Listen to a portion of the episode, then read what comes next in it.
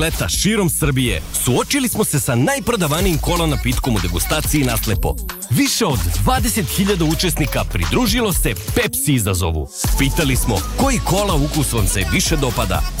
57% učesnika izabralo je Pepsi ukus. Hvala na učešću. Prati svoj ukus.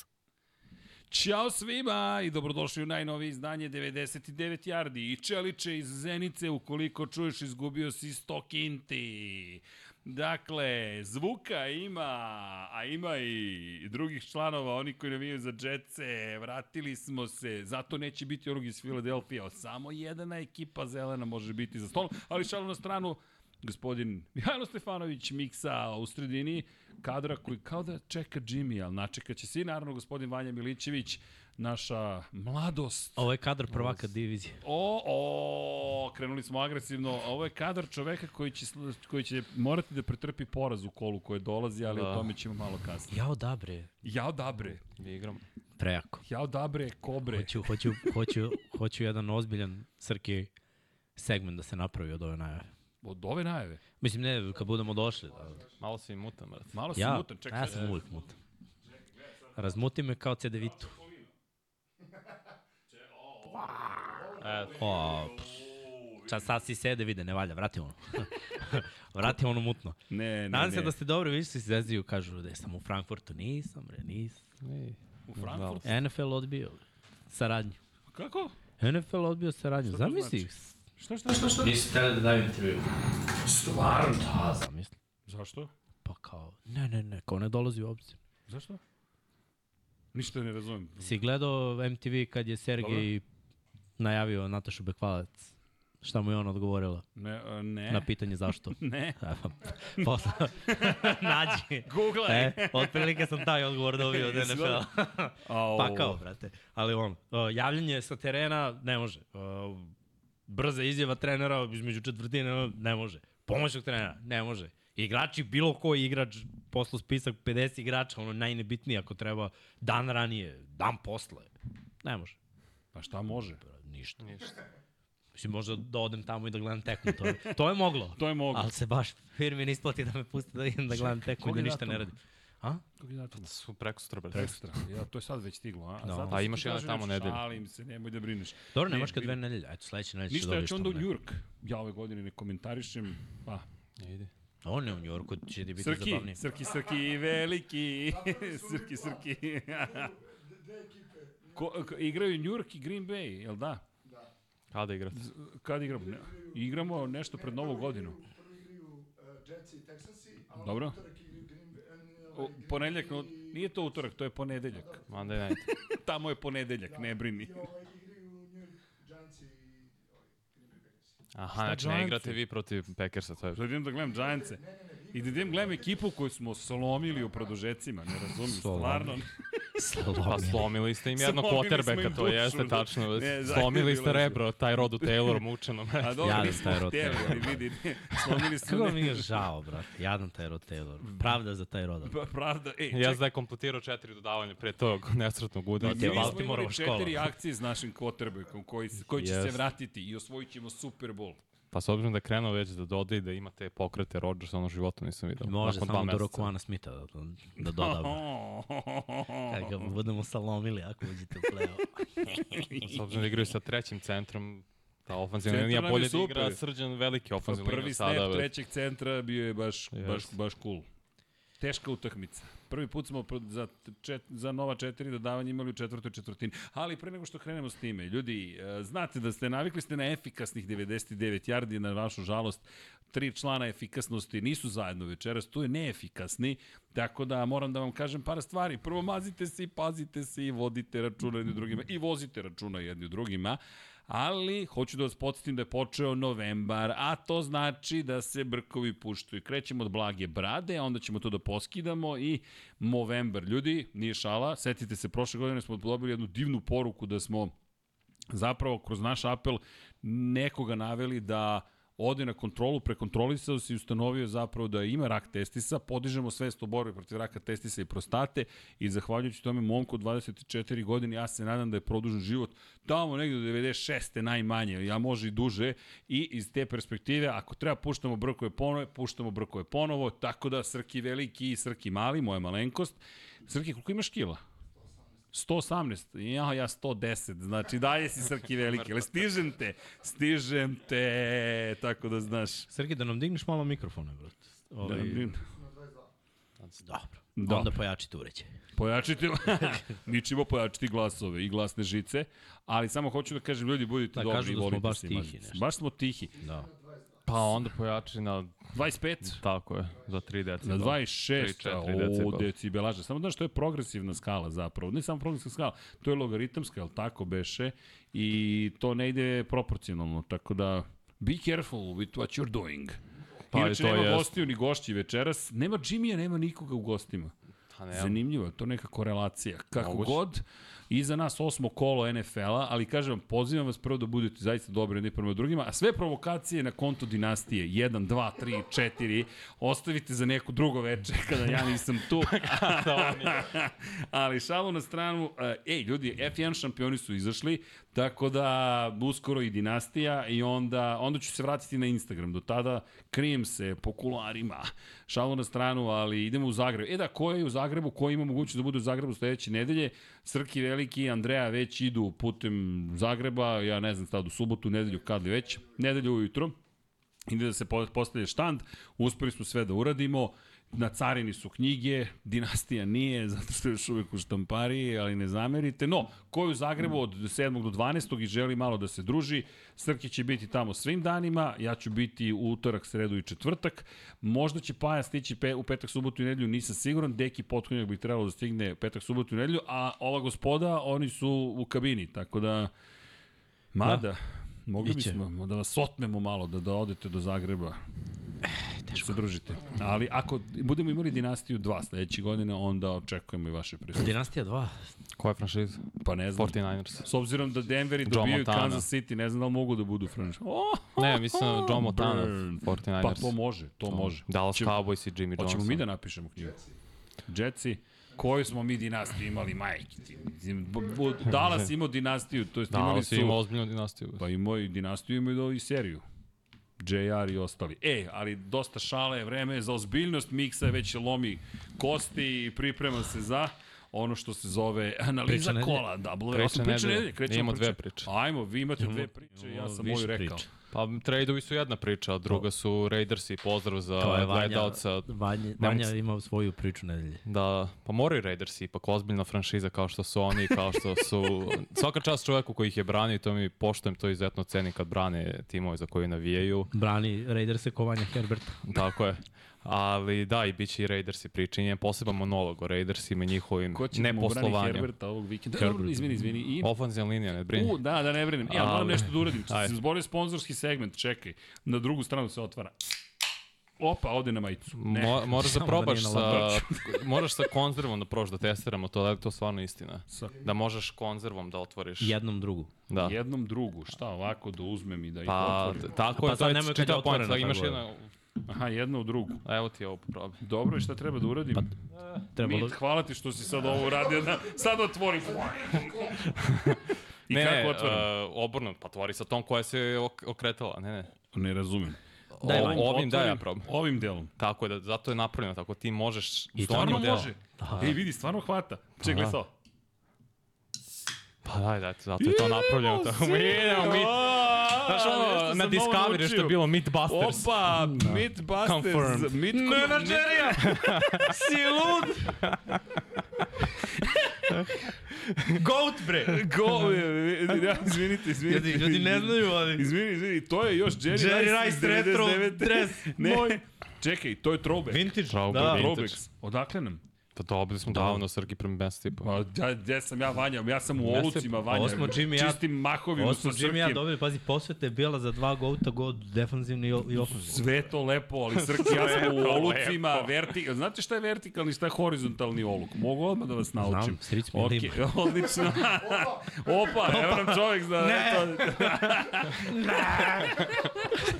Zato što nam crep prelazi preko oluka pa preliva, pa sad moramo sve to da izmestimo i da sredimo. Srki i ja smo već to sad naučili, nema ništa da brinete. Tako da mi smo u olucima. Inače, odlučili smo da se dole za ono, zo, naše čudo zove ranč, ali onda smo shvatili, Brđe je rekao, ne, ne može, nema svemira. Kako vam zvuči Space Ranch?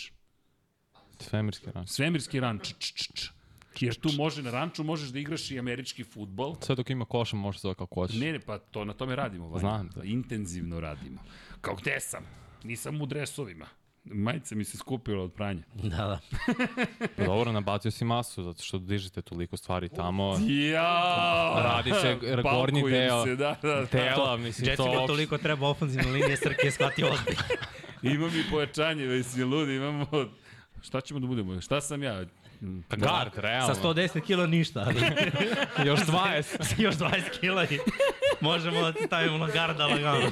Gard, gard, neka. Gard sam, a, dobar dobro, dobar gard koji ne znam sačuva limenku, ali dobro. U svakom slučaju živeli ljudi, prekinuh te u priči, izvini. Glavna priča Las Vegas Raiders je ostadoše bez glavnog trenera. Pa Da ne možemo s tradeovima prvo. Hoće, pa ti si krenuo od Las E, ja Vegas. sam Ne, prvo tradeovi. to od želje. Od želje, Od od želje. želje. Tradeovi, tradeovi su malo bitni. Ajmo da tradujemo, šta smo tradovali? Evo, Srki, ti puci, mi ćemo da pričamo.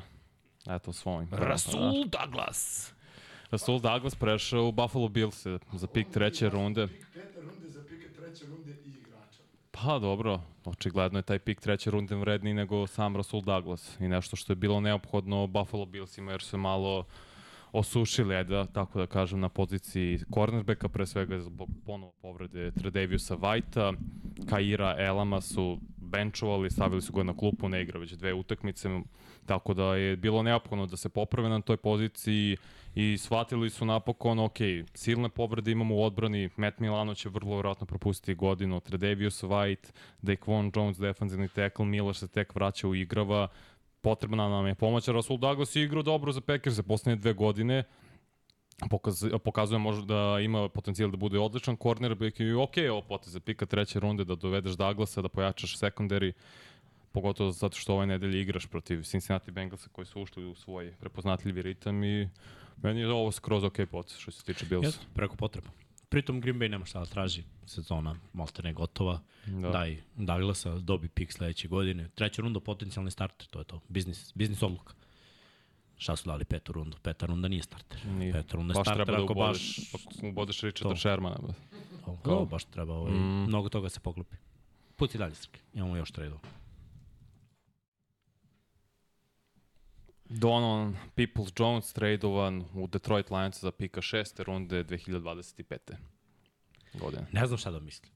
Zašto ne znam šta da mislim? Zato što Detroit Lionsi već imaju hvatače, ali nije kliknulo baš što se tiče konstantnosti tih hvatača. Marvin Jones, Iz, iz rotacije nakon prvog kola. ništa.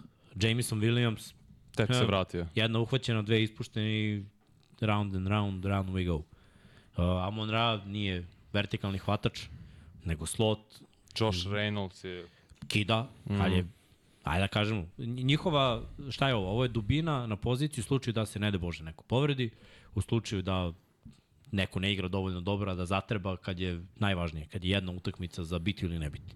I to Detroit Lions i Jure to pokazuju.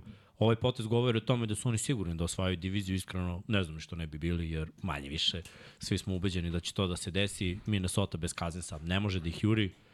Green Bay i Chicago od toga nema ništa, tako da pojače ekipu, tamo gde si tanak, imaju dobru dubinu, to su sve odradili, to je to. Za Cleveland, nije se ni na igru Donovan Peoples-Jones, oni pretrano i ne forsiraju dodavanje, Deshaun Watson ne igra, igra PJ Tucker, uh, Walker. Walker malo, malo dobro, malo, malo loše.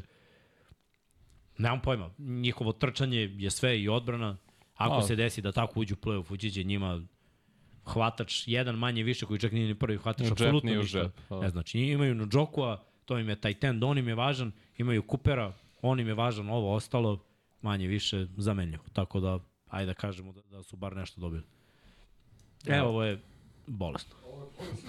Da, komandarsi bez Chase-a Younga u prestojećoj godini koja je njemu za, za ugovor, šalju ga za pika treće runde, što je, da kažemo, onako malo. Ja ne razumem iskreno. U Onakvog 49ers igrača. pa, naš, pa dobro, onako Ali za igrač. pika trećeg runde. Ne, ove godine igra baš dobro. Ove godine igra dobro, to je, igrao je pola prve godine dobro i ove godine igra dobro i sve ostalo je, može i ne mora biti. I može da postoji razlog koji mi ne znamo, a koji oni znaju. Medicinski izveštaj. Medici, tako je. To Ti je nešto što ono može i ne mora Ok. da bude. Oni možda Da, znaju da, da je njegov plafon ograničen zbog te povrede. I znam, znamo da oni razmišljaju, ok, ako nije 100% nešto sigurno, nećemo platiti, jer novac koji treba da bude uplaćen za Chase Younga je ozbiljan novac. 20 miliona godišnje. Vi ne želite dati toliki novac ako nekoga sumnjate. Na šta, ja mislim da oni ne žele da to bude ono novi Jadavian Clowney. Daju tolike pare i on igra, ne igra, igra, ne igra, bude solidan, nema produktivnosti. to je, to je verovatno s njihove strane rezon. Ali s druge strane, 49ersi se kockaju s tim, jer imaju drugi igrača, on ne mora da vuče, može da bude jedan u rotaciji, vidjet će ga koliko je zdrav, njihovi doktori će da odrade evaluaciju, i ako on momak pokida do kraja ove godine, njima treba ta dubina, jer pritisak će da odluči sve u NFC-u, ako se to pokaže tačnim, daćemo pare šta. Nije problem. I ovako im je Kube na ruki ugovoru, ovi ostali igrači manje više su plaćeni, napravit će Lynch dobar potez, mislim, ne sumnjam u to. Ali definitivno 49 se nakon tri poraza žele nešto da promeni. Mislim, ta odbrana je tako dobro bila u prve 3-4 utakmice, onda je malo krenulo na dole. Pa jeste, fali pritisak. Pričali smo, Nick Bosa ima samo dva i po seka za sada Mhm. kroz osam utakmica, što je za njegove standarde izuzetno malo. Nedostaje taj konstantni pritisak, zapravo nedostaje da se pobedi i u duelima jedan na jedan. To sada ne rade, do koga je vrlo vratno više do igrača nego do novog defensivnog koordinatora Steve'a Wilksa, iako je pričao Bosa o tome posle poraza od Vikingsa, da često ne idu u blic na trećem pokuše kad je bio touchdown krajem prvog poluvremena, baš je u toj situaciji objašnjavao, ali kaže, ok, na nama je da odradimo dobar posao, nisu uradili, jako Fred Warner igra sjajno, on je unutrašnji linebacker, svoj posao radi na vrlo visokom nivou, ali Armstead, Kinlo, sad došle tu i Randy Gregory, uh, Nick Bosa, ni- neko mi nedostaje tu još.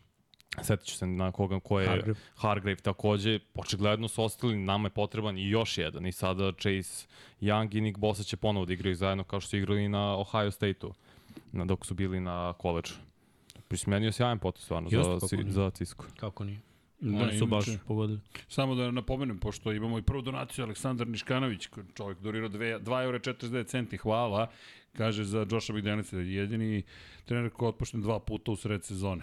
Prošli put sa Broncosima, sada sa Las Vegasom. Da, dobro, što Broncos im bio baš mlad, pričat ćemo o tome i o njemu ću isto dotaći, ali bio koliko imao, to je bilo 2009. i 10. Znači tad je imao 34 godine, bio izuzetno mlad kao glavni trener i op, ono, oprostiš mu, treba da dobije drugu šansu. Onako na ovoga ima još par trade pa ćemo duboko da uđemo u Raiders i Dobro, samo da napomenem da, Da, da. ispoštujemo Ne, jeste, publiku pre upravo je. svega. Ne, upravo je čovjek. Što, Ej, I hvala čekaj. za donaciju. Isto. Jedna, jedna bitna stvar, izvini. Miksa, hoćeš ti ili ja? E, šta? Ko, uh, ko je subscribe, uh, subscribe uh, Broj. Broj? Ne, pre, 39.500. ko, z- um, uh, ne, ko je, ko je onaj koji traži subscribe-ove? Ćeš ja ili ti? Pa da, mogu ja. Kako god želiš, možemo i zajedno. Ti šta pričaj, sam ja ću te najavio? pomoći. Šta si najavio? Do nove godine Dobro? 43.000. 43. To nam je cilj. 45. Uh, Pazi, ako pratimo, ako pratimo neki progres, mora malo da se pogura, ali realno. Ali, Zato tu stoji ovaj Polomalu, ovde Pola 43. Malu, ča- podsednik. Čekaj, stoji Bleco, stoji Bre, Ne, dobro, Brady, Pola Malu. Pa Polomalu se sprema da sekuje. A, okej, okej, okej. Ali 43 možda realno, pazi, prošle nedelje smo došli do 39. Jeste. I evo, to je malo, oko 500 za 5 dana, ono, nedelju dana. Dakle, Eto, kliknite trebalo mi 100 like, dnevno, ali je... Ljudi, ima puno non-subscribera. Možda vama ne znači, nama znači. Znam, znam, postali smo najgori youtuberi, ali... Subscribe-ite se, subscribe Guramo, e, ima neko mlađe od 30 godina u studiju. Vanja. Ja. To, Vanjice, najzad, neko, to taj osmeh želim da vidim, znaš. Kao, ima nas plono još malo po 50 plus, ali mi smo mladi u duši, tako da, sub, sub, sub, ko nije non-subscriber, ljudi, klikić jedan, može i join, tako nam pomožete još više, ali sad malo guramo, pošto algoritam nam treba. Neko mi rekao, ali ste alavi, tolike milione imate i hoćete još. Ne zamerite na alavosti, ali činjenice da ova ekipa i dalje je borbena i nezavisna. Sam Ne, dobar, Kako, da, vežbu sam. Kao, bi trebao. Da ti kažem za ofanzivnu liniju. Ajmo, ajmo Jetsi. Ajmo dalje sa tradujem. Jeti ništa nisu tradovali, Srki, da znaš. Uh, Ezra Cleveland uh, iz Minnesota ide u Jacksonville za pika šeste runde, pa pojačanje, Jacksonville treba dubina u ofenzivnoj liniji. Zapravo konkurentnim timovima treba dubina na mnogim pozicijama, konkurentni timovi ima smisla da jure tradeove, timovi koji neće u playoff, ne treba da drže kompletan roster, im se ne isplati. Minnesota je imala vrlo dobru šansu, ja sam bio siguran da ulaze u playoff i iskreno da je Kazans ostao zdrav, mm -hmm. 100% bi Minnesota ušla u playoff, krenuli su da igraju dobro i to bez JJ-a trčanje proradilo Kirk Cousins je drugi kvotrbe koje godine u par statistika, stvarno igra na visokom nivou, ali eto šteta, povrede, to niko ne može da predvidi. I za njih je najbolje sada da rasprodaju neki igrače koji im nisu preko potrebni. I ovo je bio jedan od njih. Za Jacksonville nije to rešenje odmah od dana broj 1, ali je bolje da idu u pravom smeru. Sinoć na utekmici Titansa i Pittsburgha četiri ofenzivne linijaša su izlazila i vraćala se na teren.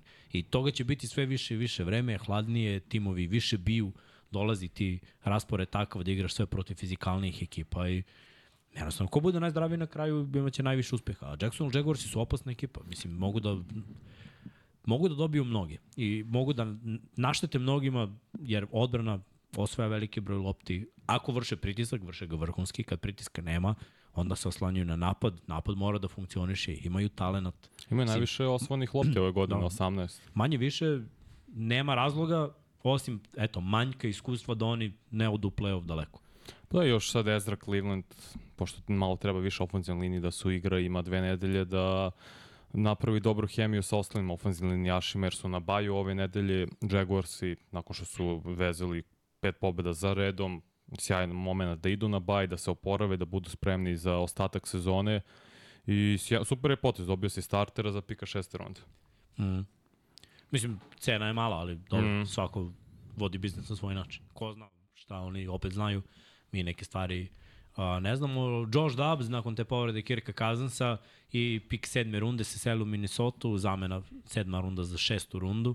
2024. tako da Cardinalsi dobijaju jednog malo boljeg pika, dali su Dobbsa koga nisu ni nameravali da startuju, jer Kyler Murray se vraća, imaju još drugog quarterbacka, tako da Dobbs bi mogao da se bori i da zaigra nešto.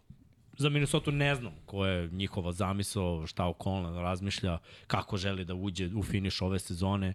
Mislim, mnoge ekipe žele da ostanu konkurentne, ali ako ti se već desi ovakav peh, bolje je da potoneš pa da biraš bolje na draftu. Pa na šta se oni nadaju, izvinite što se prekidam, da, jer Kaznic može da bude slobodan agent. Ma toga nema ništa. Ne, ne, može, da li će, ne znam, jer opet pričali smo o tome, jedini treći kotrbe u istoriji Vikingsa koji je bio duže sa ekipom kao primarni kotrbe, kotrbe pro 1, duže od pet sezona. I sada to opet da se de, dovedeš sebe u situaciju da budeš nestabilan na najbitnijoj poziciji, da Kazan spuni 36 godina, vraća se posle izuzetno teške povrede, ne znamo kako će izgledati, ali razume da je ovo po, primer kao, ok, daj, damo priliku Dobzu, možda bude igrao dobro, možda možemo sa njim da napravimo nešto, zaista sumnjam, pre svega ti si pričao o tome, Justin Jefferson obožava. Ma nisam Kirka. Cousinsa, Kirk Cousins igra futbol života. jest. Mislim, da se ne lažemo, Kirk Cousins i kida. Izgubljene lopte, bilo je više famblova nego intersepšena, i njegovih i tuđih. Mattison je famblovo, uh, Oliver je famblovo, Mnogo JJ je famblovo kroz end zonu Tako je, jednom. ono Bilo, bilo, je mnogo, bilo Mm. mnogo famblova. Mogu su ni lagano Kirk da budu Cousins imao 6-2. 3-4 fambla zbog pritiska koji je dolazio dva puta sa slepe strane.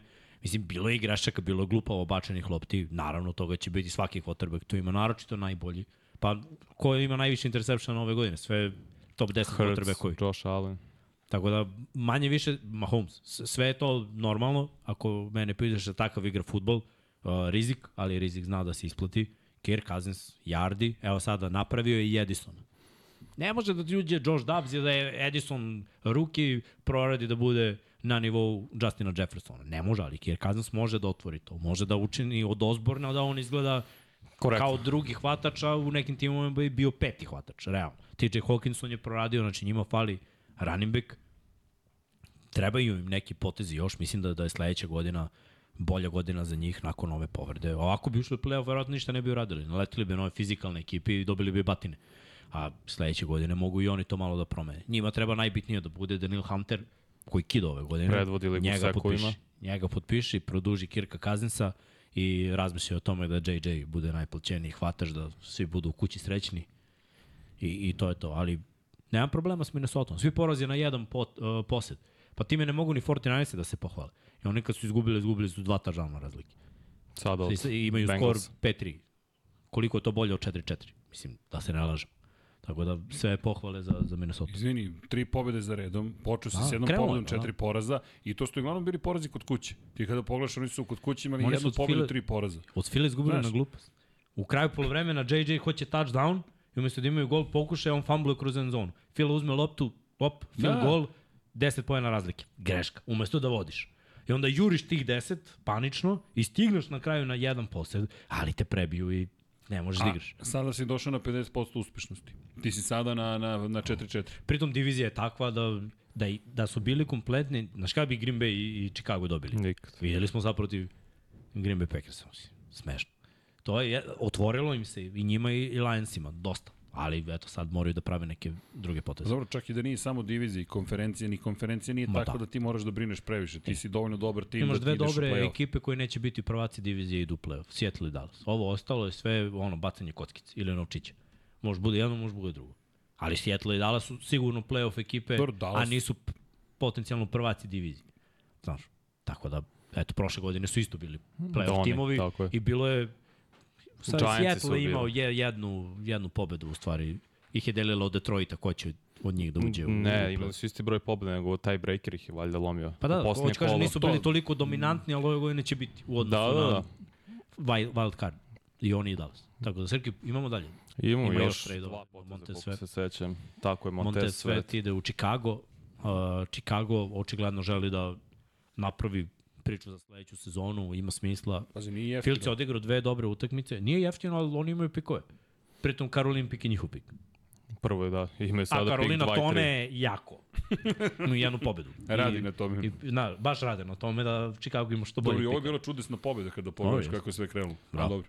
Da, to ćemo, Texans. Yes. Dobar igrač, uh, igrač oko kojeg možeš da gradiš franšizu, igrač koji njima fali, jer nemaju baš rašere. Počeli su linebackersku liniju, malo je otišao raš, a pogledamo koji premium rašeri su im otišli u posljednje tri godine.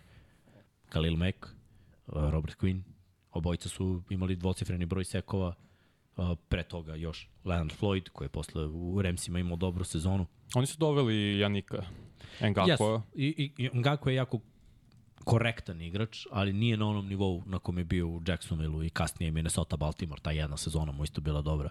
Da je igrao pola sezone ovamo, Kido došao u Baltimore pola sezone. Kido. Promeniš sredinu i njemu ništa nije znači, ali nikoga nije tu zadržao ni Minnesota ni Baltimore i on je nastavio da se šeta po NFL-u i to malo zna da poremeti igrače. Znaš da ne možeš se skućiš, samo se seliš kao neki nomad. Ne ide.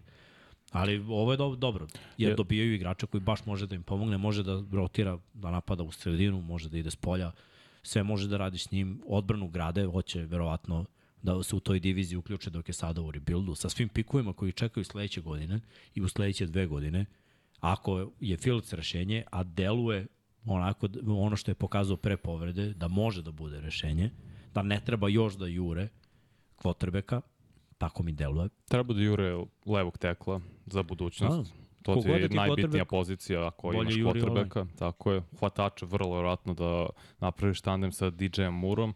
A Montez je slobodan agent nakon ove godine i ako se pokaže, mislim, te će da ga potpišu. Da li si pika druge runde, to nije mala stvar. Montez Svet je bio, čini mi se, ili pik kasne prve runde ili pik druge runde 2019. godine. On se Tako dokazao. da- Da, Više Ne, se dokazao sam. nego Chase Young. Jeste, igrao je sjajno i prošle godine, ali moraju da ga potpišu. Dali su veću cenu nego za Chase Younga što su dali 49ers i sad moraš to da ga potpišeš, da ga vratiš u međusezoni i da napraviš novi tandem edge rushera. Pa čim daješ tako visoko pika, potpisat ćeš. Tako bar delo. Uh, ajmo dalje se ostalo je. E, Još je Leonard Williams u, u Seattle, ovo je brutalno. Pik druge runde, pik pete runde, nije velika cena, jer Leonard Williams igra na, na visokom nivou, pritom je, momak, i da kažemo, na pro ball, all pro nivou, jako, jako teško u NFC-u na toj poziciji da budeš, ali on igra na visokom nivou. Kad je trebalo da se bori za ugovor, pokidao je godinu i, i zaslužio da bude plaćen. Giantsi su izgubili fizikaliju i to, i, i to baš dosta u svojoj sredini odbrane, pritom njima ova sezona izgubljena isto, znači igraju ime treći quarterback, nisu mogli Jetsa da pobede, ne mogu da daju više od 10 poena, imali su utakmicu da nisu mogli pređu nulu, imali su utakmicu da su jedva zabeležili trojku, znači ovo je potpuna tri tragedija. gde ofenzivno nisu Da. postigli touchdown. Potpuna tragedija za Giants i onda bolje menje neke stvari. Jer prošle godine su ušli u playoff, znači Dable može, onda bolje sada dobi pikove, napravi ekipu kako Dable želi i da mu damo još par šansi. Jer ako ova godina bude debakl i sledeća sezona onda nam je godina koja govori o tome da li on može ili ne može. Sigurno neće dobiti čovjek četiri godine s jednim ulaskom u playoff u prvoj sezoni.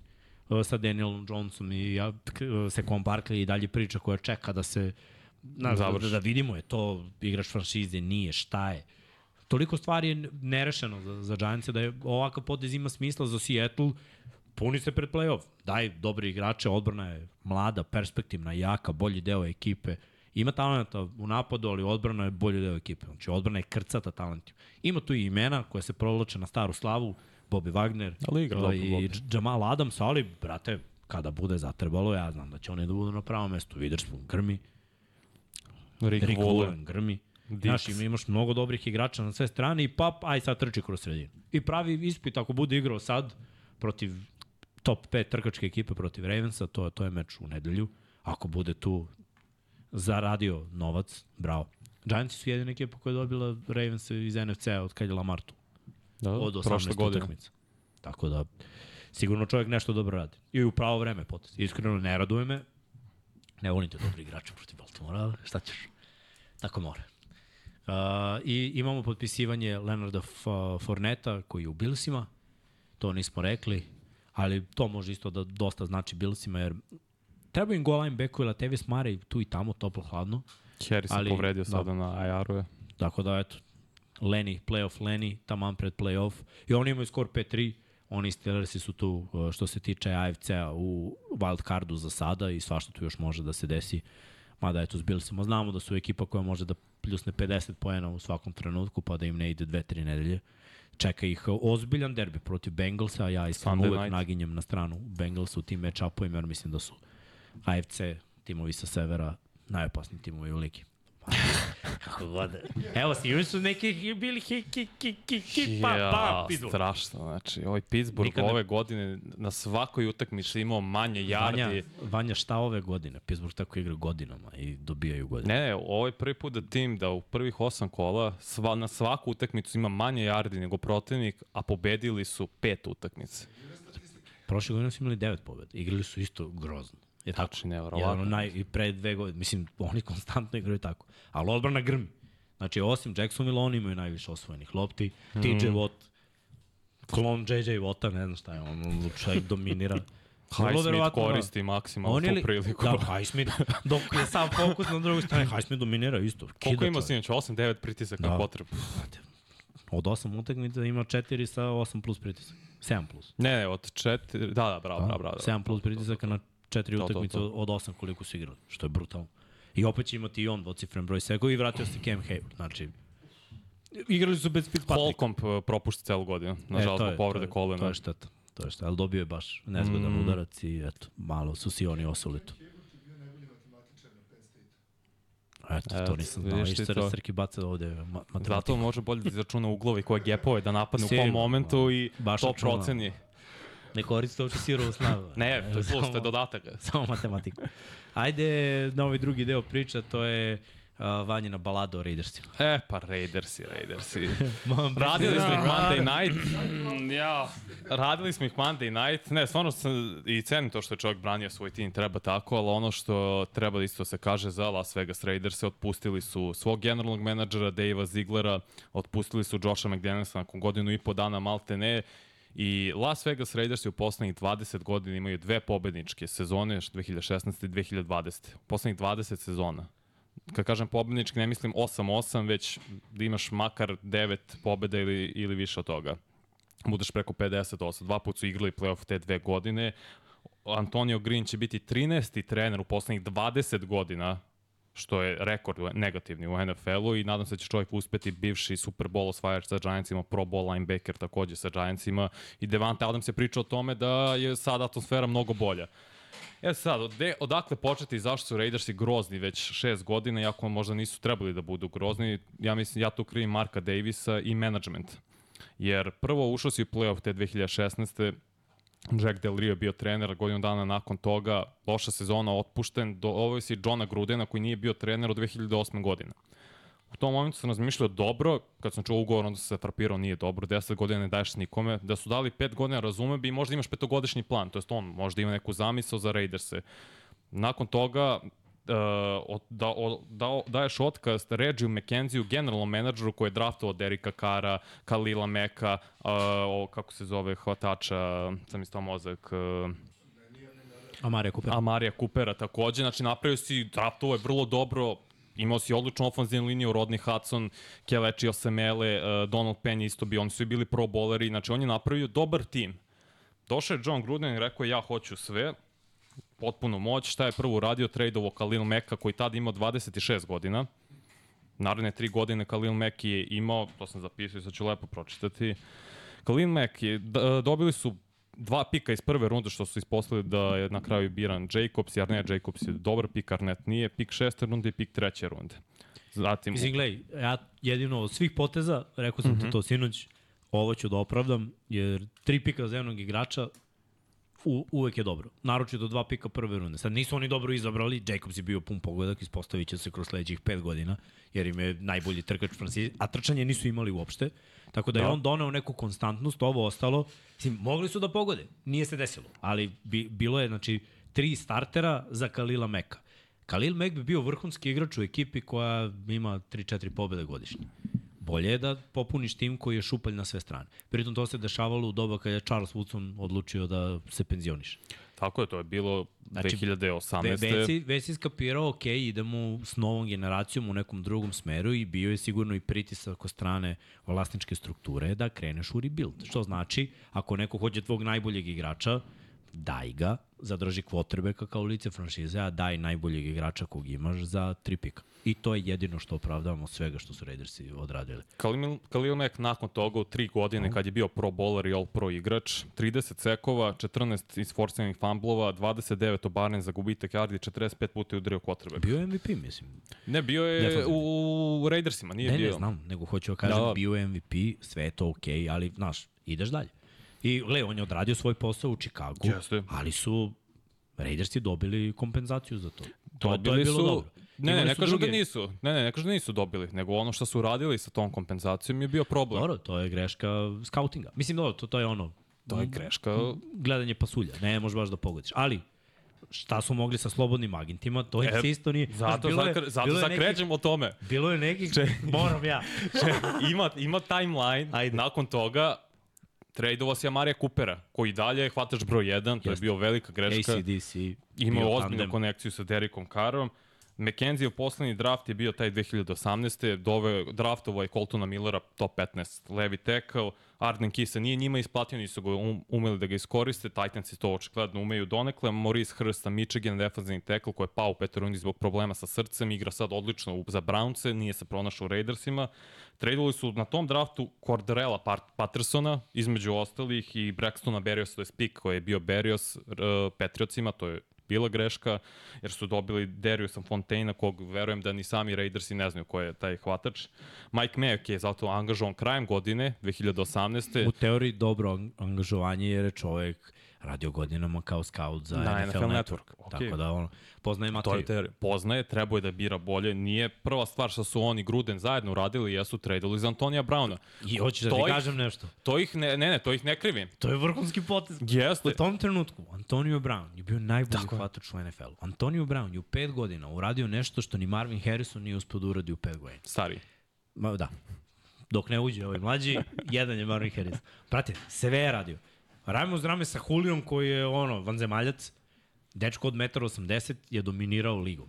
Punt returner, kickoff returner, All Pro, prvi tim, Pro bowler, Sve svake stoji. godine. Svake godine preko 1400 yardi. Kido, posvađa se sa Rotesbergerom jer ga je ovaj isprozivao da je trčao pogrešnu rutu. U mojoj glavi vrhunski potez. Jer sad dolazi kod Kotrbeka koji isto prangija iz očeja.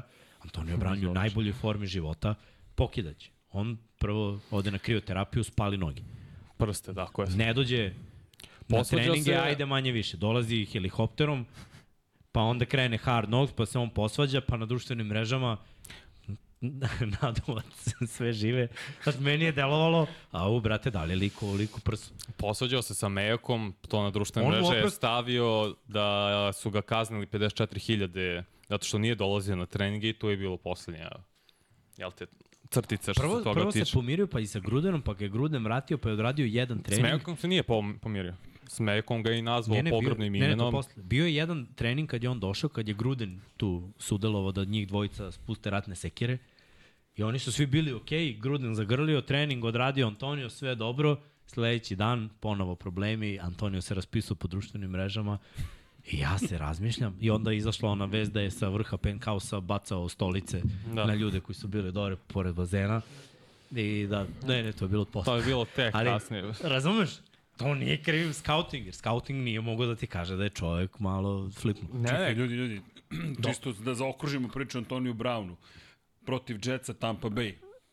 Ne, ne, da, da. Idemo, Ne, ne. žurka. Mislim, vidi, ja, vra- vraćamo se na Pre Monteza toga bio- Perfecta. je bio ja mislim da je tad sve počelo. Perfect Pa, beše bio. udarac, jeste. Ma, kada je brate, sa- sastavio sa podome, mo, sa moć, terenom. moć ga je upropastila.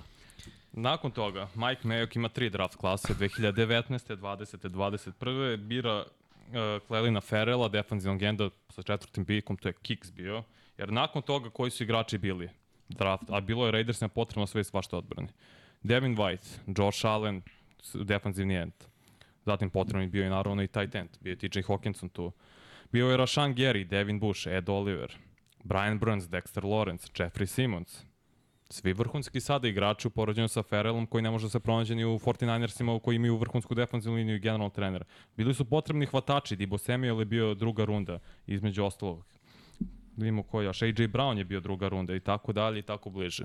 To je greške sve Majka Mejoka koji sa četvrtim pikom posle biro Jacobsa i Jonathana Abrama koji je bio katastrofa safety, to se znalo jer je bio klasičan udarač, nije imao ništa u coverage-u, to se videlo i na college nivou. Da.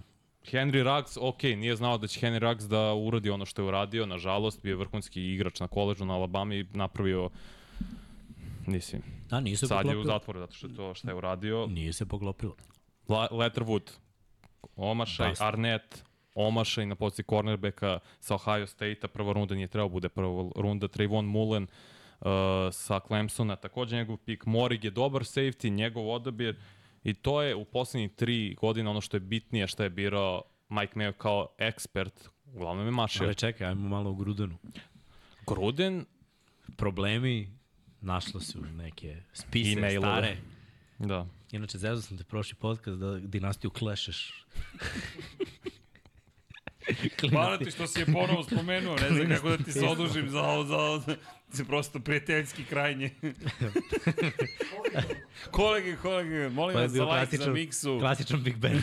jedan subscribe za dinastiju. i- Srki ide u Raidersi sad. hvala, hvala. E, ali pazi, Gruden je dobio otkaz. I Bisać će preuzme. Sam otpušten. Tako I je. oni, i oni Nis- pokidaju sezonu. Nisi I sa igrači su- čudnih okolnosti uđu u play-off.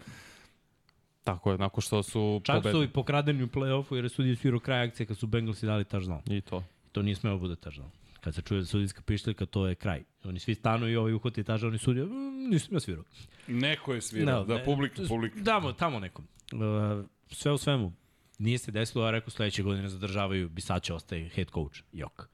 Ide novi Josh trener, McDaniels. Josh McDaniels. Ne znam zašto, ali u svih pomoćnika bilo Beličika. Samo jedan je, mislim, Ma niko nije dobar trener bio. Sve možda bilo Brian. pa bio je bilo brajanje, ma, mislim, nije on sad nešto radio u play-off, ali je osvajao diviziju. Bio Ulazio je u play-off, ja Ulazio kažem, svaki bio je dobar dobar I svaki put nailazio na Beličik. Dobro. Na, To je- nije na je Chiefs jednom naleteo, pa je bilo tumbe bumbe, je ali bilo. Dobro, poveli nije su u prvom loš poluvremenu, nije loš coach. Napravio je neku priču. Ovi ostali ne baš. A još da podsjetimo ljude što je uradio Josh McDaniels. Prvo, on je dobio posao 2017. godine od Kolca koje je prihvatio na dan i onda je rekao, e, ipak neću. Ipak ću ja da se vratim u Koga Patriots. ti to liči? Ne znam. Pa ko je bio naš trener jedan dan? A, Bill. Tako da, je. bravo, jeste. Znaš, možda pokušava da bude, možda je mislio da je to način na koji ćeš postati... Dobro da, Bill je na kraju otišao u neki tim da bude glavni trener, on se vratio kod Bila. Pa, otišao u neki tim da bude... A imao je Andrew Alaka te godine. E, ali čekaj, ja te pitam, kakav ti je ofazivni koordinator Josh McDaniels? Mislim da je vrlo dobar zapravo, jer i sa Mekon Jonesu njegovi ruki godini pokazao napredak i pomogao Jonesu da dosta napreduje. Mac Jones je tad igrao najbolje i od tada, od kad je otišao McDaniels, katastrofa igra. Jezda mu nisu pomogli Petrioci da se razumemo, ali sad kada je tu bilo Brian, Dobro, dobio Mac Jones se muči. kao ofazivnog koordinatora. Ne, ne, ali Znaš, ima sada to bilo pomoć. sada se i dalje Okej. muči, ali mislim da je sa Joshom McDanielsom imao dobar sistem i pomogao mu je McDaniels zaista jer Mac Jones izgledao baš dobro kao Novajlija. Ima McDaniels dobre zamisle, samo njemu treba dobar quarterback. Znaš šta, zo, kako ti objasnim? Ti Sad voliš kažem. automotosport, evo sad ću ti Tako je. kažem. A, to.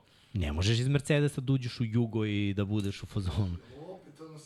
Nije, nije, Nije, nije, nije, ovako. nije, nije, to je Jimmy Ne, segment. jer, jer znaš, ti, ti si se malo naviko da neke stvari pale u tvom play callingu, jer si imao Brady. I onda, mislim, sjaho si s konja na magarca, bukvalno. Ne može sada kao ti, ti očekuješ uh, sve ono što meni možda fali u kreativnosti, sad će quarterback Pa- da nadomesti. Glej, njegov play calling je takav da je Devonte Adams na prošloj utakmici imao tri touchdowna. A lo, jedna lopta mu je bila bačena u out, jedna lopta je bila bačena kratko, a treća nije ni bila bačena. Iako je on odradio sve svoje. Znači, taktička zamisla je bila savršena. Ofanzivna linija je pružila dovoljno protekcije da ta lopta bude bačena. A Jimmy Garoppolo je verovatno razmišljao o nekim glumicama umesto da šikne loptu kada je Vonto Adams. Ne, i bio je pod pritiskom. Nemaš, kad nemaš ofanzivnu Kao? liniju. I bio je i to mnogo puta pod to- pritiskom. Tako je, to je razlika Ne, između ne, ja uopšte ne, ne pravda Tako da Garoppolo. nije, nije on loš ofanzivni Nije- nije to koordinator. pravda, nije. Možda nije pravi čovjek da bude head coach, jer To apsolutno za, za, za head coacha moraš da posjeduješ ne, nešto još. Znaš. Da Nije samo, ne možeš da budeš cool sa igračima, a opet moraš da budeš. Mora da nađeš neki Balans, pravi balans. I, znaš, u- opet ako krene sve po zlu, mora da znaš da, da ono, bodreš ekipu da će biti sve okej. A njegova je ona kao, ja, pa jeste, bilo je loše, pa nije trebalo, pa vidjet ćemo, pa znaš, sve mi je nekako nedorečeno. I, I to su greške. Njegova ekipa koja je oko njega je takođe slaba. Oni nisu dobri defanzivno, nisu dobri ofanzivno, niti trčanje bilo dobro. Zato što nisu Ni- draftovali dobro. Kad je bio Mike Mayo generalni menadžer, prvo nisu imali pikove prve dve runde prošle godine, zato što su tradovali za Devante Adamsa. Ti ja smo baš pogledali prošli put kad je hvatač, a da ima 30 ili više godina predvodio ligu u, u po broju uhoćenih yardi, bio je Muhammed iz Panthersa 2004. godine. To ne radiš. Oni su potpisali Jordija Nelsona u, kad je bio John Gruden. To je isto greška. Produžili su Derena Wallera koji je bio imao 30 e, plus godina. I na kraju su ga tradovali u Giantse godinu dana nakon toga. Produžio si Derika Kara koji je bio tvoje lice franšize, koji je jedina stabilna figura tvojih de, poslednjih 10 godina, jer se kvote, pardon, Joshu McDanielsu nije svideo on. Jer je Josh McDaniels teo svog i to je bila najveća greška što je Mark Davis to dozvolio. Jer je Derek Carr igrao kao top 12 quarterback i bio stabilna figura i bolji quarterback od Jimmya Garoppola. I to vidimo sada, pogotovo na delu, jer je sada i Devante Adams nezadovoljan tim, jer je on došao u Raiderse, kao što si ti rekao, zbog jednog Derika Kara, najboljeg prijatelja sa koleđa, zbog porodice da bi bio bliže njima, da bi oni mogli češće da dolaze na utakmice, ali Derek Carr je bila ta presudna uh, figura. On sad tu više nije, jer si i to tradeovo i sad je i Derek, pardon, i Devante Adams teo da ide, nisi mu dozvolio, nisi ga Pa naravno tradeovo. da nećeš, pa treba ti zvezda u ekipi. Ne možeš da, da igraš u Las Vegasu i da nemaš zvezdu. Maxa Sad imaš Crosbya- Maxa Crosbya, imaš Devonta i imaš Josha Jacobs. To si srećno pogodio Maxa Cro- Crosby, jer ti defensivno ne možeš da napraviš igrača. To je činjenica. Max Crosby je svojim radnom, etikom, voljom, željom, talentom napravio samog sebe. A imao je raznih problema i o tome i pričao. Da, to, desilo se. Tako je. Sa zavišnošću. To s naših prostora. Na šta naporučuje Marko? Vidim ja, momci, ostaćemo mi ovde do preko sutra. Da, sumiraj. Sumiraj, Sve u, sumiraj sve, nedelje. sve, sve u svemu Mark Davis i management Raidersa prave iznova greške u poslednjih šest godina i zato Raidersi neće da se sastave narednih 15 godina. Jer ne draftuješ dobro, jako si angažovao eksperte, oni su mašili, tvoj poslednji put kad si dobro draftovao, vidjet ćemo ove godine da li će biti Michael Mayer, Tyree Wilson, defanzivni end i tako dalje, moraš da obnoviš ofanzivnu liniju, odbrana ti je katastrofa, iako je tu uh, draftovao solidno i Diabla i Hobbsa, Mike Mayock, ali to su ok starteri, nisu vrhunski igrači, i vidjet ćemo da li će Antonio Green sad dobiti priliku da ne bude samo do kraja godine glavni trener, već da nastavi tu priču, i igrači izuzetno cene, poštuju o tome priču Adams, već atmosfera u slačionici popravila zato što on bivši igrač, Super Bowl, osvajač, Pro Bowler, ljudi, igrači to cene kada je neko kao bivši igrač u ulozi trenera i nadam se da će Mark Davis sada shvatiti da, je, da neće napraviti istu grešku sa, kao sa Bisaćem. Pazi, sve je to dobro dok ekipa pobeđuje ili dok ima neke ambicije da pobeđuje, ali kad se nanižu porazi, sve to pada. Sada imaš problem na poziciji quarterback. Sada se nadaš da je Aiden O'Connell nešto. Ma kako? Potencijalno. Verovatno nije. Jer nemaš quarterback i morat ćeš da rataš sledeće godine. Yes. Pre nego što klube. krenemo u analizu kola broj 8. Da. Da. Vanja, ti si car. Zašto? Svaka čast. Kako zašto? Vidi ga Mora je, mora je da, Milićević. da odbrani. Ne, ne, ne, ozbiljno. Svaka čast. Svaka čast. Ne, Ne, ne. ne, tako treba da se radi I opet, posao. i svaka opet, čast, uh, respekt. znaš, naše, naše kritike nekada, o, mislim, zašto smo mi počeli da radimo ovo? Ne da bi bio politički korektan i da bi sve bilo ono, ja ovde sije cve, sunce, ovde raste cveće, već ako mislim, brate, da je neko loš, ja ću kažem da je loš. Tako je. Ja sam za moje pričao da su loše, imam- pa sam bacio opremu u podcastu Jer vr, u kantove. vr, vrlo verovatno da nisam tu informaciju, ni, sigurno nisam rekao da je neko loš, a da pre toga nisam 20 godina proveo analizirajući neke poteze. Čekaj, Miksa, a i da si pogrešio. Aman, ljudi, A, 32 ekipe puta 53 igrača. Da li ste svesni? Statistička, jedan u 1700, ne znam nijako. Ne, ne, pazi, problem je bio što smo rekli da je, da je smešna franšiza stvarno u posljednje dve decenije. to je Jeste da ne, ne gledamo mi istoriju koliko ajmo- je neko ajmo bio ovako. dobar pre 60-70 godina. I opet mi to govorimo malo više onako Ljudi, karikiramo. ajmo da je relativizam, izvini da. sad, dozvoli mi samo. Kad kažemo smešan, ajmo ljudi da ne budemo bukvalni i banalni. Dakle, nijednu franšizu mi ne, ne, ne, ne, ne, pocenjujemo. Ako neko poštuje američki futbol, evo ja mogu da vam garantujem, ovaj čovek ovde, dakle, američki futbol, američki futbol, američki futbol, američki futbol, možda ovaj, e taj, možda, možda NBA. Ovaj čovjek preko puta mene što nosi Space Telescope majicu ko želi da je kupi shop.infinitylighthouse.com bit ćete zgodni poput vanje. Dakle, NFL, NFL, NFL, od koga znam kad je bio dete, on je NFL, NFL, NFL, NFL i NBA, NBA i patike. E, ako imate dobre patike, slikajte im. Dakle, obojice imaju... Ko nosi Jordanke trenutno? Trenutno ne. Ne, nosim za, eto, pa danas. Evo ga. Ima ko nosi Jordanke, najstariji u studiju. Dakle, šta hoću da kažem, ljudi, mi ovde obožavamo sport. I kada kažemo smešno, ne zamerite nam. Evo, a priori se izvinjamo do pet puta, dakle, niko nije smešan. To je samo neki relativni odnos. Sve te franšize su u stratosferi, kao što u Formuli 1 nema loših vozača. On je samo loš u odnosu na najboljeg u tom momentu. Oni su u stratosferi i onda u tom niskom tamo, u tom, tom finim nijansama mi govorimo da je neko smešan ili ne smešan. Oni su, Srki, izvinite što te prekinem, smešni u odnosu na druge franšize. Kao što je dosta franšiza u NFL-u loše. Znaš znači, kako? ajde, od 32, 20 franšiza su loše. Vidi, šta da se mi sve razumemo odmah. izgovorio, što ja bih samom sebi zabranio ulaz u podcast i dalje smo svi funkcionalni. Samo govori o šarenolikosti društva. Svako se izražava na svoj način, Miksa, volim te. Evo. Tako je. Što ja ti kažem, idemo znači nema ovako. ljudi, stvarno, evo, ako neko voli NFL, verujte, ako, ako mislite da smo se obogatili, silno grešite. Ako mislite da ćemo se obogatiti, e, ne grešite. Kad i nas te izađe, bestseller broj 1. I ono što ću reći poslednji put. Vanja me samo spustio ono što ću reći. Raidersi neće naći bolje kvotrebe kao Derika Kara u skoroj budućnosti. Jer je to mnogo teško za bilo koju franšizu. To što su Packers imali sreće sa Favra na Rodgersa da prelaze, sad su naučili da je to nije toliko lako sa Jordanom Lavom. To što su Chargers imali sreće sa Riversa na Herberta i pre toga draftovali Brisa, ja ne znam kako se to desilo, iskreno da mi kao jedna lošija franšiza to izvedemo. To se ne dešava. I, e, zboriš, Patrioti sad isto tako e, uče. Bombe istine. Truth bombs you're dropping, my friend. Znači, bukvalno, jer vidi, pogotovo za ovo za Chargers što si rekao. Vi ste imali takva tri kvotrebe To kada mi nije palo na dešava. pamet. Znači, vi ste imali To se ne dešava. Polako, vidjet ćemo. Ajde da, da se manemo. Raidersima E, su mogu dali da ti kažem, mnogo... znaš ko je još to imao? Baltimore. Pazi, posle Flaka dođe Lamar. Osvajač Superbola. MVP. Super Bowl. I MVP generalno. Čovjek koji je pobedio Peytona Manninga. Izvinite, molim vas, Coltsi u su imali Denveru. bravo sa Peytona Manninga godinu Na dana, pa na. Andrew Laka. A Samo nesreća, on se lako, penzionisao to ranije. Pretukli Šta čoveka. nesreća čovjek, brate, Dobio najsrećniji što je Ne, otišao on je najsrećniji Nesreća sad. za, za kolce, mislim, sreća za njih. Da. Vidio sam ga, brate, kako po osmeh od Procvetao, uveta brate. uveta, brate, igra se s decom. Igra Da, da, da, da. Daj, aj krenemo s pregledom kola. Sat Dajmo, vremena smo. Ma ne, čini ti se. Ali bilo je dobro. Ok. Bengals i 49ers i veliki derbi. Šta bi, šta bi. Bengals je otišli u San Francisco, prijela im ovaj, Pacific klima. Iskreno, šta, šta bi, šta bi. pazi, utakmica se u jednom trenutku, pa bilo je neizvesno, neizvesno, neizvesno i onda je Brock Parry odlučio da, da proba nešto.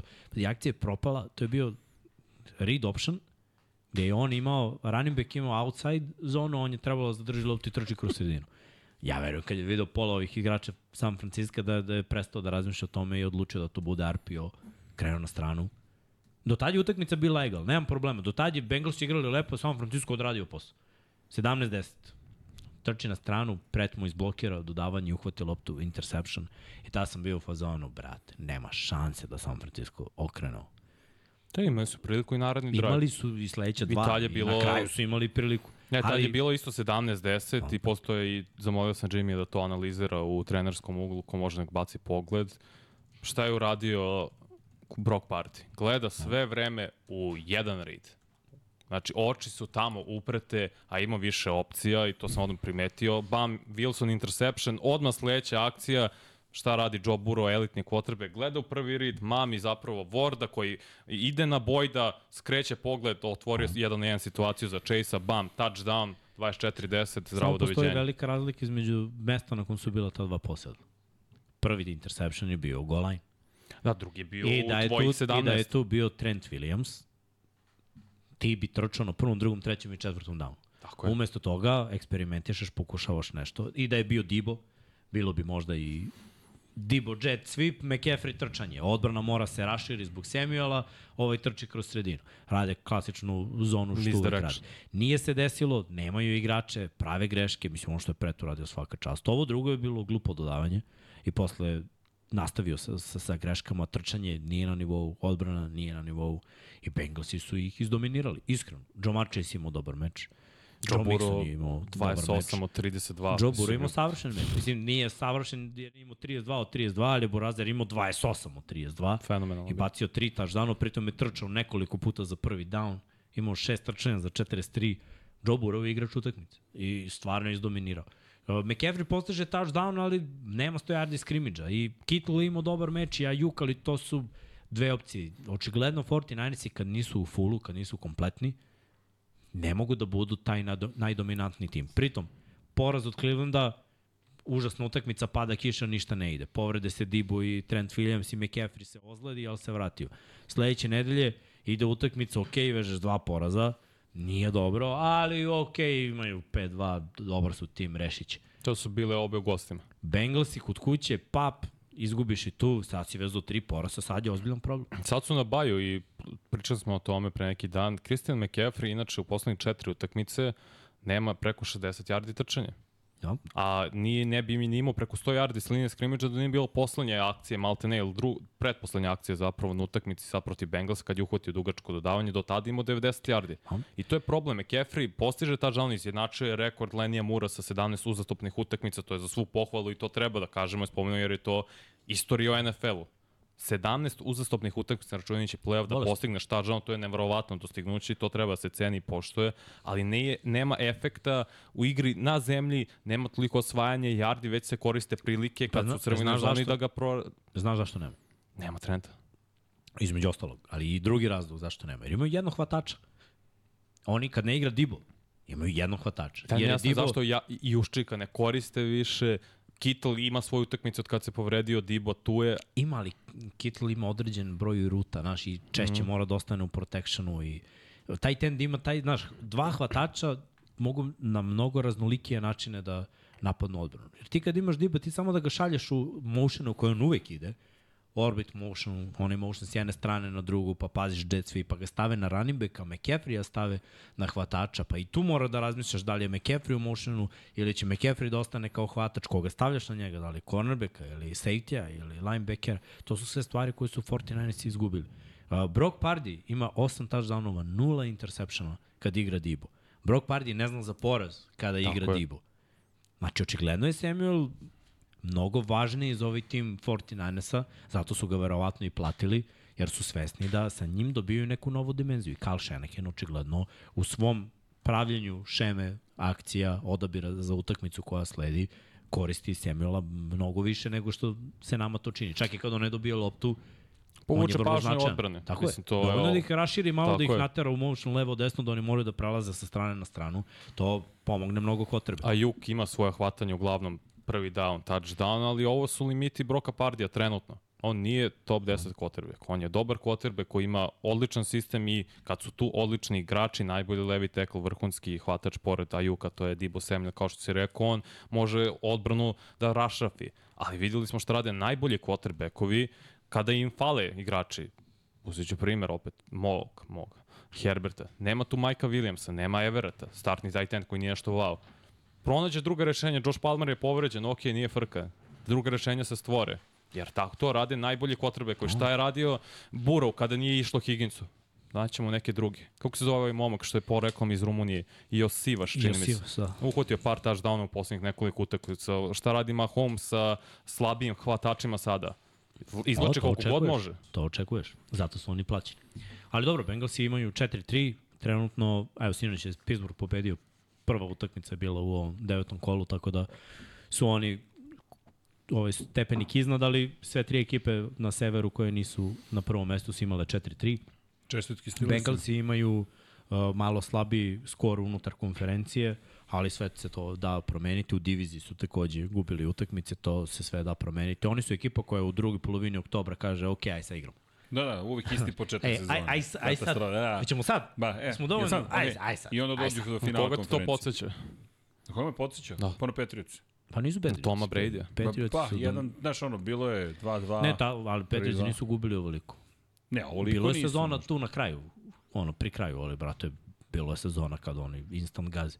Bengalsi, pritom Bengalsi imaju neke čudne, on, par utakmica ne mogu protrče 20 yardi. Izvini, Vanja lepo rekao Toma Brady, znaš. sad, Toma da Brady. Pa, par okej, utakmica, par utakmica je bilo Jamar Chase, dve utakmice 50 yardi ukupno na dve utakmice. On nije Jamar Chase, i evo ga sad se vratio na svoje. T. Higgins, šest lopti u, u ruke, ispušta Vidi, ja sve. mislim da niko ne želi da ih Došao sretne. svoje. Svi smo ovde nije. AFC-ovci, niko ne želi da Šta ih ne sretne. znam, neka dođu. A, I dolaze za dve, dve, tri nedelje. dobro, Neka dobro. dođu. Pričat ćemo. E, će pričam.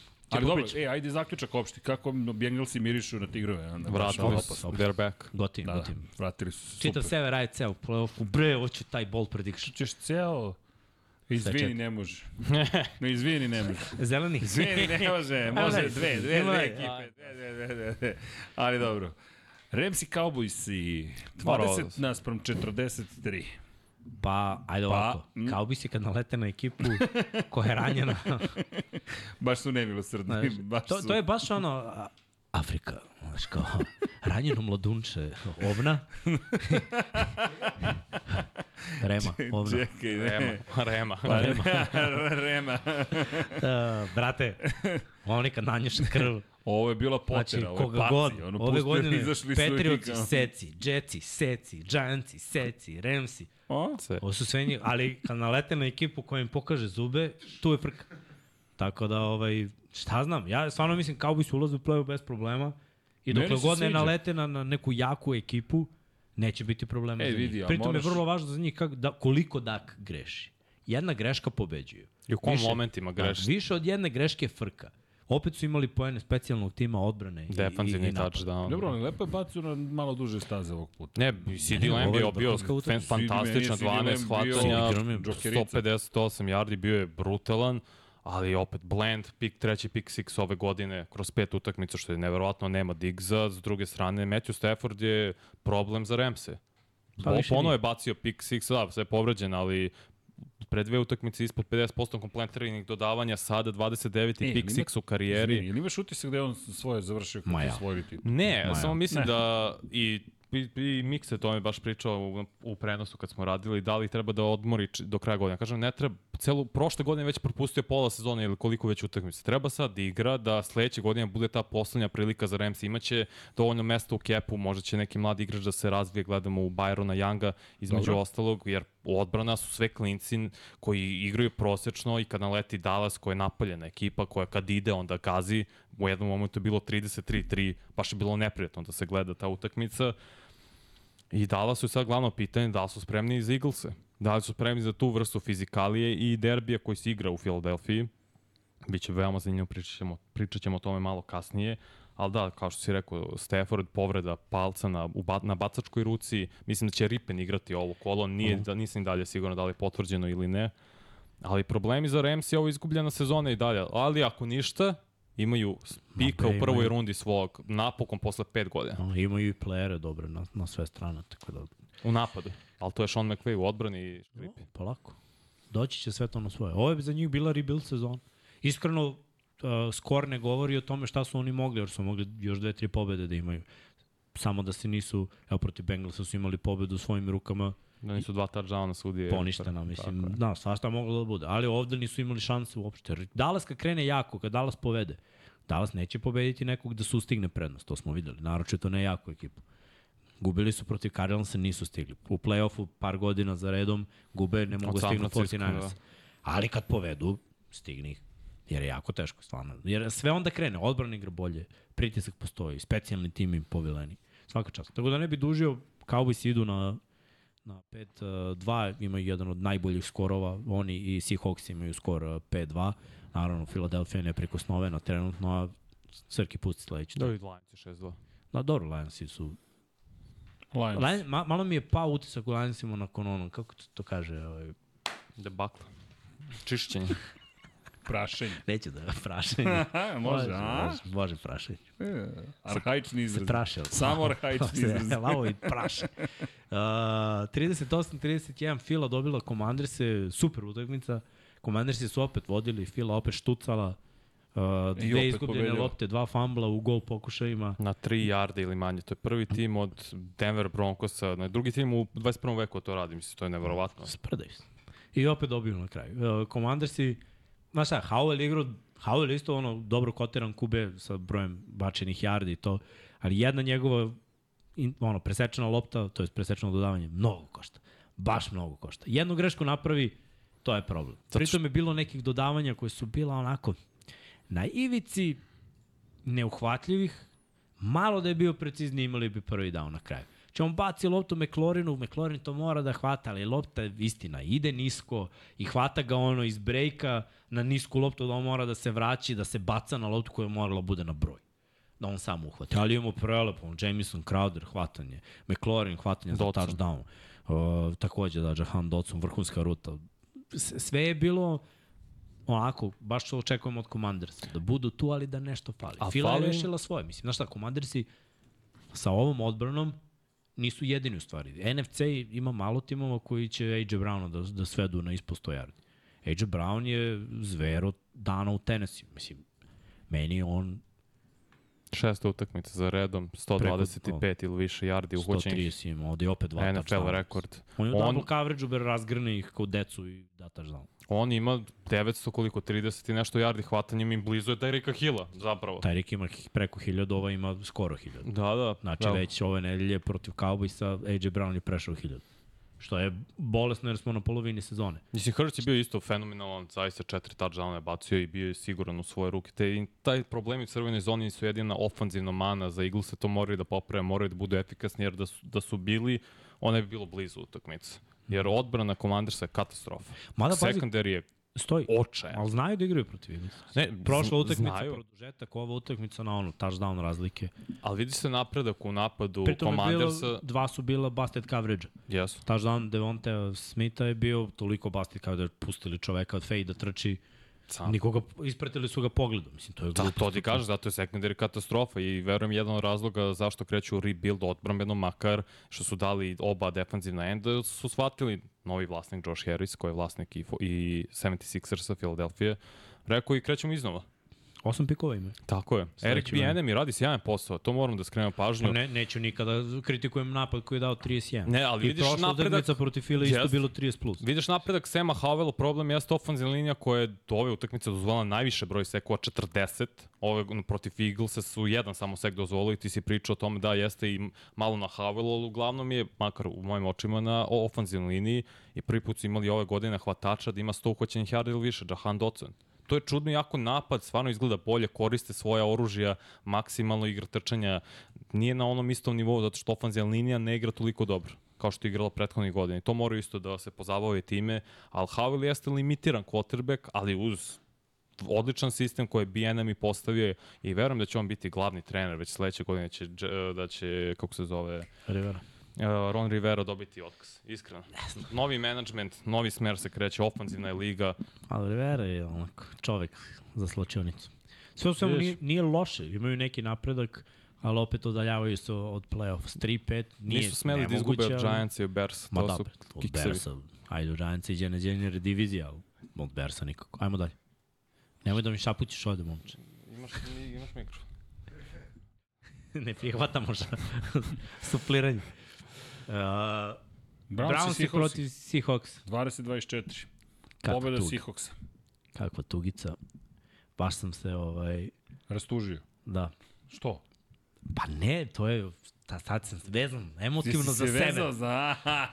Sad mi je drago i Brownsi Čekaj, kad pobeđuju. Čekaj, svestan si da će da te oprži neko si sa severa na kraju i da će nešto da te košta? Šta, ne. čega? Čega? Koga? bro, mi ulazimo u play-off sigurno. Znači, da šta da košta kad play-offa. Cleveland nema krštenog quarterbacka, PJ Walker, brat, igra, pa onda ne igra. Šta ste mu radili? Šta, šta mu je? Ko- Šalim se, šalim se. Watson, čovek, ja ne znam da će da se vrati. Ja, opet ne, ove nelje izgleda da neće igrati. Ja ne znam koji je njegov problem, da li više sad postaje mentalni problem Moram ti ili ne. kažemo, ja se divim Brownsima šta oni rade sa rosterom, gde Koji prvo imaju- Nick Chubb ne igra, jasno. Znači, znači već ne- nema čanta, ajde Hunt je dao ta žal vratio se, ali nemaju kvotrbeka startnog. koji je identitet uopšte Brownsu u ofenzivno? Sad su se rešili još jednog hvatača pa imaju samo jednog ina Džokua. Njihov identitet, Nema. prebićemo vas. Ne, ofenzivno. Šta će ti ofenzivni kad, Nemaju ofenzivno. brate, Miles Garrett je, je vođa te odbrane, imaju vrhunske defanzivne bekove, to ne priča se o tome toliko, sve priče su ono Miles Garrett, Emerson, ali Denzel Emerson, Ward. Ward. Denzel Ward takođe. Imaju jako dobre defanzivne bekove, rade Delpit. posao. Delpit. safety, rade posao. Odbrana je, ovo su Koromoa jako dobar Linebacker, jest. Tuče, leti, sve radi kako treba. Jim Schwartz, defensivni koordinator, radi sjajan posao ove godine. Uvijek i jeste radio svoj posao. Znači, uopšte se ne dovodi u pitanje to šta rade oni. Na ovoj utakmici, znaš šta, uh, u prvoj četvrtini smo videli 17 uh, poena Seahawks, bilo je 17-7. Ok, bila je jedna greška, izgubljena lopta i Seahawksi su iskoristili to, postigli touchdown, jednom su imali sjajan napad. Uh, videli smo neke dobre stvari. I onda je taj pritisak ili onaj jedan udarac koji Gino dobio, ušao u njega, taj đavo kad uđe u njega, to je, tačno ga vidiš, da, da ide glupost. Znači, gledaš mu u oči kako baca nešto što zna, 100% čovjek je godinom u ligi, igra futbol više od 20 godina. Zna neke stvari da ne sme da baci. I vidiš ga da ih baca. I onda se pitaš koja je verovatnoća, izvini, Javi se na telefon, ja, nemoj mi da ti smetamo. Sve u svemu. Znaš šta Samo je bilo pitanje da li će Gino da prokocka ovo i da li će se trgne. I imao je jedan pas koji je bacio koji je bio interception, pick six. Mislim da je baš Emerson imao taj pick Yes. six. Ispustio je loptu. I nakon toga Seahawksi su dobili neku nadu poslednja dva minuta PJ Walker baca, znači, u, da tačno sam vidio da, da ono nema šanse bude kompletirano, lopta rikošetira, odlazi u vis, Seahawksi dolaze od osvojene lopte, vrhunski blok DK Metcalfa na granici holdinga, ja bi možda i svirao holding tu na kraju, ali Smith na Jigbo se provukao, otišao iza leđa, dao touchdown i, mislim, ostalo je 38 sekundi. Brownsi sa rezervnim quarterbackom bez hvatača za Bez 38 Chuba. sekundi da, da postignu touchdown, od toga nema ništa. Nema to Tako da, prokockali su još jednu pobedu, bilo ih je nekoliko ove sezone koji su mogli da, da pobede, ali bez obzira na to oni imaju 4-3. Ti to zbog odbrane pre svega. Zato što neverovatno mi je za što se tiče Seahawksa da ne trče više. Videli smo Kent Walker samo 8 nos, nošenja, uh, Charbonnet samo 5, ali dobar prosek. gledaj, ali Charbonnet, moram da ti kažem ovo, znaš koliko yardi ima Charbonnet ove sezone?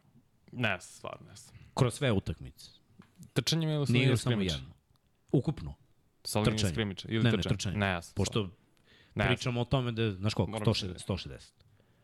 To je, to je jedno, ono, poluvreme za, za vrhunskog beka ili jedna utakmica za dobrog running beka, ali tako? Da. da on odradi posao, ne, može, ne mogu ja se oslonim sad da Ne, će ali on treba, da radi. Ali treba da se oslone na Keneta Ali je Walkera koji Walker do može da sada radi. već morao da ima 700 yardi trčanja, da bude u, u vrhu. Ne dobije prilike.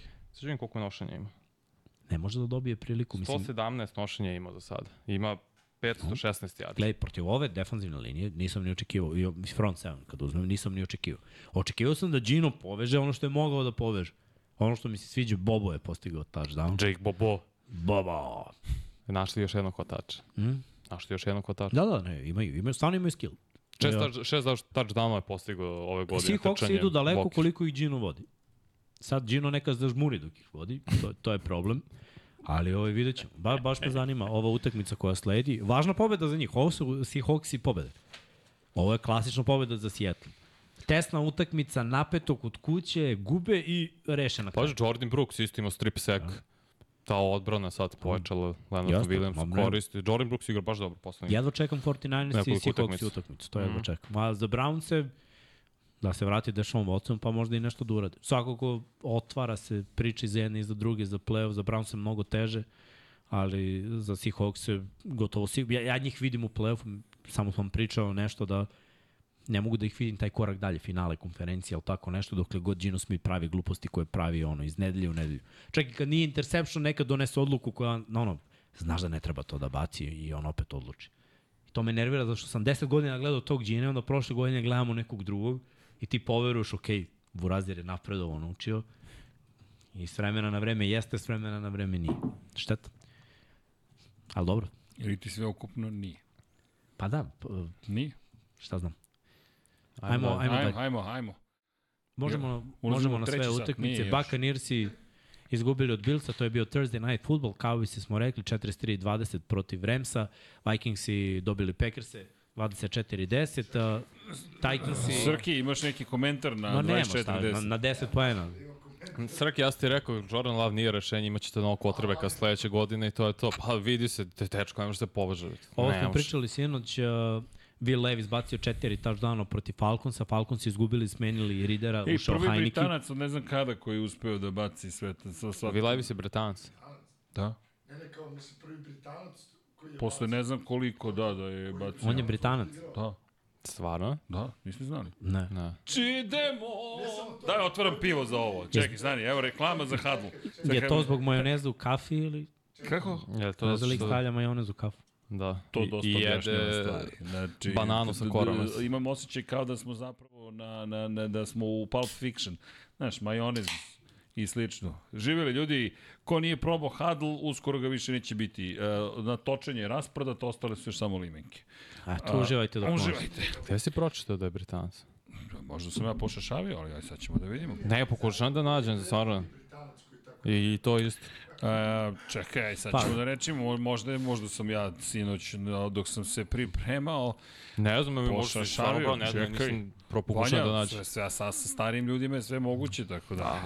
Dok ti to nalaziš, da, Nalaziš? Desmond Reader napokon na klupu jer je izgubio sedam lopti poslednjih deset četvrtina u kojim je igrao, što je katastrofa i dobijam nervni snom i teo sam Artura Smitha da stavim kao ne, uh, ovog uh, tragičara zato što mi je neverovatno da u jednoj akciji u crvenoj zoni zapravo pokušaj za gol je bio, to je lopta je bila na 7 yardi od end zone, on igra akciju gde tight end broj 2, Johna Smith, gađa tight enda broj 3, čije ime nemam pojma kako se zove čovjek, a tight end broj 1, Kyle Pitts, blokira sve to vreme. Frapiran sam bio tome, bukvalno patosiralo dole. Kad sam vidio tu akciju. Ja razumem Artura Smitha da jeste genijalac, ali to je problem kad je neko Znaš, veoma ono, genijalno preteruje. očekuj, ne očekivano. Nije, nije, nije, pogrešio sam ja.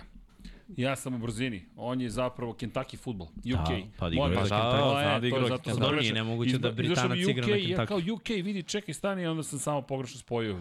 Prezupčio, kažem ti. Godine su stigle. Nisam samo vidio UK, rekao, vidi ga iz UK. Dobro, ja. shvatili smo to kad si za Jets.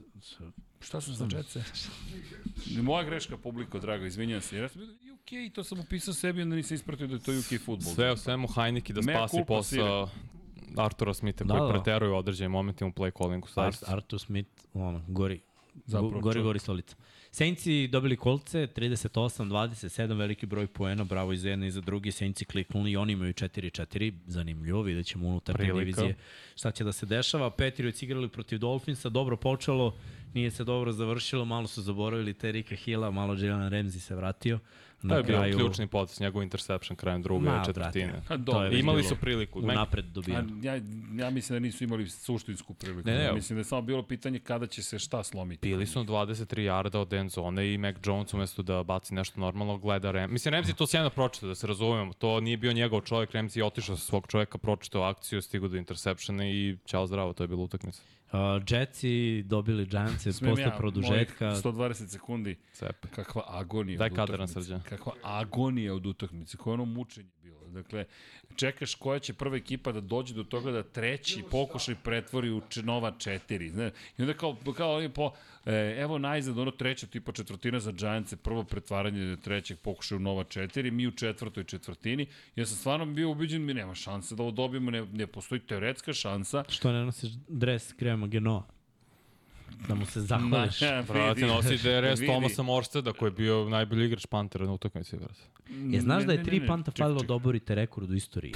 Vi Giants, da, da. 27 je rekord i bilo je 24 na Da, ali vidi, i, vidi, i to je, znaš kako, možemo sad da spinujemo priču, to je onaj hardcore američki futbol. Tvrda utakmica, rovovska borba. Hoće ti ču- kažem, ču- ljudi se čuvene na tribinama, bilo vrh. Pa do, ali Si jel pogledao vidiš? tribine? Ja, pa jesi lepo njemu pljušti kiša svi Znam onima. kako je meni bilo. Pun stadiona. Bukvalno. Ali reci, Vanja, zar to nije vernost? Ne, to jeste verno. Da, jeste, verno. Bili Ali ne, ste... ali ne znaš ko je, znaš, da će i biti Giantsi grozno. i Jetsi. Ono, zagrljeni u fazonu zajedno smo oči. Zajedno. Zajedno, vidi, Neko će pobediti. Brate, možda i neće. Je li, vidi, ali- DeVito, brat, ušao, istrčao touchdown, kompletirao dva dodavanja, nema veze. Ali vidi ovo, pazi, New York, mi, mi se redko srećemo sa Giantsima. Jednostavno, naš AFC, NFC i taj derbi nije suštinski derbi. Znaš, ti kada pogledaš, imaš derbi u Njurku koji su vrlo ozbiljni zapravo. Znaš, Mets i Yankees. Tako je, znaš, kad pogledaš bejsbol, to je vrlo neprijatna situacija, aprijatna situacija. A ovde vidiš ekipu očajnih ljudi koji fazono, možda jednog dana nešto se ovde i desi pozitivno. Evo E, ali nas- pohvale su se ka Wilsonu, 24 sekunde da sastavi onaj drive za field goal. Ja sam zaista sumnjao. Ako sam birao Jets, ja rekao, vidi ih ovi nesretnici, vidi šta rade ovo. Svirat ćeš ti nesretnike verujem. ove nedelje. ja sam Sad ćemo bio, ti ja sam pokažemo bio mi. ubićen da će da okrenu. Jimmy ja radim on rezon, ja sam pozvan, sad će Giants i dolazi Genova i rekao, pazi, pada kiša, nije ovo baš lako, buš, ode, komentatorska kletva ili ne, Jetsi krenuše u napad, buć, buć, buć, Slušam, slušam, slušam. Greg kako- the leg, Ne, dva ne, ne, ne, Vanja, odzvanja mi njegova rečenica, ako bude dva touchdowna po utakmici, prosečna broj i Pa je poena, i ovde nije bilo. to jest, Koji kako put? se uzme? koji put ove godine Ta, nije dva bilo? touchdowna sa samo jednim uspešnim šutem za dodatni E, poen. Koliko puta ove godine nije bilo? Ne znam o čemu pričate, dragi kolega, ali... Ali ako- imaju četiri pobede. Pa, Ja vidi, pa ti vidi, razumeš, ali to ti je odlika jedne velike ekipe, jer mi pobeđujemo i kada smo loši. To je Jel odlika vaše odbrane. Već u Hard Knocksu rekao je Seleh. Mislim, šta je rekao? Prošle godine smo pobeđivali iako smo bili mediokriteti u napadu. Znači ove godine možemo da budemo bolji. I dalje ste mediokritet u, u napadu, Dobro, ali, ali čekaj, ali pobeđujete kao i prošle godine. pobeđujemo, da. Mislim, Mislim, To je to. vidi, Zach Wilson nije da se popravi, vi ga branite, ok, hvala vam na tome, Ma nema ali vidi, on ne je čovjek, stvarno, Loše znaš, potrebe. koliko puta je mogo, morao da izbegne sek. Vidiš, ok, Ne, ne, ne, ne, vi imate, Srke, prvo imate grozno ofenzivno. Okej, znači, treći centar je bio i, i Dexter Lawrence kaže, there's a new man and his name is Newman. pa Ne, se ne, smeje i došao do seka. A znam, ali pazi, prvo izvođenje lopte sa novim centrom je bilo jel, ne može. iz- loše predavanje. Ali, brate, zato ćušnaš skrina running backa i onda taš za ono 51. Dobro, je. izvini, Mr. Hall je prilično dobar. Jeste. Da se Imate razumemo. Garrett Hall Wilson hvatao prvi down kad je bilo Jeste. važno, imate igrače koji će Ne napraviti gubi lopte razliku. Zach Wilson, to je najvažnije to je- zapravo. to je Ma napredak. znam, ali sekove pije je ko što napred. smo ga mi pili prošle nemate godine. A znam, Vanja, nije to baš tako. Mislim, znaš, ako ti znaš da nemaš ofenzivnu liniju. znaš šta je uradio Dexter Lawrence kao nose tackle? Imao je 15 izvršenih pritisaka. Na toj poziciji, evo, može miksa i velik to je skoro nemoguće, pogotovo u NFL-u. To je nemoguće. Čovjek je igrao najbolju utakmicu ikada za novog stekla. Znači, on je stalno bio u džepu Zeka Wilsona. Dobro, mogu da te pitam nešto. Ako znaš da će to ti se desi, zašto držiš loptu sa nadom da ćeš ti nešto uspeti da postigneš s njom? Srki, to je, su sekund i po. Mu treba da dođe do njega. Nije, trčao je kao Pritom, tamo šta- ka svojoj A to je, ne, to je Znaš šta? dolazio do sekova. To, ali ja, ne, ne, ja pričam, ali, ali svojoj znam, ali znaš zašto? Zato što ti se uruši džep odmah, jer je Lorenz već u džepu, krene panika, onda Tibodo stiže koji ima Izvini, tri koja je ova seka. sezona Zeka Wilsona u ligi? Četvrta. Čet, treća. Treća, Ma da nije ni do njega. Ne, Ja, ne, ja, ne, opet, ja ne krivim njega gledaj, u potpunosti, samo hoću da ti Ko je kažem, bio znaš, krajnji rezultat svih tih napada? Manje više. po ispucavanju. Ispucavanje. Jeste. Je ti je sve jedno da li ćeš da pamtuješ nakon tri nekompletnog dodavanja ili nakon tri, ili nakon Ok, tri trčanja? Fair enough, fair enough. Ko je najbolji Ok, okay. rek protiv pritiska? Ok, Ran. Tebra. Pošteno. Trči. E, imao, imao, je jedno, imao je jedno sjajno trčanje na kraju. A Izvini, ne, ne samo on, teren. ne, nego mislim, imaš bekove. To je na Heketu. Evo, pljušti Malo kiša. na trče. Pljušti kiša, znaš da imaju pritisak, znaš da quarterback, Okej. okay. već si se spremio da pantuješ. Par stvari. Mislim, Čak je Jopa ZG na početku rekao da je, da je zapravo, šta je rekao, da je Zach Wilson, da više veruje Zeku Wilsonu nego Meku Jonesu, ja mislim. Ili tako nešto. Ma, brate. I, Jopa. i, Meg, I Meg Jones ga dobio u direktnom delu. E da, Ubedi Patriotsi, brate, pa onda... Je, da vidimo. 15 10 Kao, da. šta me potapate, znam, ne igramo podmornice. Samo hoću da kažem još jednom, ko je u Zagrebu od 7. do 12. dođite na štand Infinity Lighthouse. Ajde. Ne, zato brani malo Zeka Wilsona, što ona ofenzivna linija na ovoj utakmici je bila da katastrofa. Ne, on brani, brate. Nema Dexter Lawrence je meni odigrao utakmicu života. U, Rodgers živ, na u životu nisam video ono što je čovjek radio na toj kada će da nam poziciji. se vrati Rodgers kad smo kod toga? Ono je nerealno. Kako nikad? Bojana kaže, e, donira 1000 dinara. Bojana, najveći pozdrav za moju omiljenu ekipu, hvala na svemu što radite. Hvala vama, Hvala Bojana. Bojana. Hvala. Naranđaste boje. Sad idemo dalje. Vratit će se Rodgers decembra. Bojana, ne daju mi da dođem do izražaja. Pittsburgh, do, Pittsburgh igra protiv Jacksonville, Jaguars je dobili, jako je bilo neizvesno. O bože. Uh, na kraju ipak kvalitet isplivao, uh, povredio se uh, Kenny Pickett, umesto njega ušao Trubiski, Trubiski kad igra obično nije dobro za Dva Steelers. interceptiona ima.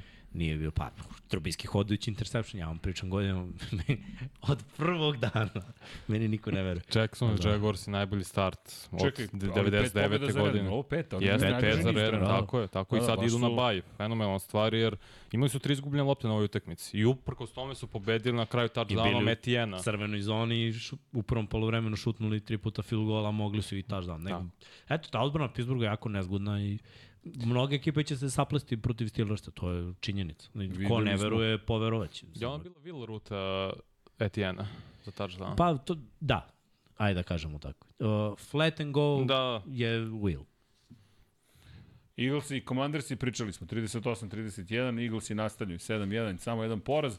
Panthersi prva pobeda protiv Texansa, 13-16, možemo, 13-15, Da. slažem se. Prvi pik dobio drugog, Vidimo, bukvalno. prvo Bryce pobeda. Young. Igra sve bolje, sve manje ne greše više, malo je precizniji. Znaš ko mene najviše oduševlja u toj ekipi Karoline? Ne. Adam. Thielen Alo, kida. brate. E, u, šta Lik je je top uhvatio? 10. Ono Ma tamo nije le... samo što je uhvatio na ovoj Ček.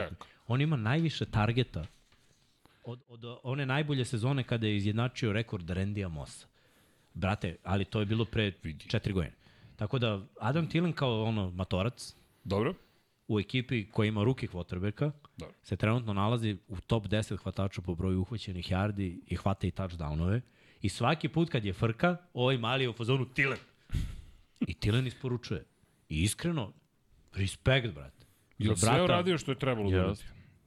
Molim lepo. I Izvini, odbrana je odradila isto. evo, Ne, dozvolite dobro, mi jedno radi- makar loženje. Izvini, ono hvatanje je stvarno Jasno. ložački. Jasno. Ono nema veze sa životom kada je reč o- bacanju.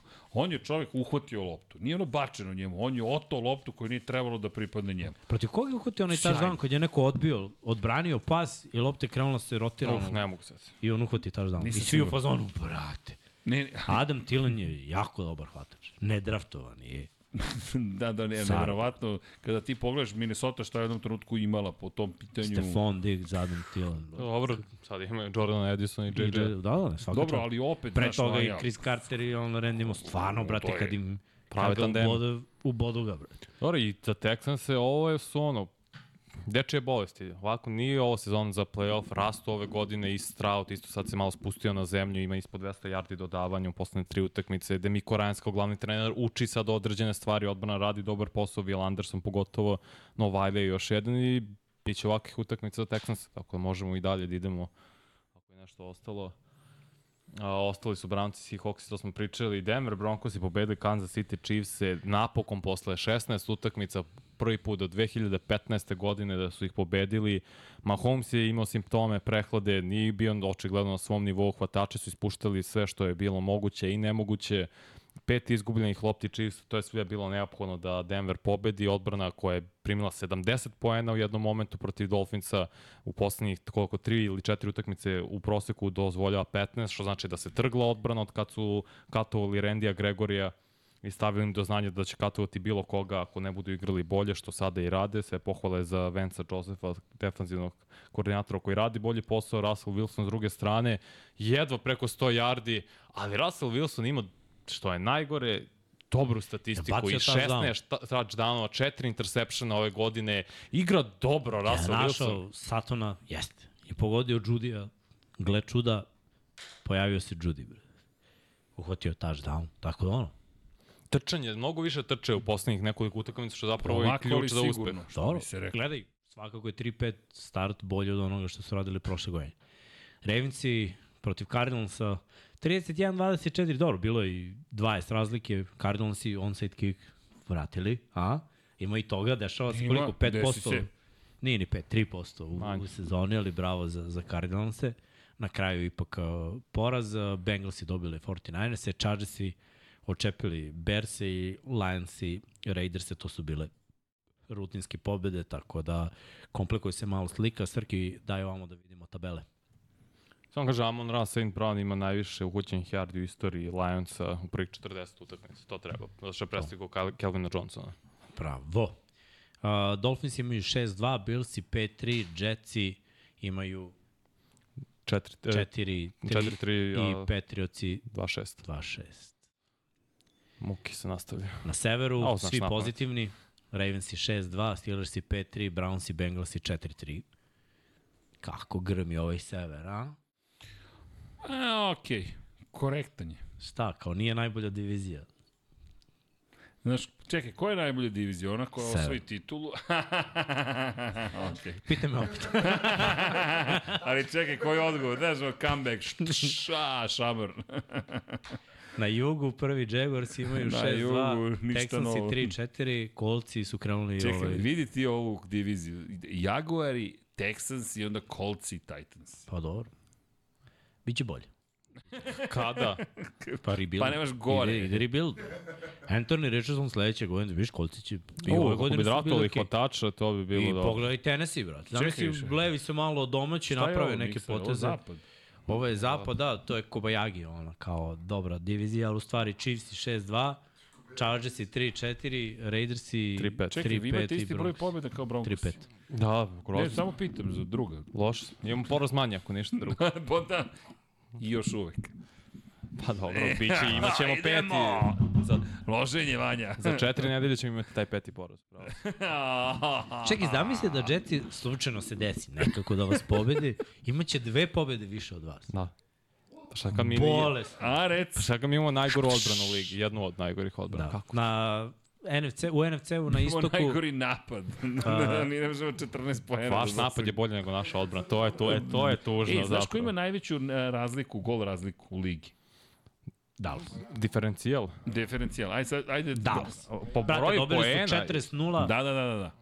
Šta mislite? Pa, Cowboys. Aj, možda Dolphinsi zapravo, zato što imaju, ono, imali su i oni. 70-20. Znači, Znači, 50 već. Govorimo Ali ovi su imali ono, net 40-0. points. A, ali su izgubili isto 42-10 Ne, ne, ne, ne. od San Francisco. Znaš ko ima minus 92?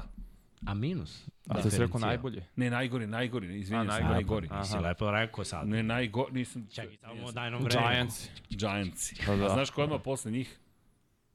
Mi. Ne. Patriotsi. Da, da. Minus 90. Pa zato što su bili Da. pregaženi dve, dva kola Sa uzastopno. od Saintsa. I od s nulom Dallasa. i A najbolji, znaš ko je na prvoj poziciji? Pa Dolphins. Ne, Billsi, 86. E, jeste. ne, ne izmišljaš. Gde je Dallas? Gde je Dallas? Dallas ti je Dallas je četvrti. izgubio 32 razlike od San Francisco. Ne, ne, znaš ko je na drugoj poziciji? Znaš ko je na drugoj poziciji? Sramota što ne zna. Baltimore, bro. Baltimore. Kad razbili Naravno, Detroit. Na, na, Šta ne Baltimore. znam. Nego sam mislio da je Dallas ima više. Treći je San Francisco, Miami je peti. Sa 67. A da, zato što su izgubili 28 razlike od Daj nam Buffalo. tamo NFC da završimo Daj, tabelu. da Ajmo, zbiljite se. 7-1 imaju igrci, 5-2 Cowboys i Commanders imaju 3-5. 3-5. Ne, Commandersi su neviđeni u diviziji. Giants i jadni potonuše. Ne, ne, vratno su Commanders izgubili od Bears i od, i od Giants. To mi je, to ih je zapravo koštalo ove sezone. Uh, na severu Lions i 6-2, Vikings i 4-4, ali bez Cousinsa, teška priča. Uh, tužno je i za Srkijeve Packerse, kao i za Berse, ali dobro. Imaju više od jedne pobjede ove godine i to je veliki uspeh. Krenuli su, izgubili su 4 za redom, Packers krenuli su sa 2-1. Pazi, Falcons 4-4, Saints 4-4, Bucks 3-4, Panthers 1-6. Ovo je opasna divizija. Da, Falcons što su 2-0 u diviziji, to će im dosta značiti na kraju. Polako. Sad ćeš da vidiš. Hold my beer. Kako će da uprskaju. Svi Heineken Hawks imaju neće. 5-2, 49ers i 5-3, to je jako zanimljivo, ali baš kad gledamo tu diviziju, 49ers su 2-0, Seahawks i 1-1, ja jedva čekam da oni igraju. Znači, bukvalno jedva čekam. Još konferencija obe ekipe 4-1. Ramsi su pali na, na 3-5 i Cardinals i 1-7. 1-7, užas. trenutno su oni prvi pik na draftu. Mm, oni pa Bersi pa Bersi. Da, zamisli? Prejako. Bersi Back će draftovati Bears. Marvina Harrisona mlađeg. I Ajmo, mečke. je li im pomoglo? I, Šta? Pa kako neće pomoći? Ne, ne, mislite da će pomoći. Marvin Harrison je ako dečko ne, baš. ne izaberu Trubiskog opet. Neće, Ne, ko, ne, neće ne, Kotrbe ne. Kavalj. U principu trebalo bi da im puno znači. Treba, levi tackle. Ajmo mi na ove hvatač. naše prognoze koje su bile mnogo bolje nego one tamo nedelje.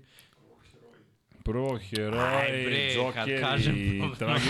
Ka, ej, produkcija, nemoj kvariš. Ako Ti mi kažemo, smo nismo, rekli, nismo mi pogrešili. Nismo... Ali to je, nismo, ali to je Jimmy to bio je prošle izvini, nedelje. Jel vidiš Jimmya? Najzad mi igrači da dođemo do izražaja, ne coach. Da. Da. A, coach je strog svoj. sulo malo haos, Da, brate. te, ba, tako je, bacamo Pusti nam nešto proizvodno pa mi krenemo. Pa mi samo pričamo šta je. Pre, Srkiv heroj nedelje. Denver Broncos i Denver Broncos i... Pa vidi, mora da bude Denver Broncos. Ne, ne toliko zbog pobede same, ali pobedili su Kansas City Chiefs-e. Neka i suštinski ništa ne menja, pobedili su ih. Ljudi, posle 16 uzastopnih boraza. Dakle, ovaj čovjek ih je gazio i gazio i maltretirao i maltretirao. Kakve god da su okolnosti. Znaš one sitne radosti. Znaš onaj, onaj moment kažeš, čekaj, pre, prekinuli smo agoniju i dobili smo Kansas City Chiefs. Dosta tih nizova su zaustavili. Mahomes je bio 13-0 u gostujućim utakmicama u diviziji, protiv divizije do ovog momenta. 11-0 protiv Denver Broncosa do ovog momenta. Chiefs i 16-0 protiv Broncosa do ovog Zar mi momenta. nije dobar izbor? Sjajan izbor. Hvala. Ko je, ko je onaj, onaj teniser što je... Teniser koji je, pita Srki, koji je gubio od McEnroya 16 puta, Oh, ne je znam. dobio taj teniser 17. put. po, dobio ga je 17. put i rekao, Niko mene neće pobeđivati niko 17 mene neće puta za pobeđivati 17 puta za red. Ne znam, da je više to ne znam zapravo. Vidi, Tenis ne sam znam, slabiji, Ali tenis je, brate, individualni sport. Ne, ne, ne to, nego ovo je isto s Broncosi, niko ne zna da će da... Ovde, ovde ti Ne, je, nije, vidi, ovo je ovde ti je timska frustracija, jer, brate, ti nekad Gradska. odradiš sve kako treba i onda ovaj burazer baci no luk za 30 yardi, sledeću utakmicu baci levom rukom, da, sveća. pa, znaš, ono, Boli. stalno je nešto, brate. Boli. Pa onda ti prokuskaš, napraviš glupost. me. Zamislite da ih je pobedio bolestan. Zamislite tu scenu, on bolestan, mučen jedva igrao na ovoj utakmici da ih dobio. Da i možda bi ih dobio da ovi nisu Ali, ispuštali lopte. Tek im je ono dobro zato što su ih razbili, nisu ih dobili, razbili su ih.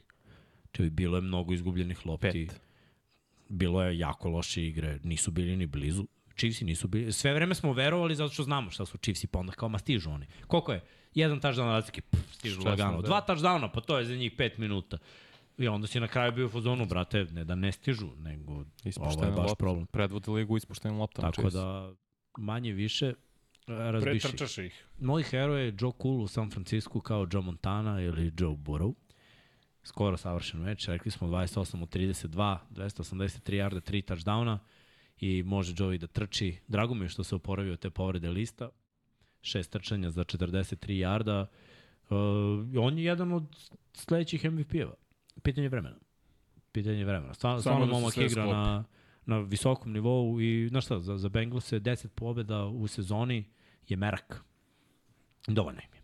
Ne treba njima da budu prvi seed u AFC-u, sve jedno je njima, išli su na Arrowhead, pobeđivali, nije im problem. Mogu da odu mm -hmm. i u Buffalo, mogu i tamo da razbiju Billse, nije im problem. Zapravo, Bengalsima ništa nije problem. Oni su tajna ekipa koja sve može, jedna od redkih lepršavih skill ekipa koja može da razbije fizikalne ekipe. E, to je čudo. Zato što obično te skill ekipe ne dobijaju kada igraju protiv ovakvih ekipa, ali imaju nekoliko igrača koji donose tu dozu fizikalnosti i baš me zanima da, da, da vidim rasplet ove sezone. Ja sam njih odmah od početka video u, u play-offu. Uh, zbog trenutnih problema u diviziji lošeg skora nisam siguran da će osvojiti diviziju, ali opet ni to nije problem. A i da osvoje, mislim. Za njih je sve jedno. Zapravo malo ulazimo u taj NBA moment kad je bitno da uđeš u play-off.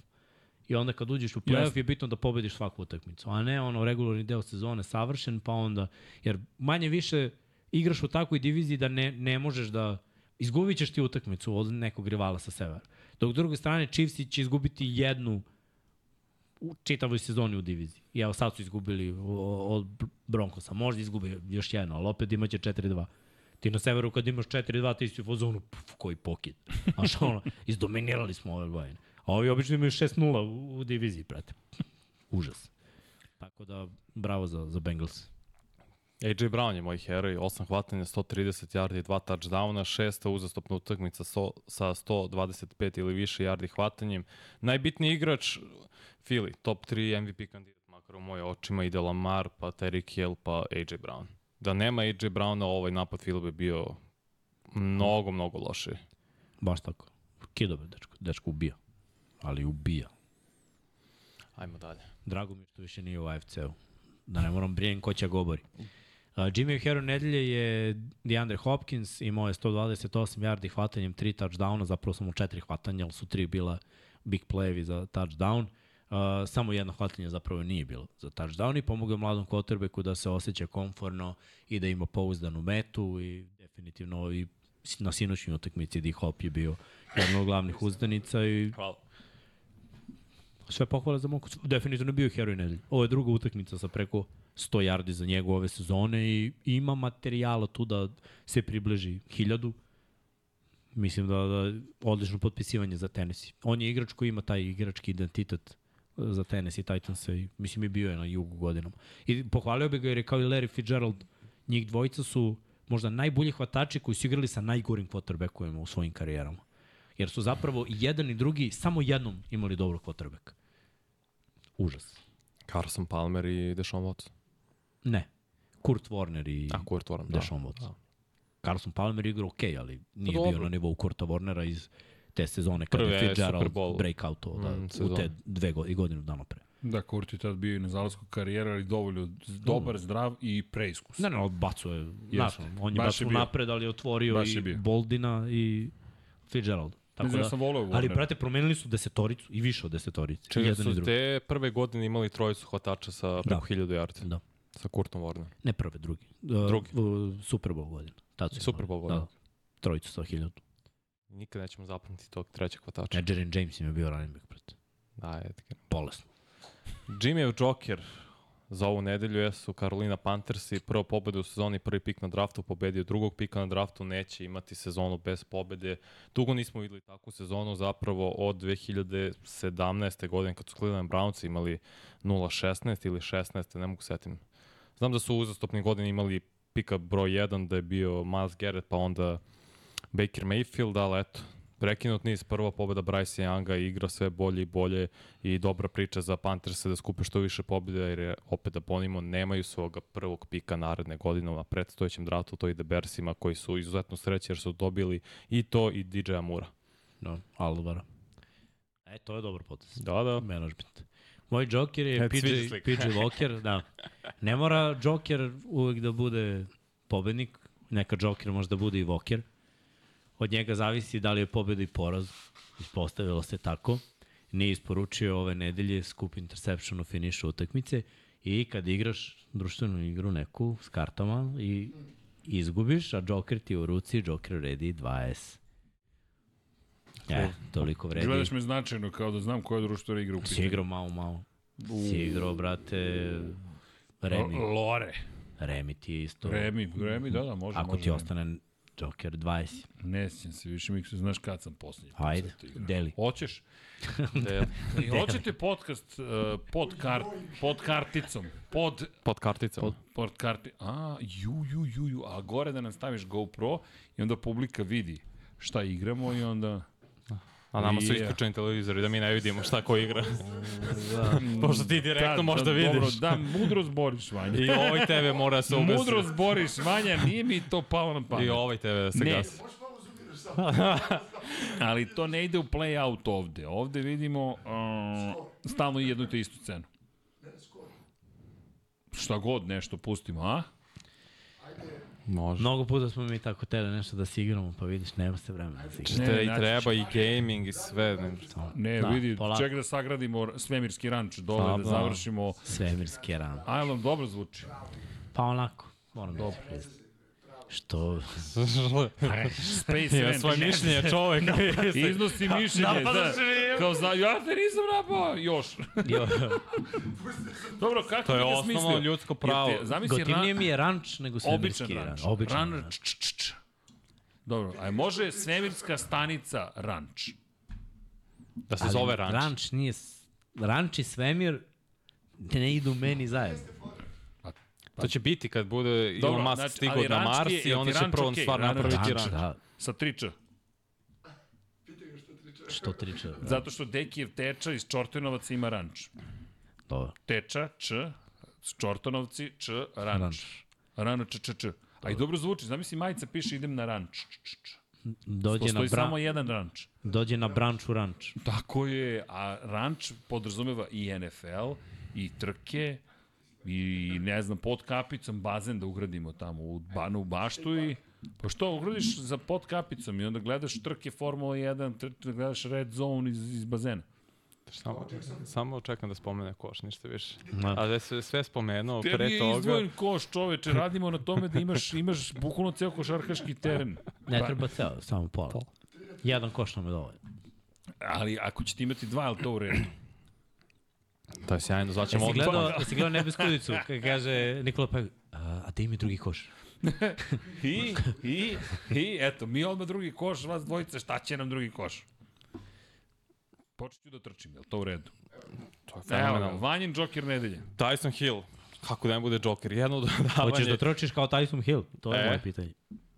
Pazi kako je trčao. Devet Tyson Hill trčanja ima 110 kila. Okej, daj mi i godinu iste dana. visine.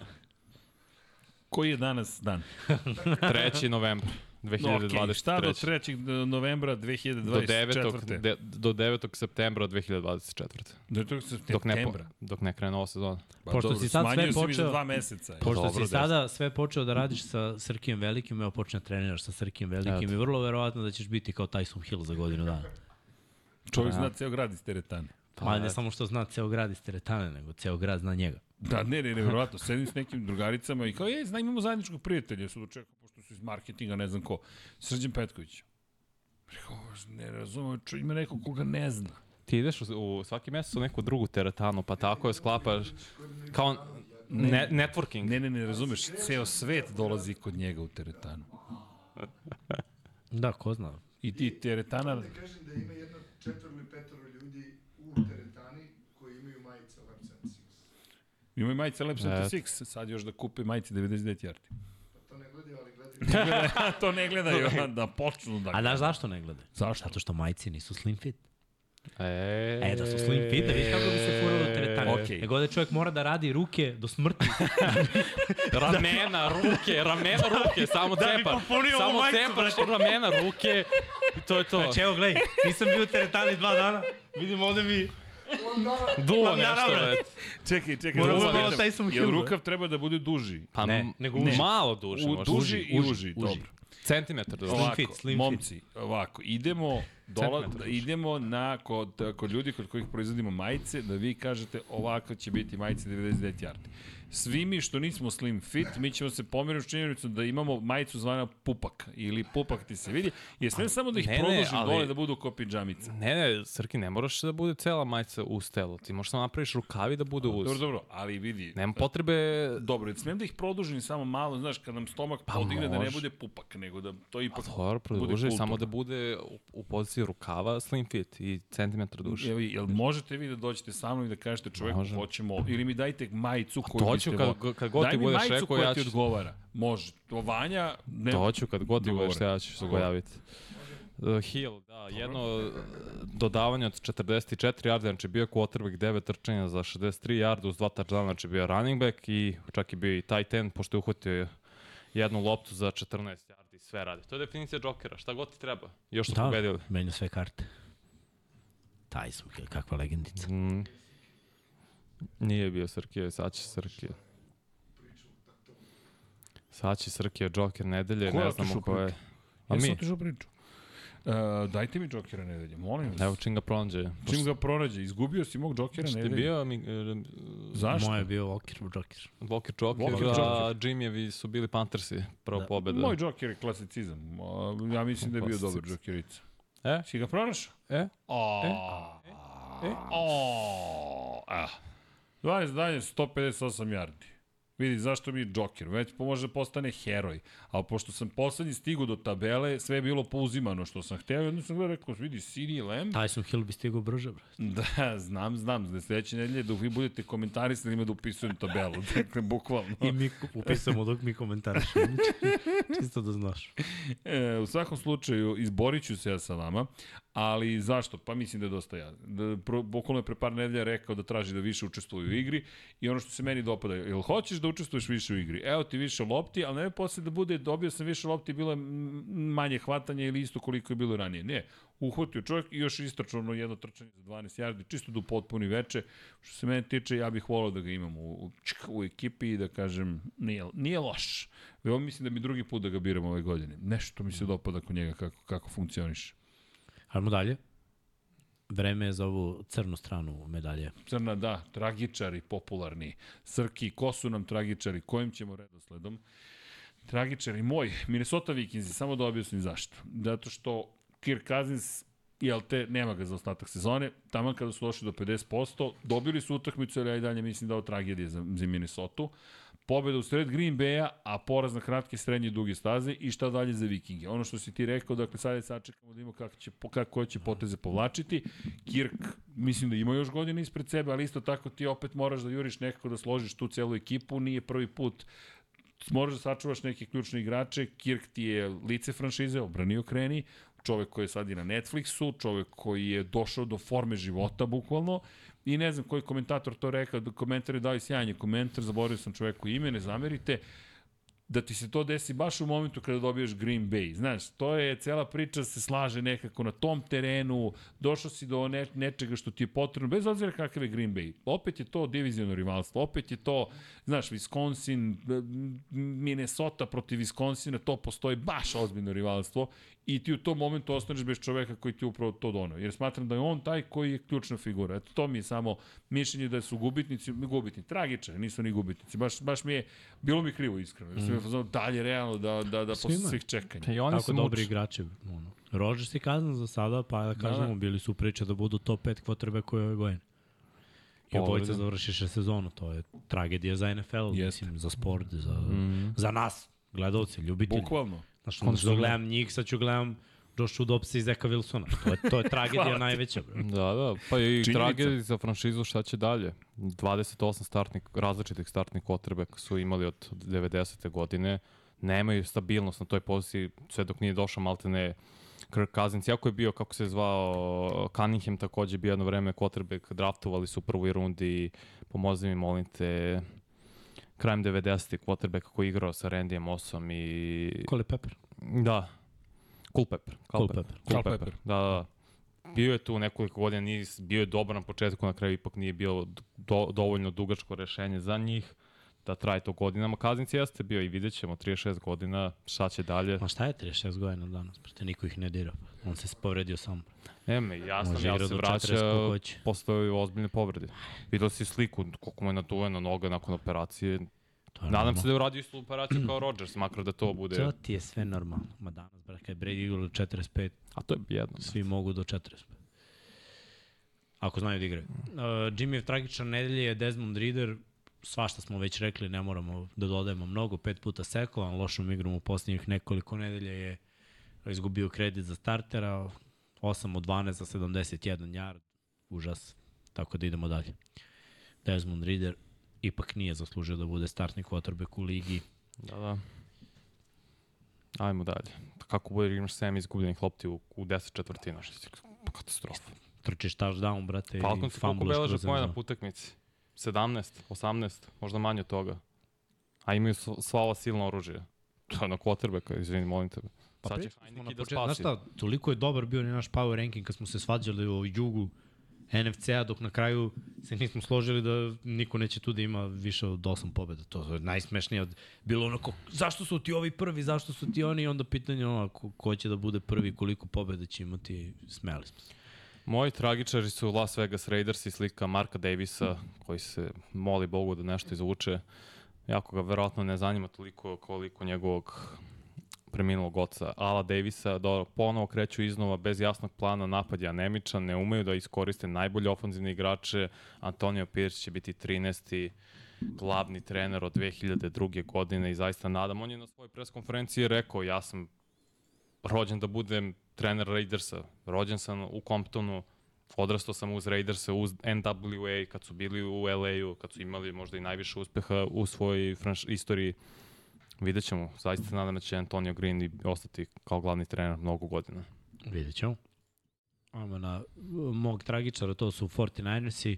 Treći poraž u nizu, greške na obe strane lopte, Pardi, dve izgubljene, vrlo važne, jednom gol pokušanjima, Bengalsi lagano do poena i kad ne igraju Trent i Dibo. Problem, to je problem za čitavu ekipu, da se ne upire prstom u ovog ili onog igrača, definitivno nisu isporučili. Ono što smo očekivali od njih je da drže korak sa Eaglesima, da budu jedan od najboljih timova u NFL-u, najfizikalnijih nisu nam to pokazali. Fali mnogo stvari, rekao si i Boss ima manje sekova, tako da sve je to podložno promenama, nije ovo za njih uh, ništa novo, oni nisu bili prvi seed i hahaj, tako da navikli su da ulaze u playoff kao ekipa koja igra, koja se muči, koja, koja se trudi da dobije neku drugu ekipu, da li preko wild carda, da li da budu prvaci divizije, pa jedva.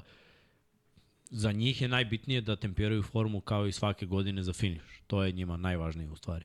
I onda su jako opasna ekipa. Ali toliko trash toka u pravcu Philadelphia Eaglesa, mislim da imaju tu neki problem i taj meč isto potencijalno jedva čekam da, da, da vidim. Mislim da, da sa ovakvim načinom igre ne mogu da pariraju. Eagles imaju svoje probleme, ali manje od 49ers. Tako da za sada nismo videli ni jednu ekipu koja nema probleme u NFL. Eagles imaju probleme u crvenoj Crvenoj zoni. Chiefs su imali probleme sa hvatačima i ispuštenim loptima, Jaguarsi su loše krenuli sezonu, sad su u dobrom nizu, ali Ima i Imaju oni neke partije. gube lopte u ofenzivno takođe. tu i tamo. Uh, Ravensi dobijene utakmice gubili, vodili u četvrtoj četvrtini. Uh, Detroit Lionsi očepili ih Ravensi. Ko još ima 6-2? Pa da Cowboys imaju 5-2, mislim. Eto, Cowboys ne mogu pobede Seahawksi. dobar timove. I ovi ne mogu pobede. Miami ne može dobiti dobar tim i oni Ma, imaju ne može pobede 6-2. isto dobar tim. Tako da, ono, svi imaju probleme u NFL-u. Ajde da vidimo ko će do kraja sezone da pređe preko tih problema koji imaju i da se izdigne do prvog mesta. A sad je vreme za Jimmyjevog Novajliju nedelje. Njemu je prvo ko pa je muško, pa? Will Levis. Njemu su Vikingsi. A, tragičar, izvini, da. 19 od 29 za 238 i 4 touchdowna. Bio prilično siguran tokom cele utakmice i jasan izbor za quarterbacka broj 1. Definitivno jeste. Tako i sinoć je bio ok. Ne možemo se zameriti ništa. Lepo je igrao protiv odbrane Pittsburgha. U Pittsburghu ruki quarterback svaka čast držao ekipu relevantno. Mnogo imaju Titansi problema. Ima je par odličnih dodavanja. Da. Imao je, stvarno imao. Ajmo Ne da. mogu da igraš s jednim hvatačem, ne, nema tu. Da. Ne možeš bolje. Ovi Westbrook i Kine uopšte nije bio korišćen sinoć. A Westbrook i Kine je vertikalni. Kome šapu? Samo puti Srke, bre, lagano. Srkev Novajnija nedelje je. Gospodin Edison, 7 od 8 uhoćenih davanja, 82 jarde i osnovac ekipe u trenutku kada nemaš Justina Jeffersona. Jednostavno, kad kažem osnovac, neko na koga možeš da osloniš bukvalno. Znači, možeš da kažeš, ok, jer kako ti pošalješ 8, jel te, lopti, on ih uhvati 7 i osvoji 82 jarde, ti kažeš, ej, čekaj, ok, i polako mi se izdvaja od Novajlije, en general, što kažeš. Pa i utopija. I on ima po jardaži. Jeste, to puče ku- u NFL. Znaš, ali mi se dopalo taj moment da ti si Novajlija, ne, takav hvatač kakav je JJ, ti nije na raspolaganju, a ti si kao, ok, tu sam, nema problema, pod, pomoći ću Da. ekipi. Meni se to dopada, jer znaš, kad, kad, kako nema Jeffersona, to je bilo pitanje za Kazinsa. Hoćeš li moći sad bez njega? Sad ironija što nemaš ni Kazinsa. Da, to je frka. Znaš. Kazan je uvijek znao da igra sa, sa svima. To, to. I, I baš mi se dopalo. I, i kažem, Minnesota mi je nekako u glavi bila tokom svega ovoga. Tako da, Ajmo, Srkane. Moj Novajlija.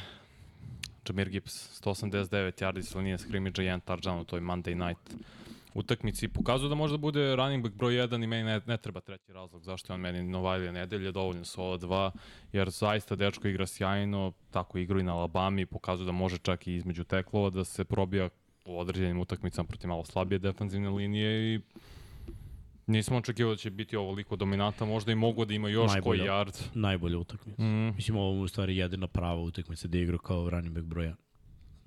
Ne računam garbage time yarda mm. protiv Ravensa. Mislim, kad vodiš 35-0, drugačije igraš. Ali ova bi bilo de demonstracija sil, doduše protiv Raidersa, ali nema veze. Demonstrirao je silu, znači brzinu, snagu, okretnost, sve bukvalno, sve ima. Bravo za njega i nadamo se da će igrati na tom nivou. Moj Novajlija je Bryce Young, eto, zaslužio da ga ne kudim, samo već malo da ga pohvalim. Bio je bolji od uh, Strauda koji i dalje... Znaš da- ko su najbolja dva, to sam baš vanju pitao, najbolja dva quarterbacka sa najmanje bacenih, bačenih interceptiona? Ruki je broj 1 sa jednim, a Lamar je drugi sa tri. Svi ostali koji su starteri imaju četiri ili više. Okay. Tako da Stroud je igrao toliko dobro, ja nisam vidio scenariju u kome Karolina može da dođe ovde do pobede, ali Bryce Young je odigrao dovoljno dobro, bacio preko 200 yardi, 235, imao je taj touchdown, povezuje neke stvari, bolje se kretao malo u džepu, pošto s obzirom da je jako statičan u džepu, neke stvari su bile bolje i na kraju moram da ga pohvalim, eto, zaslužio da bude Novajlija nedelje, da li je zaslužio da bude Novajlija meseca, po mojom mišljenju, nije, Mislim da je ovo tek jedan mali korak u napred u odnosu na sve ono što treba da bude odrađeno, ali respekt za ono što je zasluženo. A zasluženo je pobeda protiv najboljeg kvotrbeka u klasi. Izgledaš bolje stvar. od najboljeg kvotrbeka u klasi. Bravo, Okay. bravo, bravo, bravo, Bravo, bravo. bravo. Jimmy je Novajlija meseca. Ovo mi je Jimmy ukrao, by Pepsi. Jeste, pa ovo, prvi je napisao sve Da. i odjavio se onda od tada. I rekao je, Ja nisam ove nedelje ja sam odradio sve posao. Vidimo se. Č, č. A, najbolji hvatač Baltimore je Zay Flowers, radi stvari koje bismo očekivali da radi Odell Beckham junior i Ravensi su pogodili sa hvatačem ovog puta, deluje da je tako i uh, zaista sve funkcioniše kako treba. Joystick deluje kao pravi joystick. I Ajmo, Srki. sad je vreme za... Ajmo. Novajliju meseca, presented by Pepsi, koji je u kadru pored mikse, zajedno sa... I kod mene. Hadlom. I gore. Miksa. Moj Navalija meseca Ja je hteo. Witherspoon. Zašto? Zato što dečko igra kao da je 5 godina u NFL-u.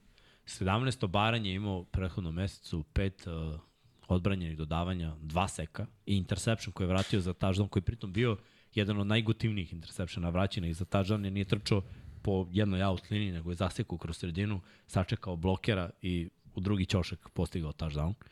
Uh, još jednom pogledak svih Hawksa na draftu, izgleda da ih baš hoće, a stvarno pogađaju posljednje četiri sezone, možemo da naborimo svake godine, pa bar jednog dobrog igrača. Evo i ove godine ih ima nekoliko, nije, nije jedan u pitanju, što je neverovatno. Prošle godine četvorica. Walker, Woolen, teklovi takođe. Da. Obo startni tekovi su prošle godine draftovani. Prošle godine obojica. I uh, Derek Woolen kao jedan korner i Da, rekao sam ovo.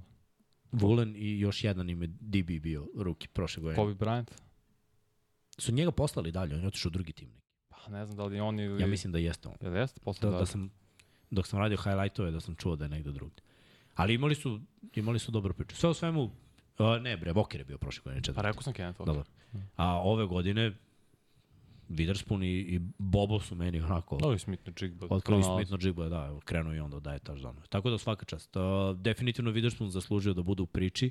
Mislim da je zaslužio u, da bude u, u priči Uh, on je NFL-ov u stvari Novajlija mesec. Tako, Jeste, no, Da. tako je. bio je red da ga pomenuje. Mislim, mi okrenuli smo se više ka ofanzivnoj strani lopte. Uh, par puta smo imenovali neke defanzivce, ali ti kada igraš startnog defanzivnog beka, kada imaš ovakvu produktivnost u konkurentnoj ekipi koja ima 5-2, mislim, nekako, meni deluje kao da oni ponovo mogu da imaju Legion boom. Tako mi deluje. Mm. Što bi bilo zastrašujuće.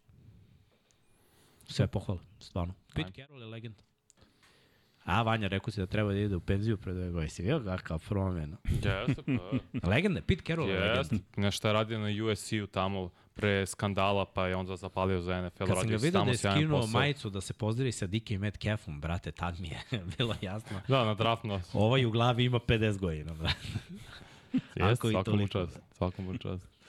Uh, Jordan Edison je moj Novajlija, 23 hvatanja, 297 yardi, 5 touchdownova za 4 utakmice, dosta impresivno za Novajliju, bez JJ-a.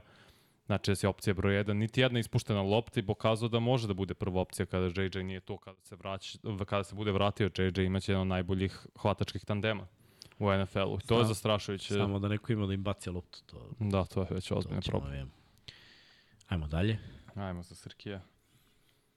Cirkuli. Sam Meni- Laporte. Jeste. Znaš zašto? Kida. Kida Sam. baš mi je pouzdan. Znači, ništa tu nije ono hiljadu jardi, gazilion jardi, ali ti gledaš kako mu raste jardaža. 40 uhvaćenih jardi, 37 je bilo u jednom trenutku. Imao je jedan moment kada su mu poslali tipa 11 bacanje nije baš se proslavio, ali je posle toga vidiš 50 jardi na ovoj utakmici, 50 jardi na utakmici pre toga i uvek možeš da računaš na tih od 40 jardi i zatim postaje polako mu prosek raste i broj upućenih lopti. Meni to govori, aha, verujemo ti više, imao si jedan taj kiks, ali smo ti vratili loptu u ruke i po- potvrdio si da možeš. I daje touchdown. Mislim. Znaš, I to- to, je važno. tako je, malo, tako je. malo pa touchdown. Tako je, i baš mi se dopada jer mislim da ti je to onaj igrač, znaš kako ga ja gledam, to je, on može da preraste u ozbiljnog, u ozbiljnog tight enda. U baš, to je moje mišljenje, naravno njemu je sad da radi ekipa da ga iskoristi, ali volim pouzdane igrače. Ne volim igrač, e, jedan dan imam 10 yardi, sledeći dan 120 yardi. Znaš, ovo mi je, ono, stub oslonac. Na, na takvih tri igrača postavljaš ekipu, a onda imaš onog superstara što će da, da uradi u momentu kad, kad, kad ti treba. Znaš, ovo je, ovo je onaj, ovo su ti štakeri. Ovo, ovo su radnici. Ja ih, ja ih stvarno volim. Volim te igrače gde ja znam da sam miran. Jer su oni tu. I oni ti neće prodati. Znaš, i ne samo to. Oni su i kad je, da prostite, loše, on će da bude tu. To je moje mišljenje, tako ga ja doživljam. Eto, i zato mi se baš dopao. I, i birao sam ga i kao jednog od Novajlija nedelje. Bogata, nedavno. bogata klasa tight endova, generalno. Jeste. Nije jedini. Ima i četvorica, petorica koji igraju dobro kao, kao Novajli. Kincaid, Meyer, on. Pa čak i ovi koji nisu statistički toliko dobri. Evo ti ovaj iz Pittsburgha, 80. On je startni end. Darnell Washington, pa da, kako. A brate nije bio u pri... Znaš, nije se dešavalo godinama unazad da ruki tight endovi postaju važni tight endovi od prve godine. Tipa bilo je par ekipa koji ekipe koje koriste dvojicu, trojicu pa ih gurnu odmah u vatru, ali to su dve, tri ekipe bile. A sada sve više ekipa. Znači, pozicija tight enda se mnogo više ceni u posljednjih pet godina. Što je jako lepo. Jer je to najkompleksnija pozicija posle quarterbacka. Mnogo toga moraš da, da, da znaš da radiš. Mora budeš ofanzivni linijaš koji trči, hvata rute. Vidio si koliki je Darnell Washington. Čovjek je preko 2 metra veći od svakog ofenzivnog linijaša. Pa seti se Mercedes Lewis, on je 6'8. Mm. Parham takođe, isto, Da. da. samo nema tu kilažu. Isto 2.03 ima. Sa, rekao bih za uh, Obrija, kikera Dallasa koji je vezao 18 uzastopnih field golova, započne svoju karijeru. Novajlija, stvarno treba njega da spomenemo, to je NFL rekord. On i uh, Kunz veše iz Titans 2015. su i drže rekord, ali Obri za sada sigurna noga za Dallas. Jedan razlog zašto su i igre konstantno ti kad računaš da možeš znači na 7 utakmica 18 field golova, no. skoro 3 po utakmicu, to je za svu pohvalu. Bravo. Bravo za kik, pravda za kikere. I rezultati naših prognoza. Tampa Bay Buffalo, svi verova smo u Buffalo, svi pogodi smo. Ramsey protiv Cowboysa, svi verova smo u Dallas, svi pogodi smo. Minnesota protiv Green Bay-a, Srki, Veliki i Pablo verovaše u Green Bay, pogrešiše. Atlanta protiv Tennessee-a, Jo, Atlanto, uh, baš, baš Na Rideru i Arture da. Smite, nesretnici je. ali Pablo se zeleni. Jedan Pablo Zelenko. Pablo se zeleni. Uh, New Orleans protiv Indianapolisa, mi smo verovali u Indianapolis, New Orleans Jesmo, ih ja pregazi. slavio. Bravo za Srkija i za Jimmya. Miami protiv New Englanda, samo Erceg verovao u Petrioce i, nije, i dobio je ne. Ne, ne, dobio Uh, sam ne. Jetsi protiv uh, Giantsa, Pablo je verovao u Giantsi, svi mi ostali u Jetse. Hvala, hvala. I hvala. na kraju, eto vidiš, treba se pridružiš Srki ekipi, ako viš kako svi zajedno. Tako je, tako je. Jacksonville protiv Pittsburgha, Erceg je verovao u Pittsburgh kao i Pablo. Ničim nije izazvano. Se, nije se desilo. desilo, da, da. Uh, Philadelphia protiv Washingtona, svi u Filadelfiju i Philadelphia isporučila, a protiv Karoline u Houston, verovao smo svi, samo što smo se zacrvenili. Ništa, Karolina, niko nije glasao za Karolinu, a oni zabeležiše prvu pobedu. Cleveland protiv Sijetla, Vanja i Pablo pogodiše. Mi ostali crveno. A Denver, Kansas City, svi za Kansas City i na kraju ništa. Ništa. Baltimore protiv Arizone, svi za Baltimore, svi pogodismo. San Francisco protiv uh, Bengalsa, Jimmy i ja u San Francisco, svi ostali za Bengalse i pogodiše. Chicago protiv Chargersa i Detroit protiv Vegasa, svi za Chargerse, svi za Detroit, svi pogodismo. Živeli. Tako da, Živjeli. Tako da, tako da, na prvom mestu je Vanja sa 78, Srđan ima 78 takođe, Jimmy ima 77, ja imam 76, lep, tako da, Ercik treba ne 67, nego 76. A, Pogrešio vidim, si, da, da. ali ti nisi pogrešio. Tako je. I Don Pablo ima 66. Dobro, pazi, ova prva četiri, sve je moguće, ali definitivno ima mnogo ljudi koji to rade bolje od nas. Uh, pohvala za sve vas koji radite to bolje od nas, evo svi ste ovde. A ima vas još. Imamo bolje od nas. da. Uh, što se tiče Run Your Pula, Bogdan S1 ima 89, Kansas 87, Jimiston 87, Terzin 86, Ravens for Life će pobediti na kraju 85, The Natural 05 ima koliko?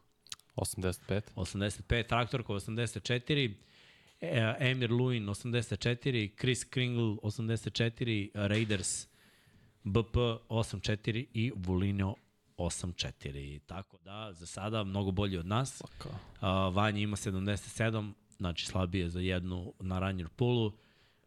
Sinoć moj odigrao na tenis jer je zaboravio Da, zaboravim odigrano. kakve lastima. Uh, Jimmy Sunday 76, Srki Veliki 64 i Serceg ima 56. A, meni se desilo da ovo jurnjevi... Zabavio si. Da, za nisam, E, da. komesare. Umesto da namestiš nešto kad već...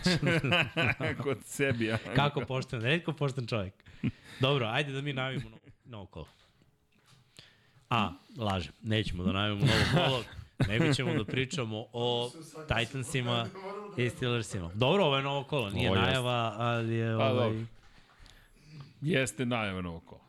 Brate, Tako ja sam da iskreno očekivao da će ovako da bude.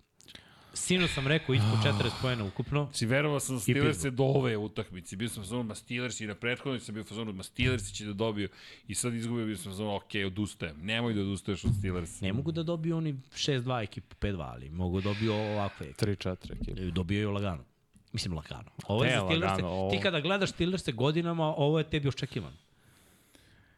I dalje, znaš, da razumem šta govoriš, ali, znaš, Ne mogu, ovo ofanzivno izgledalo su bolje. Prvi napokon su imali touchdown na onom opening drive-u prvi put ove godine, prvi put, treći put su imali dvocifren broj poena na poluvremenu i delovalo je stvarno bolje i onda opet u drugom poluvremenu, boga piti šta se dešava i jesu postigli 10 poena u drugom poluvremenu, ali taj napad, trčanje izgledalo napokon bolje i Warren i Najee Harris zaista su igrali veoma dobro, pogotovo Jalen Warren, George Pickens imao minus jedan yard hvatanjem i vidim da je nešto stavio na Instagramu da ga kao slobode primi. Verujem da je frustriran nakon takve utakmice, ali Deontay Johnson bio sjajan. 7 hvatanja, 90 yardi, touchdown, prvi touchdown od kada? Od uh, poslednje nedelje 2021. godine. Čovjek propustio čitavu godinu da godinu zapravo sezonu i po nije imao touchdown. I bio je opet Kenny Pickett, mislim ti ja smo radili nekoliko dodavanja iza hvatača, preko hvatača, loša, mm. nek par dobrih gde hvatači nisu uhvatili, dalje nisu imali preko 400 yardi, što je, kao od kad je Matt Canada, ofanzivni koordinator, jedini tim u NFL-u da nemaju 400 yardi ukupnog napada, što je zaista tužno, ali pobeđuju, zato što je odbrana brutalna, TJ Watt, 87. sek u 95 utakmica u karijeri, osam pritisaka od Highsmitha koji to maksimalno koristi, pretukli ofanzivnu liniju Titansa koju se menjala, konstantno i povređivala, Ubiši i Levisa, brate. ubiše i Vila Levisa. Preživeo je momak. Jak je mom, to je zbog majoneza u kafi, ostaje na nogama, ali... Mislim da je možda zbog banane, ne oljušte. Pa moguće i to. Ali Joey Okej. Porter mlađi izgleda baš dobro, dobio nekoliko duela protiv Hopkinsa i dalje nije primio touchdown jer ona ruta koju je Etienne trčao zapravo nije bilo njegova krivica No. nego od KZ-a, safety jer su igrali cover 2. Ali sve u svemu Porter mlađi pun pogodak i nastavljaju Steelersi, ba zanimljivo ih je raditi, ali kad vidiš na koji način oni pobeđuju i te, tenis je imao po, priliku na Znaš šta ti kraju. bre protiv radničkog futbola? Mi iz radničkih sredina, mi... A dobro, vi imate lepršav futbol u ofancu, A nemoj gde tako. mi Pa, kaj imate? Lamara, šta? Pa imamo mi i tekmo s 20 pojena. A dobro, ali Lamar je zanimljivo gledati, ali kad vidim Kenija Piketa sa obe rukavice, Dobro, ti uži- gledaj TJ ni Watt. jedan quarterback ne baca loptu sa obe rukavice. Znači, Teddy Bridgewater, two gloves Teddy. Pa zato što imaju šake, male šake, zato koriste rukavice. Jedan i drugi. Šta ti imaš protiv ljudi sa malim šajama? Da, da, da, samo- da. Čemu taj... Ja samo kažem Da. činjenicu zašto nose A neka nosi. Šta smo rukavice. Dok je tu TJ Watt, oni su lagani i to je to. E, znaš, sa TJ Wattom, zapravo, da su prošle godine izgubili jednu utakmicu. A, Ili dve, tako nešto, smešno.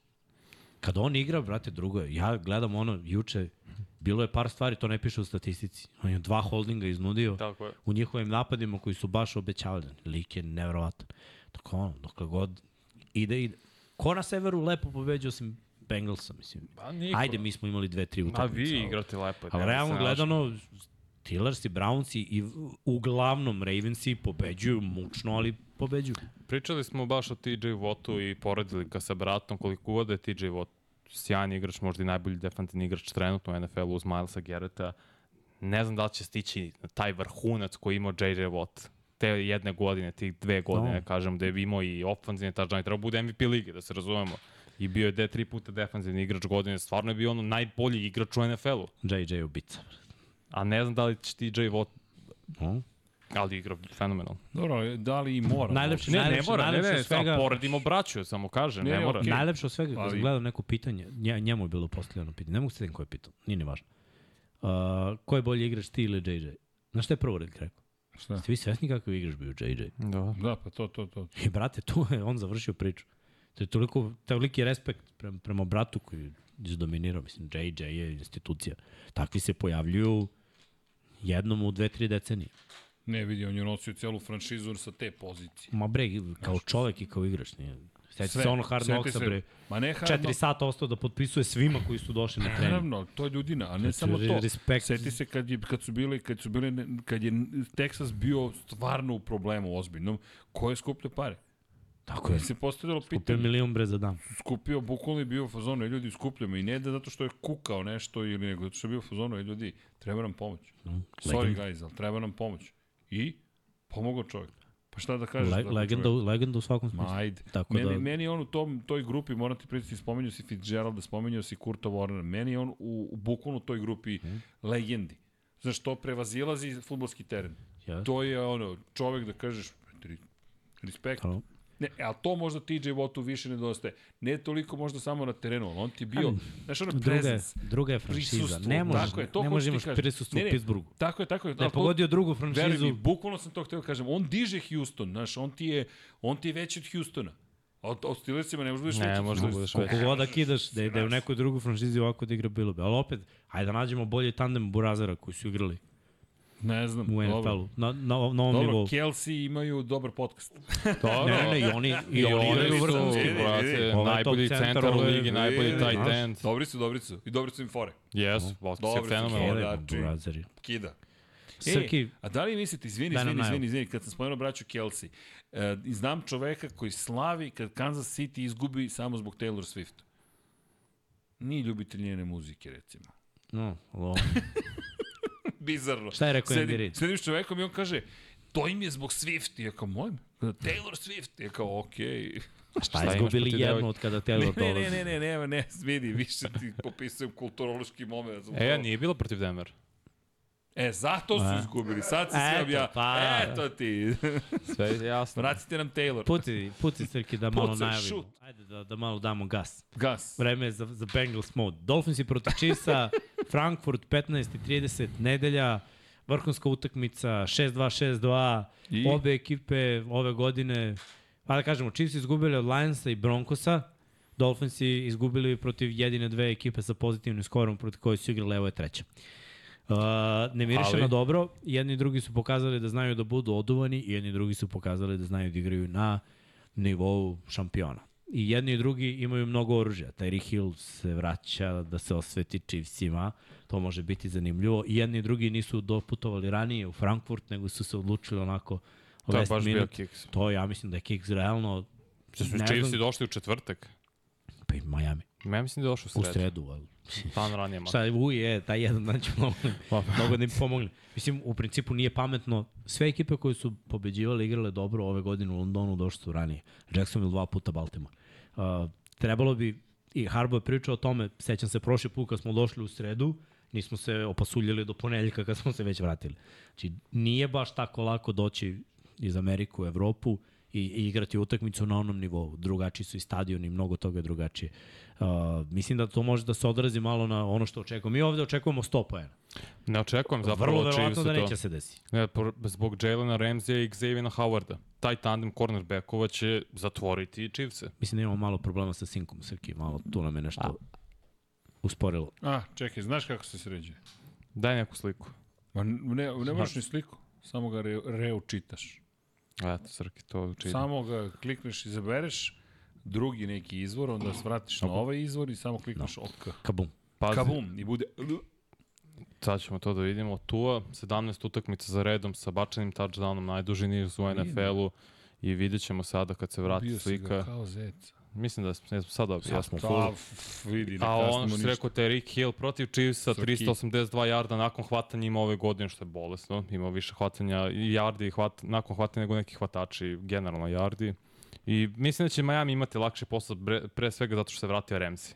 Drugačije mi delo i jeste protiv bilo Patriots, ali mislim da je sad da će odbrana igrati bolje zato što je on tu, Howard tu, sad imaš dvojicu brutalnih cornerbackova, a Chiefs se muče malo na poziciji hvatača i bit će ozbiljan zadatak za Mahomesa da pobedi Miami, a plus ne igra s druge strane Bolton koji bi dosta značio Chiefsima. Ja ne znam šta bi dodao više. Mislim, nema potrebe da hajpujemo utakmicu koja se hajpovala Sama po sebi. prodate karte za dva minuta. Mislim. Pa ne, vidi, imaš d- dva takva kvotrbeka, dve takve ekipe u momentu u kojem se Da. nalaze, znaš, o čemu pri... mislim, kvotrbek, ajde, timove Ma sve, kompletne, sve. sve. treneri. Mislim, Znaš, bukvalno duel kakav želiš da vidiš. Mislim, ja kad sam pisao tamo spisak za intervju, to je baš bio dug spisak. Hvala NFL, još jednom vam se zahvalim. Baš vam hvala. Baš ste carevi. Se čujemo. Sredit ćemo. Sredit ćemo. Uh, Cowboysi protiv Eaglesa, dobro, ovo je dva, što, a što ova? Aj po redu. E, daj Baltimore. Baltimore si Ajde idemo uh, Nemoj sad da mi dišeš. E, vidi, produkcija, tako alo, dišeš u teretani. produkcija, Da. Te produkcija. zato svi znaju. Produkcija, vidi, niti Jimmy ovde sad, znaš. Znači, U 19 časova su Seattle, Baltimore, onda su Tako je. Cowboysi u 22-25, pa su onda Bengals i Bills u Da, vidiš, Sve 0-22. smo mi isplanirali. Samo ti nigde nismo javili. Nije pa pričali smo pre što toga. bi ti... Pričali smo između sebe, sad što bi Srki znao da smo mi Pa pričali. sa Srkijem sam pričao, nisam s vama, ja sam došao ranije. I to je istina. O, burn! Uh, znaš gde sam ja bio? Znam, Formula 1. znam, de, znam gde nisi bio. Seahawks i Pratio protiv... sam, znam, ranije se završilo kvalifikacije, sve sam sve, ja sam pratio. Ranije, Ranije kako su se ranije završile, kasnili smo u startu, zato što smo imali A zapravo... ne, zbog nije do kraja bilo te kutriz, Ne, nisu, da nisu, Pa ali smo imali, da, imali smo situaciju. Nego. Dokle ćete više, brate, kad je moja ekipa? Ajde, Uleće. te, Ja, Ček da vidiš Jetsa kad budu... Sad imamo ovde baš vaš duel. Jeste najavili Jetce? Krenut ću monolog. to ćemo posle, to ćemo da počnem da pričamo o vežbama e, koje Srke izvodi u sad teretanu. ćemo na pu publiko spremi se. Znači, ide pitanje ko pobeđuje, Jetsi ili Chargersi? Svašta može da bude, nego, e, mogu ja. Mo, izvini, Aj. molim te, izvini. Neće se ponoviti. Ptiči derbi. Seahawksi dolaze u Baltimore. Imamo tri utakmice kod kuće. Zanimljivo. Iskreno jedva čekam da vidim. 6 u 9. Imate kod A, baš, me, baš me zanima ovaj, sve ove konkurentne ekipe, zani- zanima me kad budu igrale protiv konkurentnih ekipa. Nije NFL baš bio, ovaj, nije nam darovao neke dobre mečeve u, u celom kolu. Bilo je ono kao jedan derbi pa tri krš tekme. Tako je A nekako bilo. dobro, ali... Ali znaš, ovo kolo je svaka dobra. Znači, ajde da terminu. krenemo. Prvo i ovaj Thursday night je bio ono, da vidimo ko će u playoff od ove dve ekipe. Sad otpisujem Tennessee za Pittsburgh i, da, i dalje verujem. Seahawks i Ravensi. Ajde da vidimo. Pa imamo posle Dallas Philu, pa imamo Bills i Cincy, pa znaš, imamo Chiefs i Miami, sad smo najavili. Stvarno je dobro kolo. I ovde je prava, prava prilika da vidimo, naročito sad kad je došao uh, Leonard Williams, koliko su dobri Seahawksi, koliko su dobri Ravensi, koliko su jedni i drugi sposobni da igraju protiv uh, jako dobrih timova i da zabeleže pobedu. Ravensima dajem prednost jer igraju na domaćem terenu i jer igraju jako dobro protiv NFC-a, jer imaju, bez obzira protiv koga igraju, a igrali su protiv vrha odbrana, preko 150 yardi trčanjem, što je jako teško imati.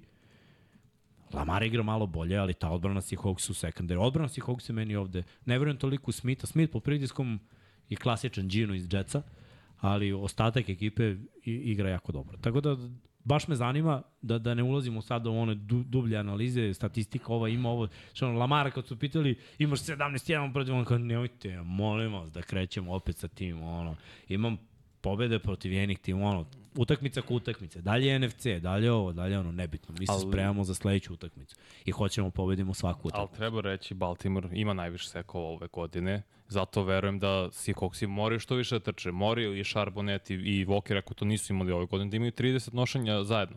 Ti ne može da ima Walker koji je running back broj 1 8 na utakmici. Ti pobediš jednu.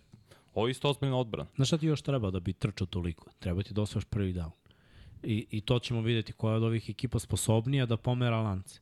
Jer odbrana Baltimore dozvoljava najniži QBR protivničkim quarterbackovima i yardi po I, pokušaju. I najmanje poena ove godine. Tako je. To je 15 Znači, to je utakmici. realno najbolja odbrana, pre svega protiv dodavanja, moraš da trčiš. Imaš vrhunske uh, hvatače, to sve stoji, vrlo dobro, neću sad ići u taj deo vrhunski, ali koristi trčanje kad možeš. Trebalo bi. Sve u svemu veliki debi. Uvijek su dobre utakmice. Seattle i, i Baltimore. Tako da baš me zanima. To, to su ono franšize sa nekim pobedničkim mentalitetom i Pete Carroll i John Harbaugh isto. Onako, zanimljivo je, znaš, jer njih dvojice se ne mešaju puno u te neke taktike. Oni imaju ljude oko sebe, ali oni vode ekipu nekom svojom energijom, nekim To, to, to, to. I ima, oni donose nešto drugo što se glavnog trenera tiče, tako da i s te strane je onako zanimljivo. Tako da ovaj, to, to je ta. E sad može da da hvala Srki, hvala. Sledeća utakmica i ovo je u direktnom prenosu 22-25 Cowboysi protiv Eaglesa. Eagles imaju 7-1, Cowboys imaju 5-2. Ovde će se odlučiti divizija ako Cowboysi pobede, postoji nada da mogu da budu prvi na, na istoku. Ja iskreno ne vidim taj scenariju. Zašto? Prvo igra su u Fili. Drugo, Cowboys imaju malo više mana nego što se to pokazalo. Igrasi nisu mnogo sekova imali protiv Washingtona prethodnu utakmicu. Divizija je sve je otvoreno, svašta može da se desi, ali moglo bi da se desi da se ovde nešto otvori. Pritom, ja mislim da je Bayard sad konačno na nekom nivou da, da može da pruži bolju partiju. Cijel ovaj trade za Bayarda kao da je bio, ok, doći će CD Lamb, doći će Cowboys. Sada kad su došli, treba razmišljati o tome. Pritisak na Daka Preskota neutrališi trčanje defanzivnom linijom i koristi jako dobrog safety-a u pomoći cornerbackovima koji, mislim, ja trebao bi Slay da igra. Bradbury je u loše forme ove godine. Mislim da sledeće godine može da traži novu sredinu. Ali Slay na CD Lamba, to je matchup koji stvarno želim da vidim. A s druge strane, zanima me šta će oni da igraju, da, da li Gilmore na, na AJ Browna, da li Blend na AJ Browna, kako mislim je da je tu Brian malo pomoć. manje, mislim treba Pa, Gilmore gledaj, u ja, safety. Ja mislim da obojica da budu problemi. I, jer ovo je nešto što, što nismo videli do sada. Opet Fila ne trči dovoljno. Jeste. Treba malo Swifta više da puste. Naročito protiv Cowboys. Cowboysi nisu elita u zaustavljanju trčanja. Nisu A ovako elitna ekipa što se talenta tiče u ofenzivnoj liniji, dobar running back i quarterback koji trči, moraš da im istrčiš bar ono 150 na utakmici. Zanimljivo je da Dak i Jalen nisu igrali jedan protiv drugog prošle godine. Dak je propustio prvu utakmicu, Jalen drugu, Drugu. zbog povrede, ali Dak Prescott kada igra protiv File, ima 8 pobjeda, 3 poraza i što je najvažnije poslednje tri utakmice u prosegu napad Cowboysa postiže 44 poena. Bila druga Fila. Ne, ne, I prošle godine igru Minč. Nije, nema veze. Ofanzivno su oni odradili svoj posao. Jeste. Mnogo je to poena za bilo koju ekipu, bila druga fila ili ne, Nije 44 igrao prošle poena. godine Gardner Johnson. Nije igrao... Dobro, ne, nema ni sad, sad je Bayard. Da, da, nego bili su Ne, loši jasno safety. mi, jasno mi, ali Isto nije igrao puno je poena. Lane Johnson prošle godine, finish sezone. Propustio par utakmica pa se vratio. Bilo, bilo je problem. Ali opet to je bilo prošle godine. Pre dve godine Fila nije bilo ovaj tim.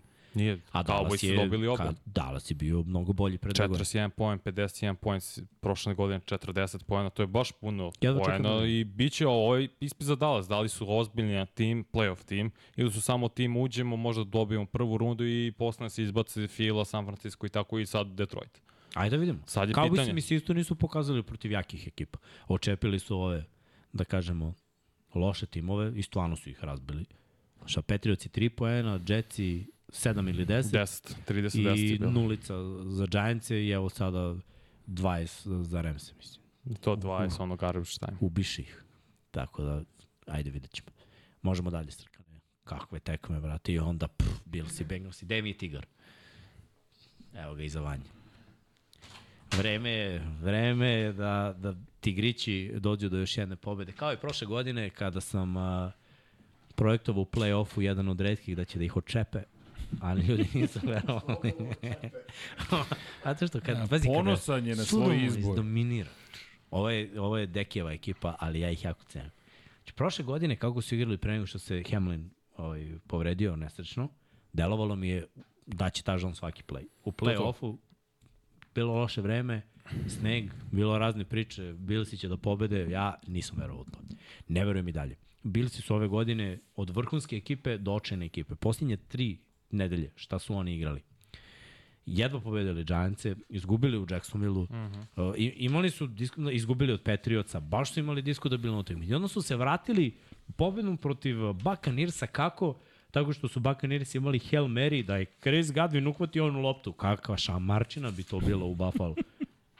Oni bi izgubili utakmicu. A bili su bolji 10 puta na toj utakmici od Buccaneersa koji se nisu pronalazili. A Jeste, su mogli da izgube na kraju. Mogli su da imaju, nisu bili dobri u crvenoj zoni protiv Baksa. Ali Buccaneersi, Patriotsi i Giantsi nemaju Joe Burrow i nemaju Jamara Chase. Nemaju. Nemaju taj premium talent, nemaju takvu odbranu, nemaju konstantnog running backa. Nijedna od tih ekipa nema konstantnog running backa. Saquon Barkley nije konstantan jer je ostatak ekipe toliki krš da on ne može čovjek da dođe do izražaja.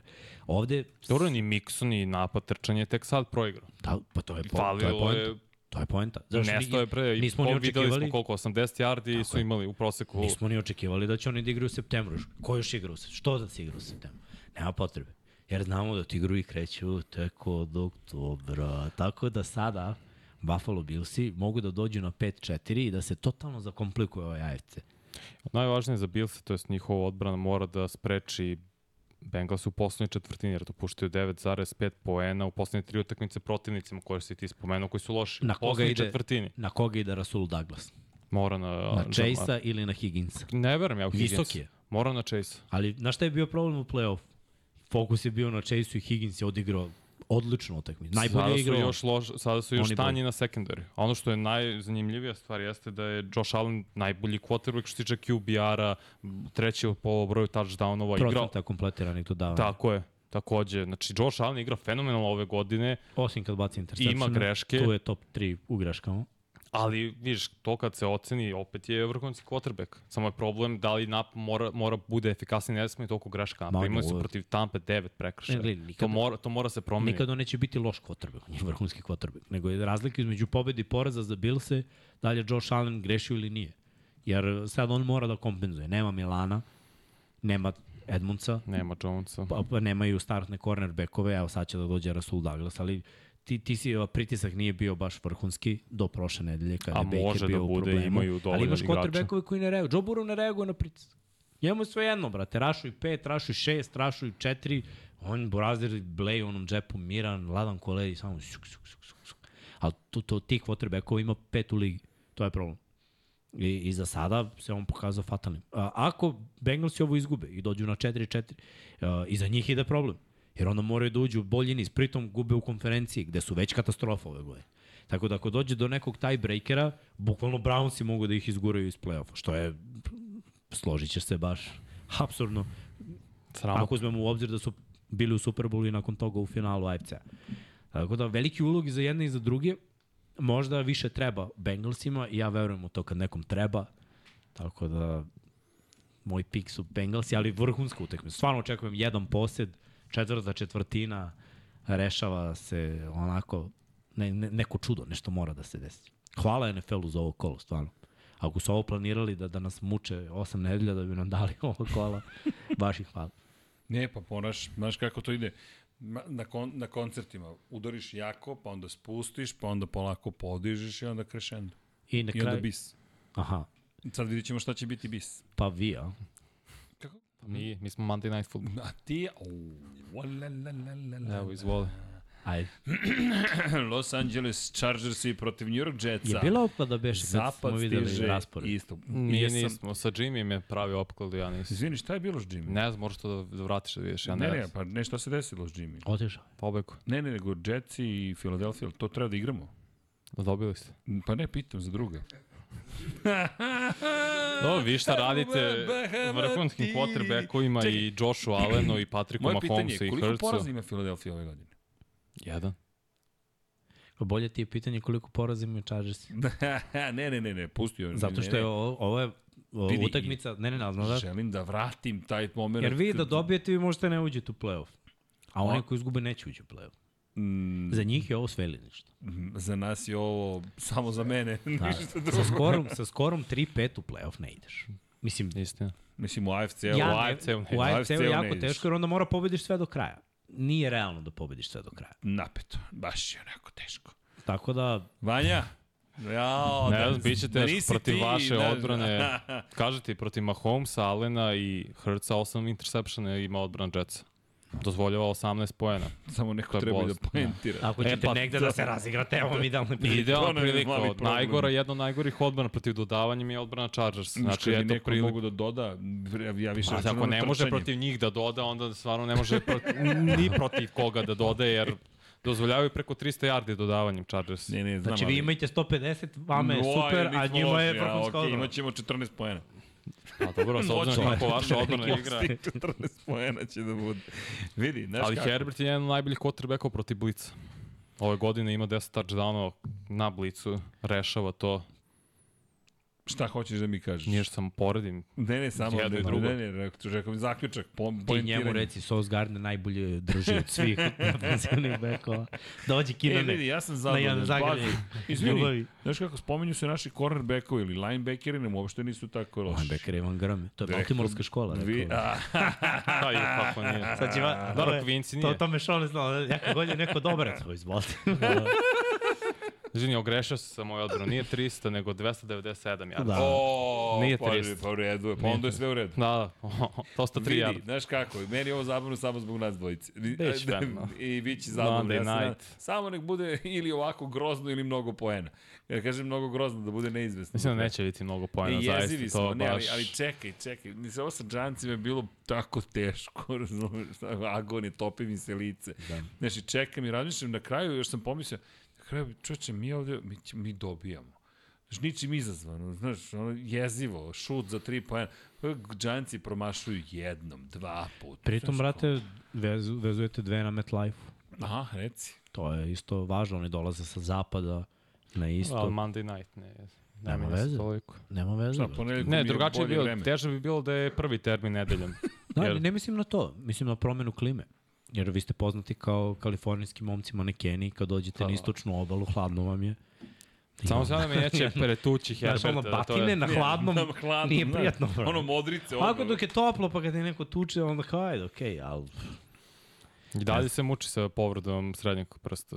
Dalje to loše izgleda. Prilikom kad dobija snap u ruki sve. Pa već je bio bandažan i nosio rukavicu, ali skinuo je rukavicu, sad je samo bandaža, ali opet to se stalno menja. Nakon skoro svakog drajva menjaju bandažu. I Da. utiče na igru. Napeto. Da. Mislim, gledaj, trčanje, ja ne znam, neće ići, verovatno. Neće moje, dosta moje skrinova. razmišljenje je da neće ići i da će menjati to u skrinovima i da će menjati to nekim brzim dodavanjima. Čekaj, čekaj, publiku nisam pitao. I? I? I? I? Stop the count. Stop Ajde, the da count. vidimo šta kažu ljudi. Evo ja ću da vas. 65 od 100 za džetce. Ne, nemoj da zaustavljaš, šalio sam se. Sad je kao... E, to je fora, stop the count, ne. nema veze, nema veze. Da. koliko Dobro. je ljudi glasalo? 40. 40 samo, ne, ponovite ovo. Ko, Evo, ja ću da dodam još jedan glas. Ponovite, ne, ubili smo, čekaj, stop. Kaže, Jetsi ovo dobiju 20-17, mnogo je to pojena, brate. Realno 17-13, to je realni. Ne, ali evo, sad ćemo da okrenemo da. Chargersi budu prvi izbor. Nema to veze, to je više do ko, za koga navija, nego Ne. timovi i ko je redstvo Ne, od ne, ne, izbora. pogrešili smo, izvinite. Stop the count je bila fora. Uh, čoveče, Vanja, ovi tvoji Super Bowl kontenderi nisu favoriti protiv Jetsa bez Rodgersa. Nisu, pa ne mogu da budu. Linsley, startni centar, ne igra zbog problema sa vratili srcem. Mike Williams, Ej, moja mama se javila. Mama, E. čao mama. Poz, pos, poslova je ovde smajli. Mama, tata Erceg. mama se javila. najgora, jedna od najgorih odbrana. Mike Williams ne igra već neko vreme. Joshua Palmer povređen, Everett je pitanje da li će igrati ne ili da se ne. istrolovati, znači, najjači. Ne, pusti ga on tužnu priču svoju. A, Violina, čekaj, gde mi je tužnu, tužnu priču vodim. On priča tu povređen, ovaj, ovom Rodgers povređenom srećam, brate. Pa svi ti igrači kad se spoje ne vrede ko Rodgers. Ali vidi, tu Igra Zach Wilson. Jesi ti radio nekad u marketičkoj agenciji? Yes. Da. E, vidiš, jesmo, jesmo te dobro naučili. Vanja kralj, ali obožavana ličnost, bukvalno. Ali ček, violina, To teško je, bet. Nije lako. Kako bi Teško je, voleo da teško je. bude X. X-ača, da bude ono... Da, 10-10. Znaš kako bih ja volao da pobedim? pa I rokno bi ne se uđete u zato... play-off. ali- ne, moram samo- Pa samo ti to traži, ti ja to radimo, inače, Ček- vete u ponedeljak. Znam, brate. E, ne, znaš zašto? Ja sam se već spremio. Samo zbog vas trojice. Zato što se sećaš u predsezoni, kad smo pričali schedule, kako ide raspored i kad je bilo, ma ko? Jimmy, ja čekam da, da vidim šta će da mi kaže za, za poraz.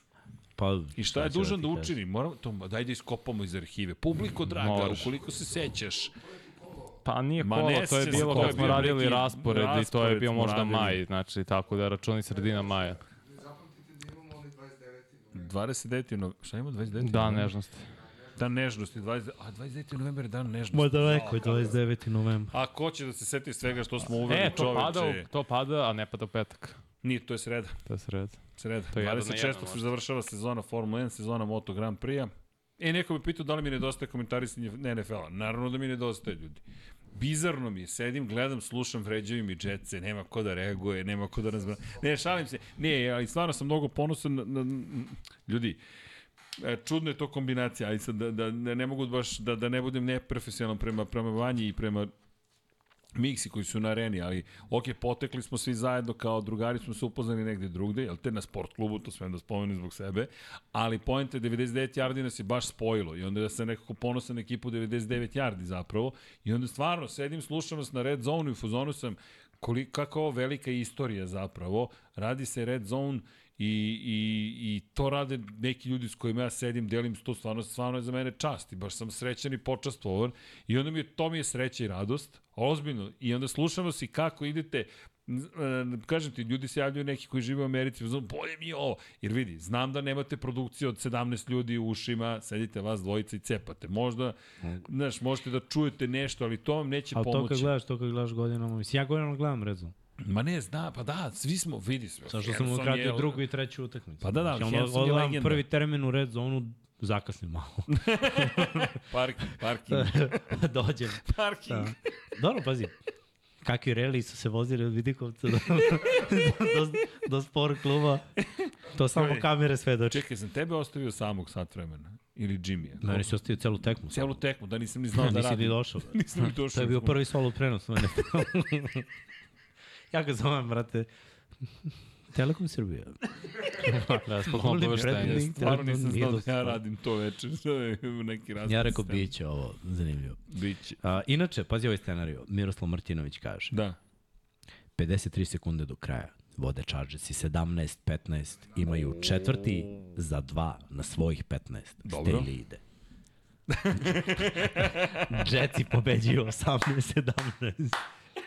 Pa ja mislim da se to desi, slomio bi televizor tamo u kabini. Vidi Da, kako se ozbilji, znači, jer je, jer je svestan da je to Svestan realno, da je to realno, može pa da se desi mislim da bi u tom slučaju priči. stvarno Stevi treba dobije otkaz istog momenta na terenu. Gledaj, Da ga ako ne uđete u play-off, Pa dobit će Staley sigurno. dobije otkaz. Ja bih volio da dođe Jim Harbaugh. Majke mi, ja bih ako- zaista volio takav tabađe da nam Stvarno da će dođe. da dođe, misliš da će da dođe? Ja se zaista nadam. Jer... Ne, pustiš da se nadaš, da misliš da će da dođe? Ne, mislim da će otići u Chicago Bears, zato što je igrao u Chicago i mislim da Ok. više korene vuče tamo i neko njegova generalna filozofija bolje ide uz Berse i verujem da će otići u Berse, ali ja bih voleo ozbiljnog trenera Ako da ode u. Berse, možda još jedan Harbo Ball.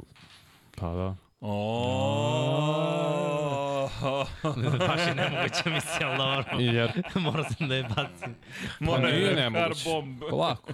Ne, izbacit će ga sa Michigana kad tad, nakon što osvoji sad titul, jer ima neki skandala Ima, koji da. su drugi timovi, to jest univerziteti potekli. I ako svi to rade, ali je od 94. ipak postoji pravilo da to ne sme, ali dobro. To je NCAA, to je college football. Ima, izvini, počne kao da podriguje taj tigar. Ne dirajte Tigriću. Daj šta smo prognozirali. A, čekaj, imamo još ostale utakmice. A, da, imamo ostale utakmice, bravo. A, da, nevažno. Ovo ne. E, ali ima par dobrih. Nije, nije, ima par dobrih. Uh, Dolphins i Chiefs i. Arena Premium 2, to smo rekli. Falcons i Vikings i uh, bitka polovičnih. Heineken ne igra, to je prilika za Atlantu za beleži. To jest igra, izvini, molim Da. te, ne igra Reader, to je prilika Ne igra za... Cousins, Ne igra Cousins. ne igra JJ. Ne Ko zna? Prilika za Atlantu. Uh, Brownsi protiv Cardinalsa, prilika za Brownse da dođe do 5-3 i oni. Ko će krenuti, izgleda Clayton Tune. Dobro, pa si već prešao na Nema drugog. veze, Ne, pa šta, sam. znamo pa došli smo do četvrte, šta? A? Pa došli smo do četvrte, A, šta? dobro. Šta, Brownsi imaju šansu. Tune, Cardinalsi igraju sa, Claytonom. razumeš to, ko zna šta će da bude. Rezervnik potrebe koji nije ni igrao, mnogo Ne znam da nema li se iskustva. vraća James Conner. On im baš bio ozbiljna šap Pa na ne bavim početku. ovako brzo. Već je propustio tri utakmice, možda ovo Brate, četvrta. protiv Brownsa, da možeš da biraš kad se vraćaš i bi se vratio protiv Brownsa. A ne bi protiv Pa Taba naravno da ne bi. Uh, Ramsey protiv Packersa od 19 čas. Sva- Šalim se naravno ako se vraća čovjek svaka čast, ali neće biti faktor bez quarterbacka protiv ovakve ekipe. Ramsey protiv Packersa, opet zanimljivo, 3-5, 2-5. Ma, Ovo može Mislim, ne idu play ni ni drugi, ali hajde da vidimo, možda bude nekih poena. Ne znam da li igra Ri, uh, Ripen ili Stafford. Iskreno ja sam stavio na Mislim da Packers, Rippen igra, da. zato što mislim da će Ripen igrati, pa da dam šansu Jordanu Lavu, jer ako sad ne pobedi ove mučene Ramse bez startnog quarterbacka sa lošom odbranom, Ma ko zna. Patriotsi protiv Commandersa, e, ovo je već, Commandersi dolaze na Foxboro. Svašta može da bude ovde. prvi put od 2015. dolaze Mene Commanders. zanima da li Commandersi mogu Patriotsima u, na, u stvari na gostovanju da daju veliki broj poena, pošto su pokazali da mogu da daju na pojedinim utakmicama. Sad ako ovde to budu učinili, mogu da pobede, jer Patriotsi neće dati 30. A s druge strane, Patriotsi mogu da, da odrade dobar posao defanzivno pa da ostanu utakmici. Onako, ne baš najbolje, kao ni Bersi Saintsi, mada verujem tu u Saintse. Bersi, bit će zanimljivo ako eventualno oni dođu do pobede, imaće još jedno iznenađenje. Saintsi, ne znam dok će više da gube utakmice kao mogu da budu prvi u diviziji. Onda uh, Ravensi protiv uh, Seahawksa, Arena Premium 3 od 19 časova, to smo već pričali. Mislim, za sada od ovih drugih tekmi nema baš toliko dobrih. Buccaneersi protiv Texansa 3-4, 3-4. I za jedne i za druge, ono, ajde za Buccaneersi bit će još nada, jer su prve ekipe 4-4, pa mogu oni da budu prvaci divizije. Pa znam, ali A za mislim, je ovo, hoćeš u play-off, eventualno da ostaneš u nekoj priči sadilnik. Ba, mislim ako Bakci ovo izgube, nema šansu. I čak i u njihovoj diviziji, jer i da pobedit će i Atlanta i Saints i to je već dve pobede razlike. Ja mislim da nisu dovoljno dobar tim da pobede ni Atlantu ni Saints. Videli smo Saints, Atlanta imala tri izgubljene lopte i na kraju Ali su su opet... razbucali Saints, Jesu, Bucksi. sećam se. Razbucali, nisu ih bili, To je nisu bilo ih kao dobili jedno. Znam, znam, nego Saintsi nestanu kad ne treba. To je čudno. I mislim, i mi sad sve vreme najavljamo utakmice ekipa sa negativnim skorom. Sve imaju negativno. Evo, Coltsi, Panthersi, negativno, negativno. Giantsi, Raidersi, negativno, O, negativno. Bože. Znači, NFL je napravio da ovaj derbi budu vrhunski, ali ostale tekme sve povuci potegni. Igra Danny Dimes. Igra Danny Dimes. Igra. Danny Dimes. Danny Dobijaju Giants. Pa dobro, to menja stvar. Šalim se. Idem Ne. na ono Jimmy ludilo. Novi trend. Ekipa s novim trenerom Da, uvijek da, dobija. e, isto, isti razlog, Pa, isti. Jeff Saturday pobedio ove Raiderse sa Joshom McDanielsom prošle godine kao glavni trener nakon 5 dana. Dešava se. Ne, nema, tu je nešto se desi u slačionici, svi budu fuzeo, ne, sad ćemo mi. I desi se. Tako da, ajmo, za Devante, ako nekog gotivim, to je Adams. Uh, Cowboysi, Eaglesi, to smo već rekli, Arena Premium 3, biće zanimljivo. Billsi, Bengalsi, Chargersi, Jetsi, to smo isto pričali, najavili. Na baju su 49ersi, Broncosi, Jaguarsi i Lionsi. Tri pozitivne ekipe na baju. I to bi bilo to što se tiče te najave. Možemo na naše prognoze. Eto tu da vidimo šta mi, Produkcija. kako mi to zamišljamo, šta će tu da se desi. Tampa Bay protiv Houstona. Tampu vidimo Erceg, Srki, Veliki i ja. Houston, Jimmy, Vanja i Pablo. Lepa podala, Dobro, po 3-3. 3-3. Da. Crke, kako krećeš o, od polovine prvog i Ne. polovine drugog termina, uvek? sad kad smo već krenuli, krenuli smo. Indianapolis protiv Karoline. Karolinu vidi samo Srki Veliki. Zašto? Ja pojma, teo sam, eto, teo sam da Hteo je da bude Drugačije. modern, drugačiji. drugačiji. Uh, Giantsi protiv Las Vegas Raidersa. Svi verujemo u ludilo Raidersa. U, To je zašto to? sam ja birao Las Vegas? Hoću da promenim, biram ne, Giants. nema menjanja. Ne, ne, nema ne, menjanja. Nema, nema, kasno, komesar Lige Miksa. Ja hoću da promenim u Giants. Uh, Dallas protiv Filu. Dallas veruje Erceg. Da, Zašto? tek tako. To je to. Bukvalno tek tako. Znaš, e, i pogotovo kad vidim da ste svi glasali za film, bio sam u fazonu, ne, znaš, nešto mora da se desi. Ne kažem da će da, da je danas bolji tim ili da nešto, ali znaš, ne mogu da verujem samo u to, pogotovo divizija. Da, znam da je u Filadelfiji, ali prosto, ajde da vidimo i tog Daka Preskota da nešto uradi drugačije. jedno. Pa ajde. Za, za, zabeleži, molim te sam ja rekao Giants i neću Las Vegas Raiders. Vanja i dalje u šoku Las Pero, Vegas. zabrani mu pristup da ulazi u... Zabranimo pristup Pero ne gleda sad ovo u U posle sheets. ponoći. Srki, zabrani mu, ti si haker. Klikći, brzo, brzo, brzo, brzo. Ja. Ajde, Srki. Pusti je upisano, upašće tamo. Uh, Tennessee protiv Pittsburgha. U Pittsburgh, to je bilo prvo, Pittsburgh 3-3. verovali ja, Pablo i Srki. Ja sam verovao u Tennessee. Što od, bi trebalo malo se zelenimo, ali dobro. Dobro. dobro. Miami protiv Kansas City, a u Kansas City veruju dva Srđana i Pablo. Da. The band. The band. A znaš šta, malo mi je teško da poverujem da će baš sad opet sve to. Naravno, pa Kansas dobro, ma City. ovo je, i vrlo verovatno će Chiefs je dobiti. Ili, ili. Nego ja biram taj Miami, pa zbog Mislim da Terika. su malo bolji. Zbog Terika. Ja, zbog Jalena. Tyreek će se osveti. Minnesota protiv Atlante. To ima smisla. Minnesota, samo ti, Srki. Da, samo ja. Pa što, bre? Pa, znaš kako. Nekako ranjeni su, novi quarterback. Kakve veze ima? E, ne znam da će Dobbs igrati na ovoj Ni ja utakmici. mislim da neće. Pa, Teško dobro, je da... Neće igrati Cousins, sigurno. Pa Da. Neće, Znaš, igrat će kad kažem neki novo, treći. Hoću da kažem nepoznat drugim timovima. Znaš, i onda opet na Jimmy, Jimmy, in Jimmy I tru- trust, razumeš? Promena drugo, vidi, vi sportisti ste svi bili. Znaš taj moment, padne ti quarterback, pa kao, hajde da se, valjda u Minnesota postoji taj neki duh da kažeš, čekaj ajmo da uradimo nešto. Pa, Pa, čak i nije, nemo, Jetsi. nije nemoguće, šta? Znaš, Nije ajde ta vidimo. Atlanta. Atlanta nema tim. Pa, Na. da, nije baš toliko sad neverovatno. Uh, Arizona protiv Clevelanda, svi u Cleveland, niko ne veruje u Arizonu. Šteta. Jaron Hall će biti starter izgleda. Pa dobro. Uh, Ramsi protiv Packers, samo Jimmy veruje u Da. da. Ramse. Svi potegu smo, potegnu smo ovu zelenu ekipu. Vidjet ćemo. Zato što mislimo da Stafford mi- ne igra. Da, mislimo da Stafford ne igra. Uh, Washington protiv New Englanda. Za Washington Vanja, ja i Pablo, a za New England Jimmy, Erceg i Srki. 3-3, onako, bratski. To, pola. to, to, to, to. Chicago protiv Saintsa, svi verujemo u New Orleans. Baltimore, svi verujemo u Baltimore Smijem protiv nešto ti Seahawksa. kažem, izvini? Kaži. Ne verujemo svi u New Orleans, niko ne veruje u Chicago. A Znači, a opet što- Bajan startuje. A što kopirate? Kako? Što kopirate? Ajmo mečke. Do drugog i trećeg pika. Kako A bi ovde dobro? Baltimore, ovo je A na bilo bi još jače da imaju prvog i drugog pika. Pa bilo bi to. Možda će se desiti. Kako bi bilo cool, brate. Ma ne vidim. tradovali bi prvog pika. Ma da, Možda i. Ma ob- obojicu. Tumbe bumbe. Mi dobiju trećeg i četvrtog.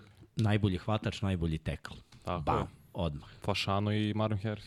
Ajmo, ajmo dalje. Baltimore, Seattle. Nisi ni pročitao. Pa na vezu, svi su birali. Baltimore. Svi smo Baltimore birali. Svi smo birali Baltimore. wow. Pa svi verujemo u najbolju ekipu u ligi. Srki, zašto da. verujemo u Buffalo? Da, Srki, zašto verujete u Buffalo? Što treba da iznenadi. Zato što je to jedno krdo Buffalo koje će Treba im. napasti. Treba im.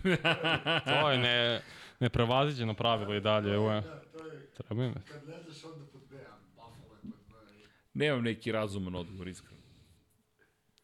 Znaš, i dalje mi je ovo onako derbi bez obzira na stanje Buffalo. Stiglo mi je obaveštenje. Pomislim da nije Mark Andrews, zapravo je Mark Zuckerberg.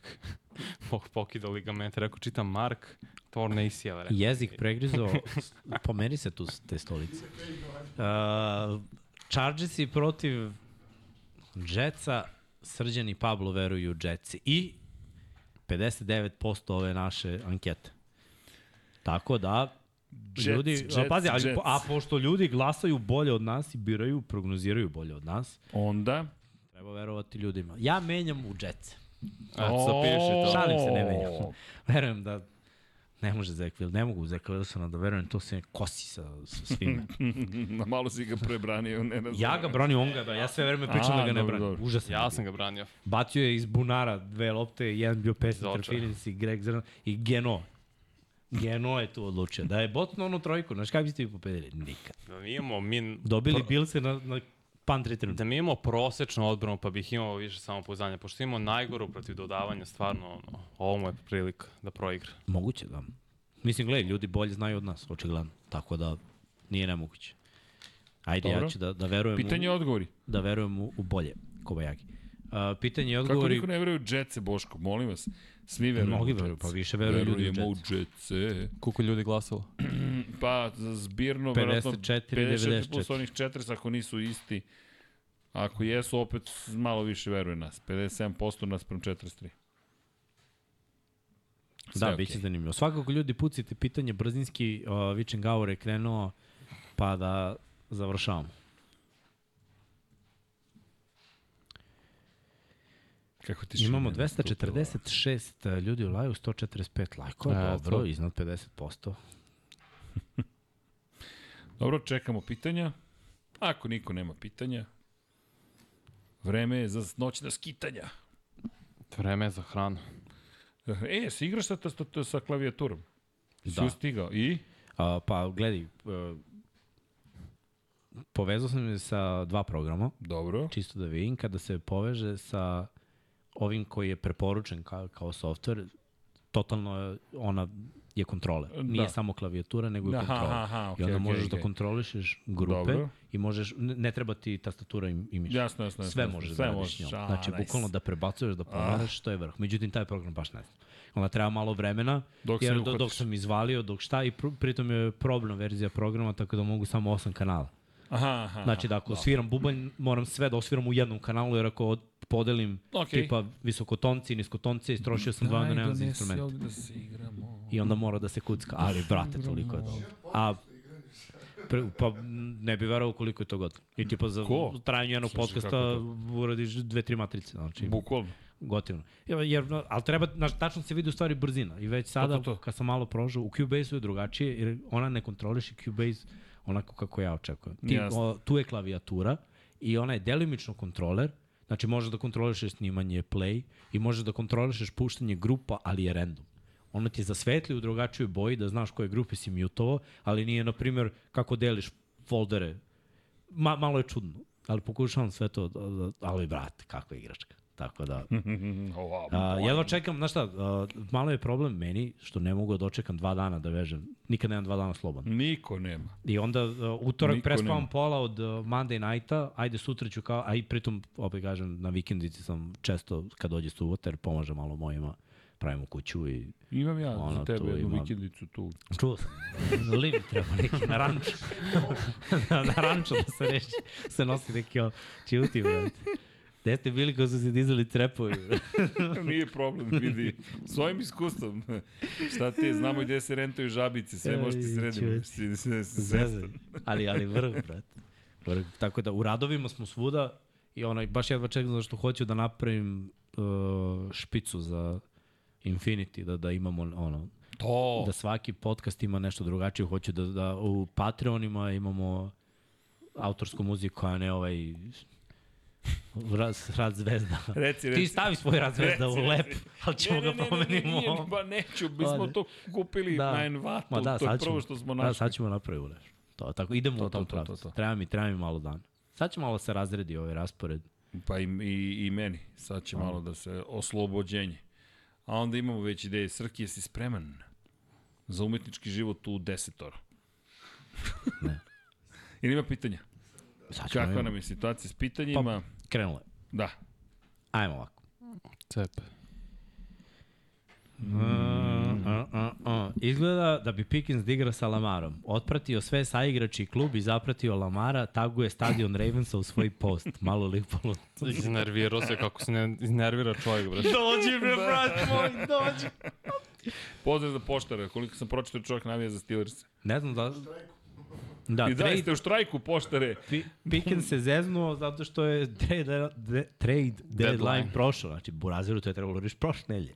Pa da popričamo malo. Inače, Ravensi su tradeovali za Derika Henrya i vlasnik je stavio, Vatu. Nope. Čiji vlasnik? ne piše, piše vlasnik. Pa mislim da je ta- Titans. Pa ja mislim, ali ne mora da da, znači. ne, da on neće dati, znači, Cigan. rekao sam ti, neće da daje. Ja, ne. Ološ, Ne, ne možeš to. ološ. Ne. Ne. Navijaš zvezde, šta kao? Da. Aha, dobro. Vadim ga ovde. Znači, Ološ, ološ. ne, ne, ne. A sprdnje. Znaju ljudi na što mislim. Ako ne znate, Ne, nije to misli. Šalim se. To, to. Ne zna YouTube, se. Ne, prepoznaje YouTube. da, misliš da Misliš prepoznaje. da ne prepoznaje. Misliš da prepoznaje? Šta ti je prepoznaje, samo pitanje kako su ga setovali. A glej, ajde da budemo realni. Je moguće da toliki kompleks imaš da nećeš da pustiš trade? Ko ja? Ne bre, nego vlasni Titans. A ne, to da. Pa ja ne, ste ne, samo rekao, to je- to je rivalitet, samo mi je nećete opis, sigurno. ne, Ma da, slažem se s vama.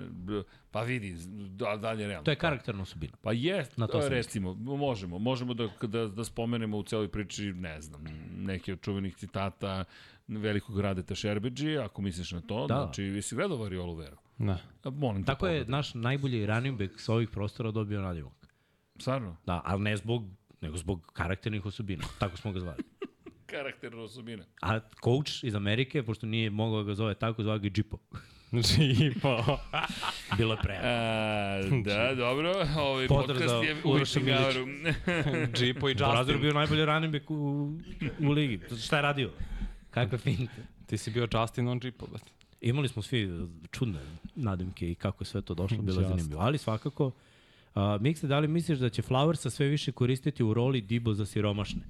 Pa ne verujem, mnogo je mali Nije to je. da, da bi bio u tom fazonu, ali može da trčka ovako, tako da je okej. Okay. MVP ove godine CMC Lamar Garrett. Simsi ne. Lamar. Nijedan running back zato što da bi bio MVP running back mora da ima 2000 yardi. Ili Preko 2000 yardi s linije skrimiča. Ne. Mnogo touchdownova. Tipa, da neko ima manje yardi, tipa 1300, 300, Dobar je 400, rekord 500, od Ladenija bio, Tomlinsona. bio bi u priči za MVP. Ali pošto je to nemoguće, ne. A, Lamar, ha, nije nemoguće, ali ne igra, opet da je sezona mora se završi sa, ne znam, četiri poraza najviše. Mora 14-3 da ima, na primjer. Na primer. Ili 13-4, to je najgore. A da bude prvi tim na, za, u AFC. U AFC-u, tako je. I da, naravno, ovi igrači drugi, ali na kojem, znaš ko meni delo trenutno kao MVP? Garrett je defanzivni MVP, Garrett i TJ Watt. Oni su mi za, za defanzivnog MVP-a. Za ofanzivnog MVP-a mislim da je vreme možda da hvatač bude ofanzivni. A to, to se nikad... Ako Tyreek Hill bude imao 2000 yardi, Mora da bude. bit će prvi igrač u istoriji koji ima 2000 yardi nakon jedne regularne sezone. Jeste 17 utakmica, sve to. Ali, brate, zaslužio onda da bude MVP. Hvatač nikad nije bio MVP. Nikad. Hvatač je redko kad osvoji Heismanovog trofeja i desilo se pre par godina. Devonta Smith. Tako da ono, s obzirom da sve više para ide na poziciju, da sve više igrača teži toj poziciji, da su izgurali running backove, možda bi trebao. Mislim, Tariq Hill stvarno igra dobro ove godine. Igra i on Zamisli je AJ Brown, rekao. Sprži Chiefs-e, ima, ono, a nije prvi put, ne bi bilo prvi put da ima 200 yardi na jednoj utakmici, je li tako nešto? Tako, imao je u jednoj četvrtini 200 yardi. On trenutno ima u pejsu da ima 2000 yardi. I više. Tako da, ajde da ga vidim. utakmica. Ajde da ga vidim. To, to bi ja volio. Ja sam rekao Lamar, Tyreek Hill i AJ Brown, top 3 sad. Uh, što je veći problem Bilca, Mahnito Stalena ili je problem u ofanzivnom koordinatoru? Ha ne, znaš šta, meni delo da je problem što ne mogu da trče onako kako žele da trče i onda moraju da dodaju, a Allen ima problem jer veruje u sve da će sve da prođe. To je problem velikih quarterbackova. Quarterbackova koji imaju jaku ruku. To ti je ono, Brett Favre. Favre kompleksno. Ti veruješ da će sve da prođe. Trčiš u stranu, Steve farmuješ defanzivnog enda i bacaš 50 yardi u fazonu si, ovo ide kao kap. A ne ide uvek. Nekad ide, svaka mu čast. I trčanje njegovo, sad ću da ih pregazim. Nekad ide. neka dobiješ batine. Nemaju konstantnost na- poziciji hvatača broj 2. Gay Davis jeste dobro, ima svoj moment, ali tu fali, tu se dalje pronalaze, očekuju od Daltona Kincaida da je napreduje, da bude tight end broj 1, još jedan hvatačka opcija, Dawson Oxy na IR-u neće igrati na ovoj utakmici, tako da očekuju drugih igrača Sam Diggsa da pokažu ofanzivno na konstantnim nivou, a ne da to bude Allen spašava i očekuju Jamesa Cooka, ali opet njemu ne daju dovoljno prilika, on dečko igra dobro ove godine, zaista i dobro trče, ali opet nedovoljno nošenje, jer tu je Latavius Murray, tu je bio Damien Harris, sada je tu Leonard mm. Fournette, znaš, opet oduzimaš njegova nošenja, pa očekuješ od iz manjeg broja da on ima super produ- produktivnost, on Teško. ne ide I, tako. znaš šta, i odbrana im ne radi posao ko pre, da kad ne ide napadu, dobiju brzo loptu nazad ili dobiju ono pola terena i tako nešto. Povrede. Sad moraju malo da se potrude više i, i, i to je problem. Uh, pitaju da li postoji šansa da Marvin Harrison bude prvi pik na draftu, pošto lik nije normalan kako igra dečko kida. I Fantastičan. Sve zavisi od toga ko je prvi pik. Pa da, ali opet zavisi toliko jaka draft uh, o quarterback klasa sledeće godine da biće timova koji uvek zovu i da imaju Bersi prvog pika ili tim kojem ne treba quarterback pozvaće ih neko kao prošle godine i kaže nudimo to, to i to za prvog pika jer želimo Caleba Williamsa, želimo Drakea Maya, nevažno koga. Da, da. Nije nemoguće, mislim, vrlo verovatno Jer će se to desiti. Vrlo možda i Berci će- budu u fazonu, pa ne trebaju nam pikovi. Ako Dođi budu, Marvine. ok, super. Mislim da će, da će svakako birati da će biti top 3 pik, jer verujem da će 1-2 biti quarterbackovi. Jer će neko skočiti na draftu i tradovati. To uvek tako bude. Ali znaš šta, ja da sam Chicago ne bi se spustio sa prvog dalje od trećeg. Jer Da. onda možda ispustiš Harrison, Naravno. što je glupost. To Naravno. ne želiš da uradiš. Ovaj, ovo ti je Justin Jefferson. Bukvalno Justin Jefferson koji izlazi na draft. A ima i klasa hvatača je baš dobra. I Neighbors, i Coleman, i Eg Egbuka, ovaj saigrač, i Romo Tunze. Ima još stvarno, i mislim da može bude jedno sedmorica, može čak i osam hvatača u prvoj rundi, jer baš igraju dobro ove godine. Stvarno su pretalentovani, tako da će biti dosta posle. Evo čekam da analiziramo draft. Da li ste čuli da se vraćaju Seattle i Las Vegas u NBA? Čuo Biće. sam spekulacije. Ne znam Ja, kada. ja sam čuo, ali ne, nije to kao sutra će ili Da, da, sledeće sezone, nego bit će pa će vidimo. Se vraćamo kao Supersonics ili? Pa ja bih voleo, to sam baš pričao s Znaš. nema smisla da mi Seattle bude da nije super samo. Pa to. I pričali smo o tome da se desi ponekad da se franšiza da ne zadrži istoriju ili da ono, Pa a, da osta, a da ostane ime. Ta cela priča, znaš, ti kad pogledaš, ne, stvarno ne vidim, ne, ne, ne be, i, oprostit ću onda Oklahoma City-u.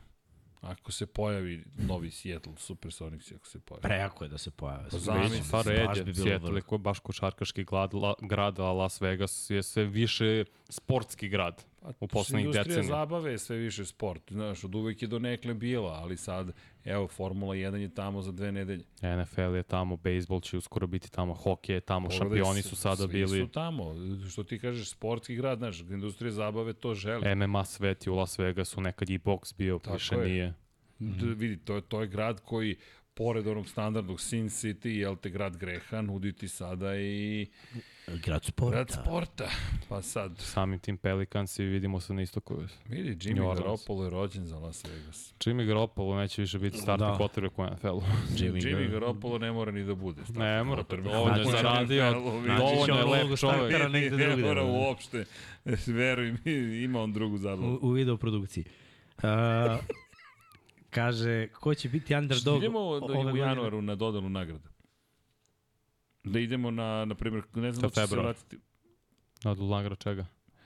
Sad to je teško pitanje, ali da će se NFL CES ili vratiti Consumer Electronic Show. Pa ne, generalno ajmo u Vegas, ljudi. Jel ve, gde, gde je sledeće godine draft? Jel ponovo Nije Vegas? Vegas. Nije Vegas. Mislim da je u nije ni- Indianapolisu. u In- a, gde? Mislim da je u Indianapolis Čekaj, proveri. čekaj, šta je u mislim da je Vegasu? Super Super Bowl. Ne, ne, ba, Prvi ne, jedini. ne, nego, nego da li imamo u Vegasu još nešto pored toga? Ne, mislim da je draft u Indianapolisu, ali proveri. Mislim, Sad nisam siguran. Možda, i, draft možda i Chicago, ne znam nešto mi je to u 2024. glavi. To je Midwest. Srednji zapad. Ćemo- nas ko će biti underdog ove godine kao Cincy u Super Bowlu, na primjer. Pa meni miriše na Jaguars. Pa Jets. Jaguar Bowl. Jaguars mi deluju, mislim, ne znam ko ih smatra, ali Ljudi. očekivali smo, na primjer, Detroit ili... Znaš, izvini, Ili sad, Jackson. kad spominješ Detroit, u Detroitu je draft. Da, prepoznao da nešto se o, srednji tvrdo u Michiganu, idemo. Će se smrznu. Jeste tamo zima do aprila. Ja kažem Seattle i dalje. Dobro i to je underdog. Uh, Kada Packersi menjuju quarterback? Sledeće godine na draftu. Vrlo verovatno. Ako još budu imali top Ali, 10 pika, Kaže, to je Leonard Fournette u Bilse niste spomenuli. Ja, Ja, nismo spomenuli. jao, na Ajde sad da, sam da, sad rekao. U sedmom Vidiš, sad što minutu. si rekao, nego Nije na rekao, početku rekao smo, da, pričali da. o trejdovima. Tako. Pa kako to? Koliko nogu ima čovjek? Znači, videli smo Mix ja sliku sinoć dok smo radili. U životu nisam vidio veću nogu. Dobro. Ne Pa došao je u Bilse, pravi Buffalo. Ej, Poštor kaže inače da radi na severnom polu. Kao Deda Mraz. Preko. Fenomenalno. Kaže, Sveti Nikola. teška priča. Teška priča. to mi je poznato. Uh, kaže, ako Cooper Cup nije osvojio MVP one sezone, teška priča. Pa, možda, ali 2000 yardi Cooper Cup nije imao. Tako Dobro, da, bio imao i no, trostruku krunu, to je a isto su i baš redko. quarterbackovi igrali jako dobro. Ove godine quarterbackovi igraju... Pa da, i tad Rodgers bio MVP. Da, Da, quarterbackovi sad igraju malo slabije, Mm. nema toliko touchdownova. Mislim, od, znaš, Izvini, kaže Miroslav, ima biceps na nozi. Jeste, ne možeš da veruješ. Pa to je Pokaži curl, ti sliku. hamstring curls. Ne možeš da Na veruješ. skotu radi. Krluje. A, dajte vaše prognoze za playoff u NFC-u kojih 7 tim upada, ali daleko smo od toga. Pa ajmo Ma, sad, ajmo, igramo se. San Francisco, Philadelphia, Dallas, Detroit, Ajde po prvaci, nemoj se odmah wild card. Seattle, Fila, Seattle prvi seed. da, Dobro, ne prvi seed, ne, ne. nego Aj, prvo, a, prvi prvi seed. Fila. Fila, Fila. Drugi seed, Detroit, treći seed, Seattle, četvrti seed. Atlanta, Dobro. Ja vidim Tampu i dalje. Ja isto tampo vidim, ali dobro. Dallas, Dobro. San Francisco, To, Dobro. I još jedan nam fali. Ko nam nedostaje? Pa Minnesota neće bude Ne, sigurno, da. tako Saints. da Saints. Znaš da će nam kraju dve ekipe sa juga? Saints ili Commanders. Je, neverovatno, Jug će da ima dve ekipe. Da. No, neće. Pa ko će onda, da, pa kako, ili... šta, Nema da ko, pa ili tri? da se trgnu ili... Da, Commanders ili... Pa dobro i Saints moraju se trgu. Pa dobro, Saints 4-4 i sada laku utakmicu. Ma I Atlanta da, ekip, utakmicu. da, Pa ekipe sa s zapada juga. ne mogu Remsi A nemo, ništa. kako je Remsi? Ne mogu. Ma bit će zanimljivo. Eto, Dobro. otprilike to je Šestih to. imamo, sedmi Ne znamo još, jako je teško jer su ekipe jako dobre inače ove sezone. U NFC-u. Da. Znali se s onim dečkom iz tenisa što se povredio? Traylon Burks imao potres mozga, došao je po, do potpune pokretljivosti i ekstremiteta već 10 minuta nakon što je uh, napustio teren, tako da sve je u redu. Mislim, jako je udario glavom, to se dešava često, te kacige u principu vas čuvaju kad udarite u, čoveka, čak i to ne kada se zaletite jedan u drugi inicirate kontakt kacigom, ali kada padnete s te visine, pravo udarite potiljkom, temenom u, u zemlju, koju, pritom da uzme obzir da je hladno, iako je prirodna trava, još i gore kad je veštačka, ali prirodna je jako tvrda i krene odmah. Mrak na oči u ušima i ne znate gde ste. I često dođe do toga da izgubite svest na neko vreme.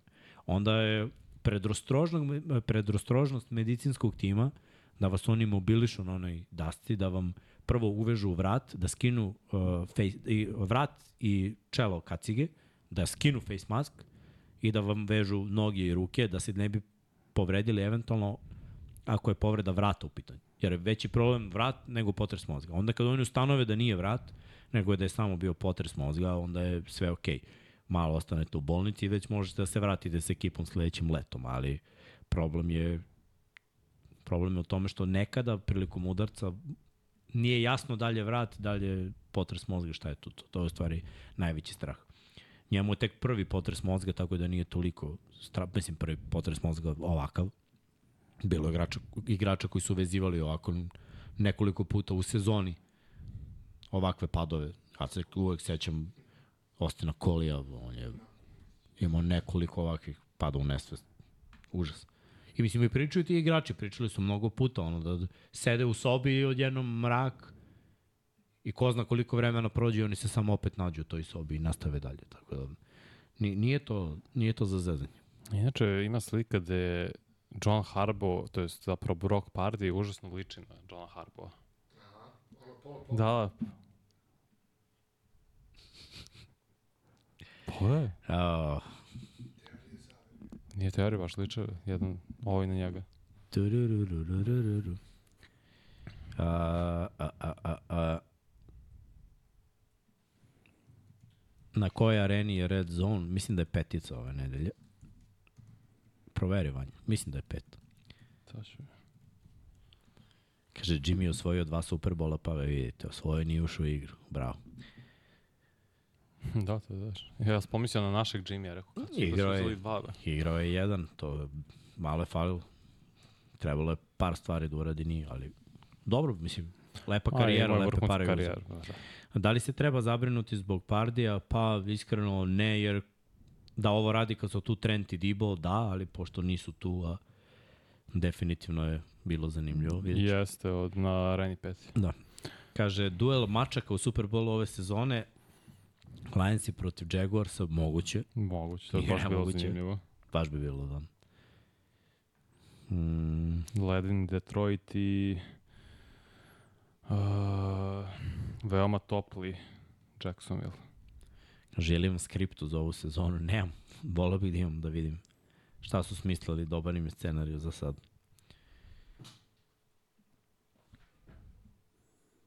Dobro. Pa, u principu, to je to. Kako ste počeli da navijate za svoje klubove? E, to je pitanje. Vladanian Tomlinson 2006. i Philip Rivers. Kad smo imali najbolju godinu i tad nismo imali toliko pobeda više ikada. Ali da, Ladanian Tomlinson, Philip Rivers, tada je bio Gates, Sean Merriman, takođe obožavao sam i njega. Lorenzo Neal fullback. Da, to je ta godina. Lorenz. Kad su fullbacku i dalje Strvina. koristili. Ves. Na taj Da, način. evo Aleksandar Prošić kaže duel ptica. Naravno da je bolje Eagles i Ravens i kakav su upravo. Ona se kije, šta misliš? Kako izvini, ovde pokušavam da potam. Šta je pitanje. bolje, Super Bowl mačaka ili ptica? Mm. Lions i Jaguars ili Ne, ne, Ravens ne, ne, i... ne, čekaj, čekaj. Mogu i razmišljam Lions šta i da- Bengals. Šta ili da, da, Lions i? Bengals. To, taj, Ne, ne, taj a, film a, neš gleda. ma ne, avioni naravno, nego samo šta ide uz avione. A, mi jedina veštačka motorno gorivo. tvorevina. Oilersi, ali ne Pa može. ne, na, pa da možda više NFC. Pa da. Znaš, ko bi mogao? Nema više ništa od vas. Mm, Dobro, da, da Vanja vas ispakovao već. Ne, ne, razmišljam, šta bi, znaš, mi smo jedina mašina. Pa dobro, Titani su iz ruda, rudari mogu s mitologije. vama zajedno, ono, oni kopaju, ovi Znaš, prenosu. Seahawksi su ptice isto. 49ersi kopači zlata. Commandersi ne znam šta su. Pa kom, a Commander. I dalje mi je do, do, dosta nejasno, ali Giantsi Command. opet mitologija. Panthersi nisu, izvinjam se, Lionsi, Bearsi, to sve životinje. Vikinzi. Kaže, mlaznjaci protiv punjača. to, to već imamo ove, ove To ćemo ovoga, o, ponedljika da vidimo. Da, da. Kaže, Jetsi protiv Commandersa ima vojnu temu. Yes. Pa ne, ne, znam, nego, znaš, komanders, znaš, opet, Komadant. komandant. Pa nije veštačka tvorevina. Nije. Nismo jedina mašina. Koja je mašina? Jedino smo mi mašine. U, a ja sam bio robotičar. To ti kažeš. Šta ima smisla? To ti spojila me sudbina. E da, bilo je pitanje kako smo počeli da navijamo za naše timove. Kako Rekao si sam. počeo da navijaš za svoj? Vanja rekao ti. Ja nisam rekao. Dakle, ja, ja, sam nisam poč- ni navijao za Jetsa i onda. Ne, ja, ja sam birao Jetse, ne prekinu da će da pobede jednom u sezoni pre koliko, četiri godine. Mm, Zach Wilson draft. Pre Ili to bilo pre, pre godinu dana pre toga beš. A, da tako nešto. I ponavljao sam da će Jetsi da pobedi, po, prosto je postala šala, a onda je i veliki broj ljudi počeo da veruje da ja zaista navijam za Jetсе. I publika je rekla, ti navijaš za Jetsi, ja sam rekao, vidi, toliko su grozni, mogu da navijam za njih. A istovremeno je lepo i zabavno da navijam za nekoga, a i super što je publika izabrala da navijam za Jetsi. Pa eto, Jetsi. Dobro. I onda moje srce Iskreno, brate, čelično. okrenuo si ih. A, reci. A, doneo si im neku karmu. Mislim, ti dobro, kažem. od Rodgersa si upropastio za sada. ne, ali polako, polako. To je se. sve, ko zna šta može da bude. Vrati se, Upropastili Čigroči. su oni E, ali, sami sebe. Ali da odgovori na pitanje, da li bi, da, jel te, šta, Lionsi protiv Mači ili ptiči? Mači? Lionsi ja bi, ili ja bi Jackson? Mači ih pre hteo da vidim. Mači? Da. Ajde, Mači bih hteo da vidim. Znači, A dobro, ti Lions si i Jaguars. ptica, to vas ptica malo, malo pa ima.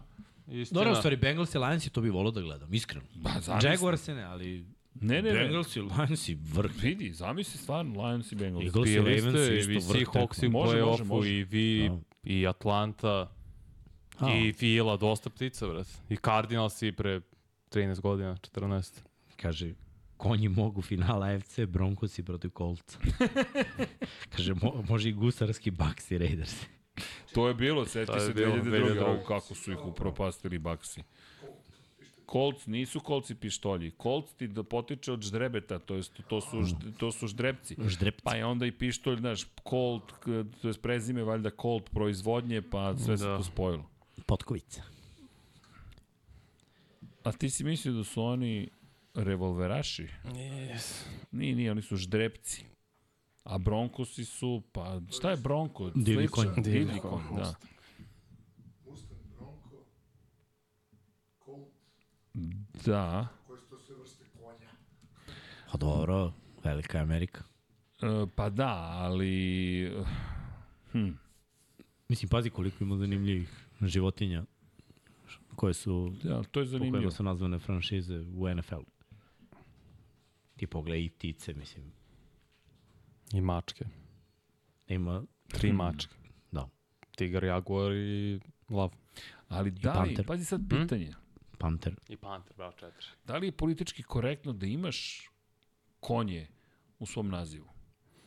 Pa danas ništa nije politički korektno, Da. ali što bi rekao David teoriju, ali ne smem ni da izgovorim jer su više suluda, pošto ih je Cortez tamo u 16. veku uveo na sever, tle severne, severne Amerike, da li je to onda okej da se zapravo, izvinjam se za ovu konstataciju, totalno je suluda, ali pošto konja nije bilo do 1500 i neke na, na, na severnoameričkom kontinentu.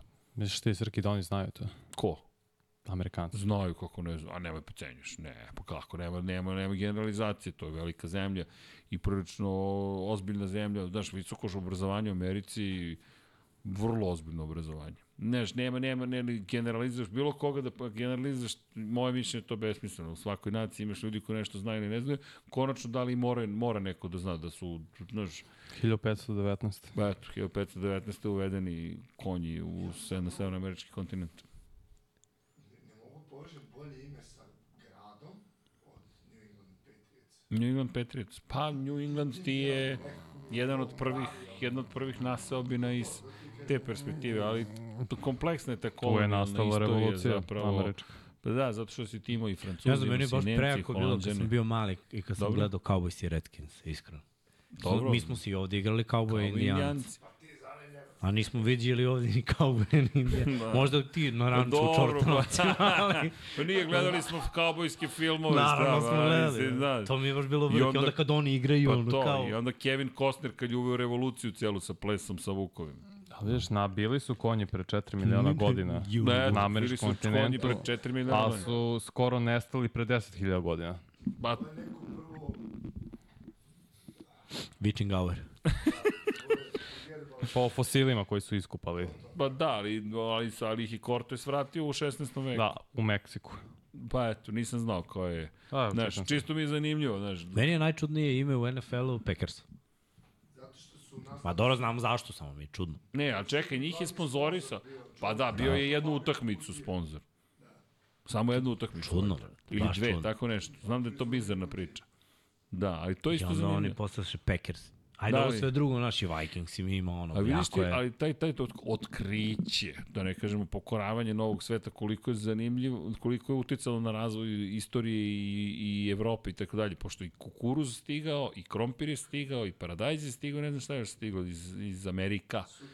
E, moguće. Ne samo iz severne, nego iz južne. Znaš, kad odeš u pijacu u Čilu kod Burazera, ljudi, kukuruz koji nikad nisi video po bojama, mnogo, mnogo je zanimljivo. Na kukuruzu je odnosla cijela civilizacija Krompir? zapravo. Krompir isto, krompir. Krompir ti je stigao. Slatki. Krompir je mnogo bio bitan zbog skorbuti, Da. zato što je pun vitamina C i mornarima je prestalo su da ispadaju zubi, zato što nisu imali vitamin C, mnogim su ostajali bez zuba pre nego što su shvatili da u krompiru ima i da, da je, a i da je jestiv. I dugi niz godina, u, do, do 20. sredine 20. veka se verovalo, mnogi nisu konzumirali paradajz u Evropi, jer je bio crven, pa su se plašili da će ih... A zašto nema više morskih životinja? Samo delfini. Ni, a ti bi na vidre, a? A, vidi ga, on je on je vidre Nema, nema ajkola. Seattle Kraken, to mi je on najomiljeniji. Seattle Kraken. Dobro, i San Jose Sharks je on Da, da, ovo je Kraken. Jedan Ovo je jedini, je- jedan Kraken I gospodin Kraken, kad dođe, gotovo je. E, ali čekaj, ali da, dobro je, zanimljivo. Otters. Znaš, Chargersi Nisu svi, ima ih osam ili devet uh, franšiza u, is- u pričamo o Amer, po američkom, imaš i, mislim, ne znam za NFL, ali i u američkim sportovima profesionalni devet ili osam franšiza nemaju s, na, s- da, pričali smo u jedan na jedan o tome baš, ali mislim da za NFL, kako sećam, nema taj moment. Cowboys, Eagles, Gde Commanders, Giants, ali dobro. Zabavno, je, Panthers. uvijek je zanimljivo. Ko bi mogu iz vodenog sveta da bude? Pa dobro, pingvini Osim- već imaš u NHL-u. Da, Pittsburgh. Imaš u hokeju, u hokeju. hokeju. San Jose Sharks. Hobotnica. Hobotnica. To, to je zanimljivo. Dobro, imaš film James Bond, Octopus, ali... To mora opet da bude tim koji se nalazi na A obali. neki whale, zašto ne neki kit? Orka. Orka je dobar naziv. Orka je Sam opasna. misli, Orka najjači predator. Orka. E, ali kojoj porodici pripada orka? Kit. Delfin zapravo. Delfinima. To je najveći delfin na planeti Zemlji. No. Da, da, da, ali zamisli, ne znam, Orlando Orke. Znaš, dolaze orke. A svaki put kad daju touchdown, čuje se or. Kako New Orleans? New Orleans. New Orleans. Ne, ne King može. Crab. Da, man da jesi vidio da oni imaju ovaj, Ko? sad i Pelicansi kad su igrali među znak Saints, ono po parketu. Da, da, da. Pa dobro, zašto je ista vlasnička to. struktura i Mm. Saintsa i Pelicans, to jest ista porodica. Gotive malo to, Francuska, Louisiana, ovo ono. Ali nema Jimmy da nam objasni i dalje Cardinalse. Pirane, okej, pirane. Ali to je još timski pirane. sport sa piranama. Jegulje. Eels. Los Angeles Eels. Eels. Znaš, Ružno zvuči. San Diego Whales. To može. San Diego Whales, može. Vidimo. White Sharks, ne. Ajde, Sharks. Šta još imamo? Ajde, baš smo nemaštoviti po pitanju morskog sveta. Raža. Kornjače. Raža. Stingray. Nemoj ražu, ubilo, mi Stingray? ubilo je Steve Irving, nemoj ražu. Pa nije ga ona Nije ubila, on je, on je ušao u njenu teritoriju, znaš kao, nije ona došla i ubila ga ne na gajbu. ne čačkaj mečku. Si ti Steve Irvin. Mislim, žao mi je čoveka, zaista, ali vidi. A Kornjače? Kornjače, Kornjače. pardon, Kornjače. Ja sam sad mazio raže. I, Baš su kao lignji. stvarno, Da, skviši. čudno. Da. Da. I dođu ti uz nogu i ono, mazi se sve vreme. Ali, brate, ne de Bože da je zga... Ba ne, ali rep ne diraš. Beži, ono, rep nemoj, ne smeš da je, to je u stvari greška kad je diraš ili zgaziš rep. Dokle god je diraš telo, ništa neće da se desi. Ali od repa ide taj refleks jer ona ima tu kosku koja je zaoštrena i onda to može da, da najebeš od toga. Nije, nije 18 plus, prošlo je witching hour. pitching hour. Pa- Dobro. Ne, ne, ne, zeznuto je. Iskreno, bio ima snimak Anđela dok je u mazi i ja snimam i neki dečko bio, znaš, i pruža ruku ovako. I kako je pružio ruke, ono, se samo malo, ono, cimnulo. Znaš, kako je skočio li? znači, iskočio iz plećaka. Bukvalno je bio Michael Jordan. Da. Ne, a ovo za Irvina to jeste reciten slučaj, ali vidi, meni je žao, to, to je čovek koji je stvarno približio jedan svet, ali isto tako je baš živeo rizično. Mm. Pa ima i sad neki koji, koji ovaj, sa krokodilem odgajaju krokodila. Baš gledam ovaj, Još nema ni krokodila. I da, nema krokodila. A to bi moglo. Naročito dole na... Da, ju. Znaš, Kakav je to predator, brate, milionima godina opstaje. da li krokodili i aligatori nisu isto? Da, Nisu. da, naravno. Zato što Jaguar može da pojede krokodila i Ali smo kajmana, ali ne ustanovili? Da je može- panter zapravo iz porodice Jaguara. Jaguar. Da, ko je? Da, da. Nije ovaj oktopod i hobotnica. Ili ima, čekaj, čekaj, čekaj, šta još imao? Pume? Pume? Zašto nema skank? Ne, ko je skank? Ima neko tvora? Što bi imali? Šta kao? Pa Pobedi. Nema. Ajmo tvorovi. Onda bolje vidra je. vidra? Nadiješ, nema zmija, na primjer. Vipers? Zmije su podle. Va, zašto su podli? Ne, Sliterim, raz. pa za, ježevi. ježevi da se zovu. Ne, znam, Ne može tako nešto umiljati, mi mora bude opet Dabrovi. i E, snaž. znaš zašto? Znaš, znaš, znaš da u Sobri na Mljetu imaš tri, tri restorana. Je, jedan, ja ne mogu se setim prvo da kako se zovu. A treći se zove Mungus. A znate zašto? Kaže ima Beavers i Oregon State. Eto, A dobro, Beavers, ne, Oregon pa na State koleđu imaš baš dosta, ne, Da. ne ulazimo u koleđ, Ali nego čekaj, tako je, profesionalni Ali znate sportovi. zašto imaš, zašto su Mungusi na Mljetu? Zašto? Na? Mogu spojede zmiju. Tako je. Zato što su otrovnice bile prisutne na, na, na, na ostrovima i u periodu kada je Austro-Ugrska zapravo osvojila ta hrvatska ostrava, došlo je e, carski botaničar je poslat da reši pitanje otrovnica i uveo mungose u ekosistem. Jeste, onda je napravio problem sa mungosima, pa su morali da, da love mungose. znači, ludilo, ali je oslobodio da ostrvo od zmija otrovnica. Ali, znaš, mi dolazimo u Sobru i kao čitaš i kao uh, restoran Mungus. Zašto Mungus na mljetu? Zato Mungus na mljetu. Pa, zeznuti mungus. Da, ali zamisli se zoveš Mungus. Dobro. Nije loše, ti zoveš, ti, ti deluješ tako naivno, ali... I zmija, ćao. Jazavci su isto, jazavci su ozbiljne životinje. Jazavac je... Jeste, jeste. Dabar je isto ozbiljna životinja. Beaver. Ali dobro, to je sad neka druga priča. Dabar koji uništava svoje okruženje. Brate, Jedan od redkih zajedno sa slonovima. Ali kreira Kreira. ekosistem drugačiji. Jeste, jeste, menja Ma nije ekosistem. njega, mnoge vrste zavisi od njega. Jeste. Opstanak Na životinskom carstvu. Da. životinsko carstvo. Zašto nema dinosaurusa? pa imaš reptorse A to je u košarci. u košarci. Zašto Pa. nema u NFL-u? A kako, koj, kojeg bi dinosaurus izabrao za NFL? Tamo mora... Zamisli ofanzivnu liniju da svi budu triceratopsi.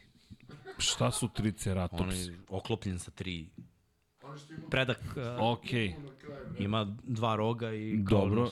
dobro, I ceo je oklopljen, brate. Dobro. I sta, nemaš šta se rhinos kako se zoveš? Nemaš ni rhinos, viš, nemaš ni nosorogi. Nemaš ni Nosorog. nemaš Da, zašto nema da. nosoroga? Da, e, to je dobro, to bravo moglo. Vanja. Nosorog, nice. To bi moglo da bude realno. Ili zamisli da budeš, um, ne znam. To neki Kako se zvati novi tim u Las Vegas? zašto ne žirafe? Tam, možda u košarci. Za košarku, ži, žirafs, a? Nemam, može ništa nema umiljato. umiljato, mora bude opasno. Jesu delfini umiljati? Pa nisu, zapravo su Delfini su vrlo najopasniji. opasni. Ne, znaš da, da, da smo pričali o tome, da Jesmo. delfini se drugiraju. Ne, ne samo to, i oni imaju, oni kad, love, kad, kad idu u parenje, znaju da budu, Mega agresivni. da, neprijatni. Kako će se zvati tim u Las Vegasu košarkaški? Kockar. Nemam pojma. Las Vegas, ma ne, smislit će nešto, nešto drugo. Ne znam kako, bih, kako, kako se Ne, zove. ja sam, nemam pojma. Našli smo za Seattle, ali to je vratit će Ajde, Supersonics. kaktusi. Las Vegas Cactus. Yes, nema šanse. Ne, mora nešto agresivnije. Da, baš nemam pojma. A zašto ne bi bio nežan tim? Ti samo pitam. Sad, Zavisi ne, ko je vlasnik zapravo. Ja Ne, a rekao zašto ne bi bio nebi? Las Vegas Lights. Las Vegas Lights i bi svetlo. Pa Lighthouse, pa eto. Eto. Kupljeno. Kupljeno, kupljeno odmah. Kupljeno, pre, Da, još reši- 6 reši to milijardi tamo. dolara nam samo Reši to treba. tamo, miksa monitor. Inače, če, chat gori. Ne, ne, ne, kliknite, la- ako želite da kupimo Las Vegas Lighthouse, dakle, i da ih osnujemo, molim, sada kliknite dugme join, like, share and subscribe. Možete i donaciju, super chat je otvoren samo za vas. shop.infinitylighthouse.com, majice se prodaju, izgledat ćete svakako bolje od mene, izgledat ćete kao miksa. E, zatim imate mogućnost i da donirate, patreon.com kroz Infinity Lighthouse. I da, svaka podrška i tekako znači i oluci koštaju, ali mi smo spremni da all in, mi smo, e, mi smo u Las Vegasu, baš smo all in smo u neke ideje naše koje verujemo da će biti mega giga zabavne, tako da znate. Jel ima, jel ima nekih, sigurno ima boljih predloga od naših? Pitaju malo za ove ratnički tipa, Spartanci. Pa Ali- može, vidiš, Spartanci, zašto da ne? Spartanci iz Termopilja. Ali dobro, to imamo na koleđu. Da. Kako? Michigan. Michigan. Pa dobro. Michigan State Spartans. Ko, pa ko je bio još mogao? Legionari, Da, pa i ima, to. u, ima i toga nego. Centurioni. USC. USC. Koga biste još stavili? Koje ratničke, ne znam. Pa ja bih neke ove... Sad je kretenski, ali...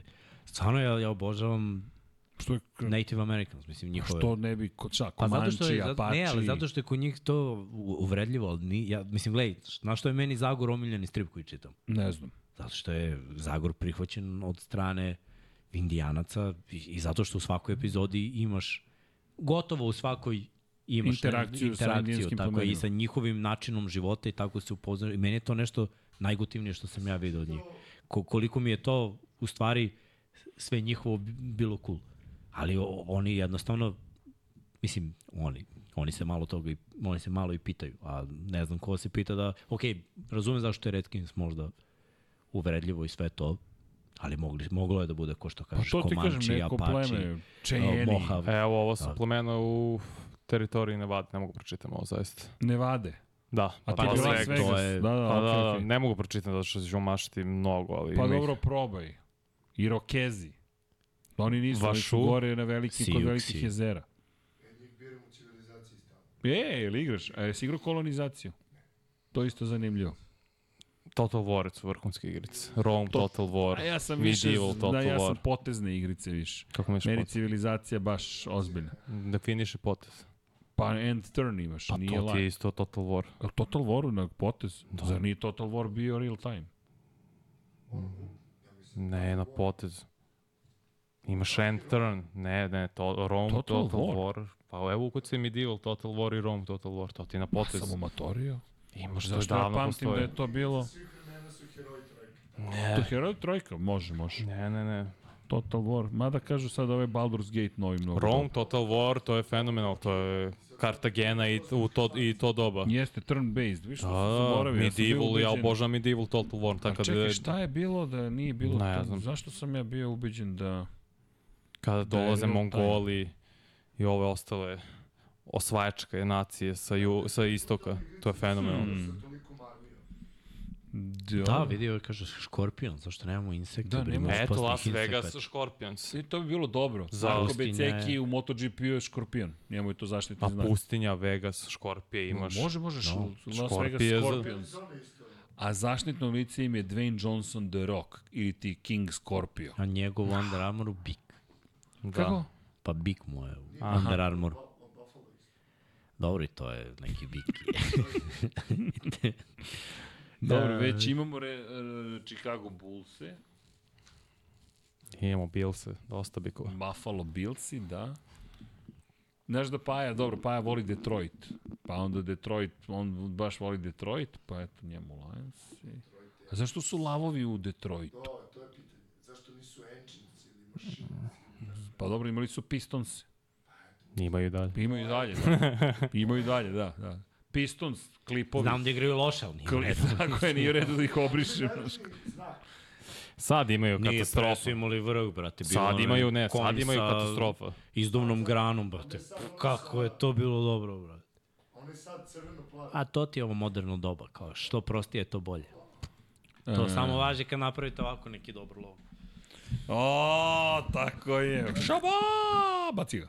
Nego, malo zelen, malo ljubičac. Ćemo mi da se razilazimo, ja bi malo dižem neke tegove. Ja ok, bi malo ja da bih da jedem. jedem. A? Ja bi malo da jedan. Ti Ja ja, bih da jedem. ja sam jeo pre. Tamo, A jesam ja sam. pre, mislim. Evo, sad Red to Dead vezim. Redemption 1 i 2. Ne, Red Dead U, Redemption, to je drugo. Čekaj, čekaj. e, Čekaj, to je, čekaj, e, stari, to je, e, to je Grand to Theft Auto sa kaubojcima. Tako je, bukvalno, Da. to je fenomenalno. Ne, od trojke kreće. Znaš ti da je Grand Theft Auto bio zapravo iz ptiče perspektive? Jest, tako je. Kjeci dvojka. I onda je trojka revolucija bila. I onda na... Ne, Ne, od ne, trojke od kreće, trojke iz kreće i trećeg onda lica. Vice City, Ne, onda ide Vice City, sve ostalo. Ne, San trojka Andreas, revolucija bila. Liberty Ko, City, Šta se desilo ovde, šta se četvorka, mogu da radi? petica. Kad sam uzao avion i počeo da letim, Da, bilo je da, benga da. zabavno. Manje, koja je ona patnja misija sa helikopterom? Gde svi sede? Kad treba onu bombu da... Aha, kad imaš U, remote u helikopter. Vice City, ja ni dugo nisam da igrao se Vice City. Gradilištu. Dugo nisam Dead igrao Vice Redemption City. stoji neraspakovan. Čeka, drugare. Čekaj sad kad napravimo dole e, multi-screen od 3 metra širine i 2 visine. Kako će igrati 2K? Još imam ideju kako to se Vanja, radi. Vanja, Da... ali to igramo na tom ekranu. Ali ovo je više simulacija, ovo je za podcast, više simuliraš istoriju NBA. Ovo je za podcast, ja u stvari mislim samo na posao. Ja kad Ja budem samo igrao igrice, to je mislim, poslovno. ja. Ja I to uopšte ne radim zato što E, ja moram za, ja Ja, moram ne, za to da se spremim i da znam istoriju, tako je, tako. Ti znaš da sklapaš Lego. Zašto ovaj GoPro ovde nakačen koji se ne koristi da gleda na sto? Jesi me zvao da sklapam Lego? Zovem te da sklapaš Lego. Ajde, može. Kako nisam, nisam zvao da će... Je bila pozivnica. No, hoćeš ti RSVP. Ja neću sam bio, ja sam sklapao. Ja neću, ja sam. Jesam sklapao. Jesi, Jesam, jesi, je, jesam doneo mafine. jesi. Jesam pio koronu. je bilo. E, to ne bilo. mogu da obećam da će biti koronu, ali mafija nije. ništa. Onda Ne, ne moraš, ne moraš, ne moraš. Ne moraš ništa da, da konzumacija Samo čaja, slaži. voda, sve u redu. Samo slaži, dođi da se družimo. Sklopimo Apollo, znaš, 11-icu, to je Saturn Ima, 5. ima. Ima metar i nešto. Ali pazi, u novom studiju može i da stane negde. Da, ima svašta tu nešto što nije sklopljeno. Da, da, ima previše kutija neraspakovanih. Ma daj bre, ih- mali koga smo zezali, sklapali. I bilo je dobro. Da. Šta? Tamo malo da se igramo sa osvetljenjem ovo sunce. Jao, sledeće nedelje nisam stigao da mi ispričam nešto što čak i ja ću prečutati. Ne, ne, ne, sledeće nedelje ćemo nešto možda da Sledeće pričamo. se nešto Sad ću dešava. kad se ugase kamera da mi ispričam nešto. Dinastija da nije. Kako? Molim? I, I dinastija i pored toga će se nešto desiti. Shvatio sam, ne, povotio sam iz konteksta sam uzbijan. A, dobro, ćemo da završamo. Ajmo. Ajmo, Ajde. ovaj, ovako, 210 Evo, Srkina si nam je ugasio. ljudi bilo, 162 lajka, vrhunski procent, ovo ti je skoro kao Josh Allen i Lamar. Tako da vreme, dok Do vreme je da se gasimo. Da, ovaj, ovaj, još jedno hvala što ste bili tu, baš je bilo ovaj, zabavno. Zabavno, da. da. malo smo se ulični Malo, malo, malo, da, ali da, dobro, da. te, treba i toga da im, treba i toga da im. Ovaj, najavili Jako smo, analizirali smo, pričali smo o tome šta ide, zaista dobro kolo sledi, da se vratimo malo na, na, na NFL. O, odlične utakmice koje su u direktnim prenosima, bit će malo ovih utakmica sa, sa ekipama sa slabijim skorom, ali već se oblikuje sezona onako u, u jednom predvidljivijem smeru, da, da možemo da vidimo ko je gde, ko je šta. Pa da. I ima ekipa koje su na margini i zanimljivo je da su baš naše ekipe, to jest Srđanova i Vanjina na margini, da baš igraju zajedno uh, je- jedno protiv druge i, i to će biti... Šteta što, na primjer, ne možemo ovo da radimo, a da, da bude da ljudi dođu u live i da prate i, i da bude taj neki fazon. Pa biće, ali neće igrati oni. Jer igraju samo jednom godišnje. Da, to je A, ali, ali dobro, vidjet ćemo. Za, zaista dolazi, dolazi NFL do onog stadijuma kada se zahuktava polako, ali sigurno kada se već oblikuje playoff slika i u AFC-u i u NFC-u, bit će naravno na obe strane ekipa koje sada deluju da treba da budu u play-offu, a neće i obrnuto, ekipe koje ne vidimo, to je ona lepota što svake godine. Već smo imali jednu fail, ne, fail nedelju sa prognozama, gde smo svi imali ispod pet, Sem Srđan, sem Srđana, sedam. koji se probio tu na sam vrh, tako da bravo Srki, svaka čast. Tvoje ludačke prognoze su trebale u tom kolu da te dovedu da budu. Da, da, da, da. Ali si- kad nije trebalo pratio si nazad. tako da ovaj, zanimljivo je. Još jednom da vas pozovem, lajkujte, subscribeujte se, čekirajte ono što radimo, znači nam subscribe-ovi, trenutno smo na 39,5 hiljada. Želimo da, da stignemo do pola maluva. Čekaj, tu je. To je troj. Tu je troj, evo je. Troj. Kakve legendice. Inače, razmišljao sam malo. 43 taman za novu godinu. To je za novu godinu. Razmišljao sam malo u ovoj eri koja je igrala bre u ovo vreme. Kakvi safety. Ti se pojavi prvo Polamalu, Ed Reed, Dawkins, pojavi ti se Sean Taylor, istovremeno imaš ono, Roya Williamsa. Bolje autobus da tu He, A imao si i. Jeroma. Kakvi, kakvi. Autobus. Brate, imaš ti jedan na jedan teklove Dawkinsa, Ne, ne, ali pogledaj- Jeroma vrati u nazad. A da, da, ali generalno igrači koliko su bili veći. Znaš, cela ta igra je bila potpuno Bili drugačija. luđi, ne samo... Ne, ne, to, i to pride. Ima, a Gledam ove Dawkinsove njegove, Znam, kad ali- viči da igrači. Daj, pogledaj Jeroma Betisa, čoveče. Koliki čovek, znaš kako se... Šta ti Eddie George? brate. Gledaj linebackere, linebackere svi po 120 kila. Bukvalno. Stvarno je bila je bilo. era. A najče mi sad kad gledam te snimke kad krenu da trče. Idu oni brzo. bre. Ne, ne, idu brzo, ali izgleda u odnosu na ove. Oprema ne, oprema isto se promenila. Pa Dresovi, rukavi, rukavi, zaštite, do, pa da. do lakta. Pa, sve se promenilo. Da, ali dobro. Štitnici. Vidi, sve, sve, svako Sad imaš pantalonice obuče sa štitnike. Cima, a nekad si morao štitnike da guraš u helanke. I bili su ovako debeli. kako se zove oni bre, a, iz, Seahawksima, što, je se, što sad seče bre, pedi. Izgleda kao da ga nema uopšte. O, to su svi radi. Cliff Averill. Sad su Ili ne, sad je to Bennett, postalo a, Michael. Bennett. Da, da, Mike Bennett. Ali on je prvi krenuo, možda ili možda da Seče pedi, izgleda Ma Ja sam da sekao, pre- ja sam sekao te na ramenicu što. Prate, ako izuđeš nekome u tepati. Ovo će mi pomogla plastikica, ovo znaš koliko je to? Pola santimetra plastike ovde. Misliš da to znači nešto kad, kad te ra ra razvali neki defanzivni end ili linebacker? Ništa ne znači. Tako da ako je suđeno te neko polomi, polomit će ti ovako. To ti kao, na primjer, u NFL-u si vidio neko da ima uh, štitnike za kolena. Niko ne. U Evropi moraš da ih nosiš da bi prošao face check. A mislim više smetaju nego što jer to je mala guma ili plastika. Brate, ako ti staviš nogu na zemlju i ispraviš nogu i neko ti uleti u koleno, Ne postoji ni ona ortoza što ima šine i napred, ona ne može Ni da ti zadrži. ti ona ne pomoći. može da ti zadrži kolano na mestu, a ne ovo malo. I zato su NFL-u rekli, ok, samo čarape nosite i možete da podignete helenke ni to ne radi, da. iznad uh, kolena, dobro ima naravno. Ovih koji neće ni čarape da nose. Što manje, to si brži. Razumeš? Ja, sad me vraćaš na, neke, na neka mesta iz moje Zašto ne mladosti. postoje gepardi? Zato što su na terenu. To je isto. A, Nekad spomeniš čarape, bolje da ne pričam neke da. anegdote iz rane Iz mladosti. vojske. Da. Da, Dobro, bolje ništa. da ćuti.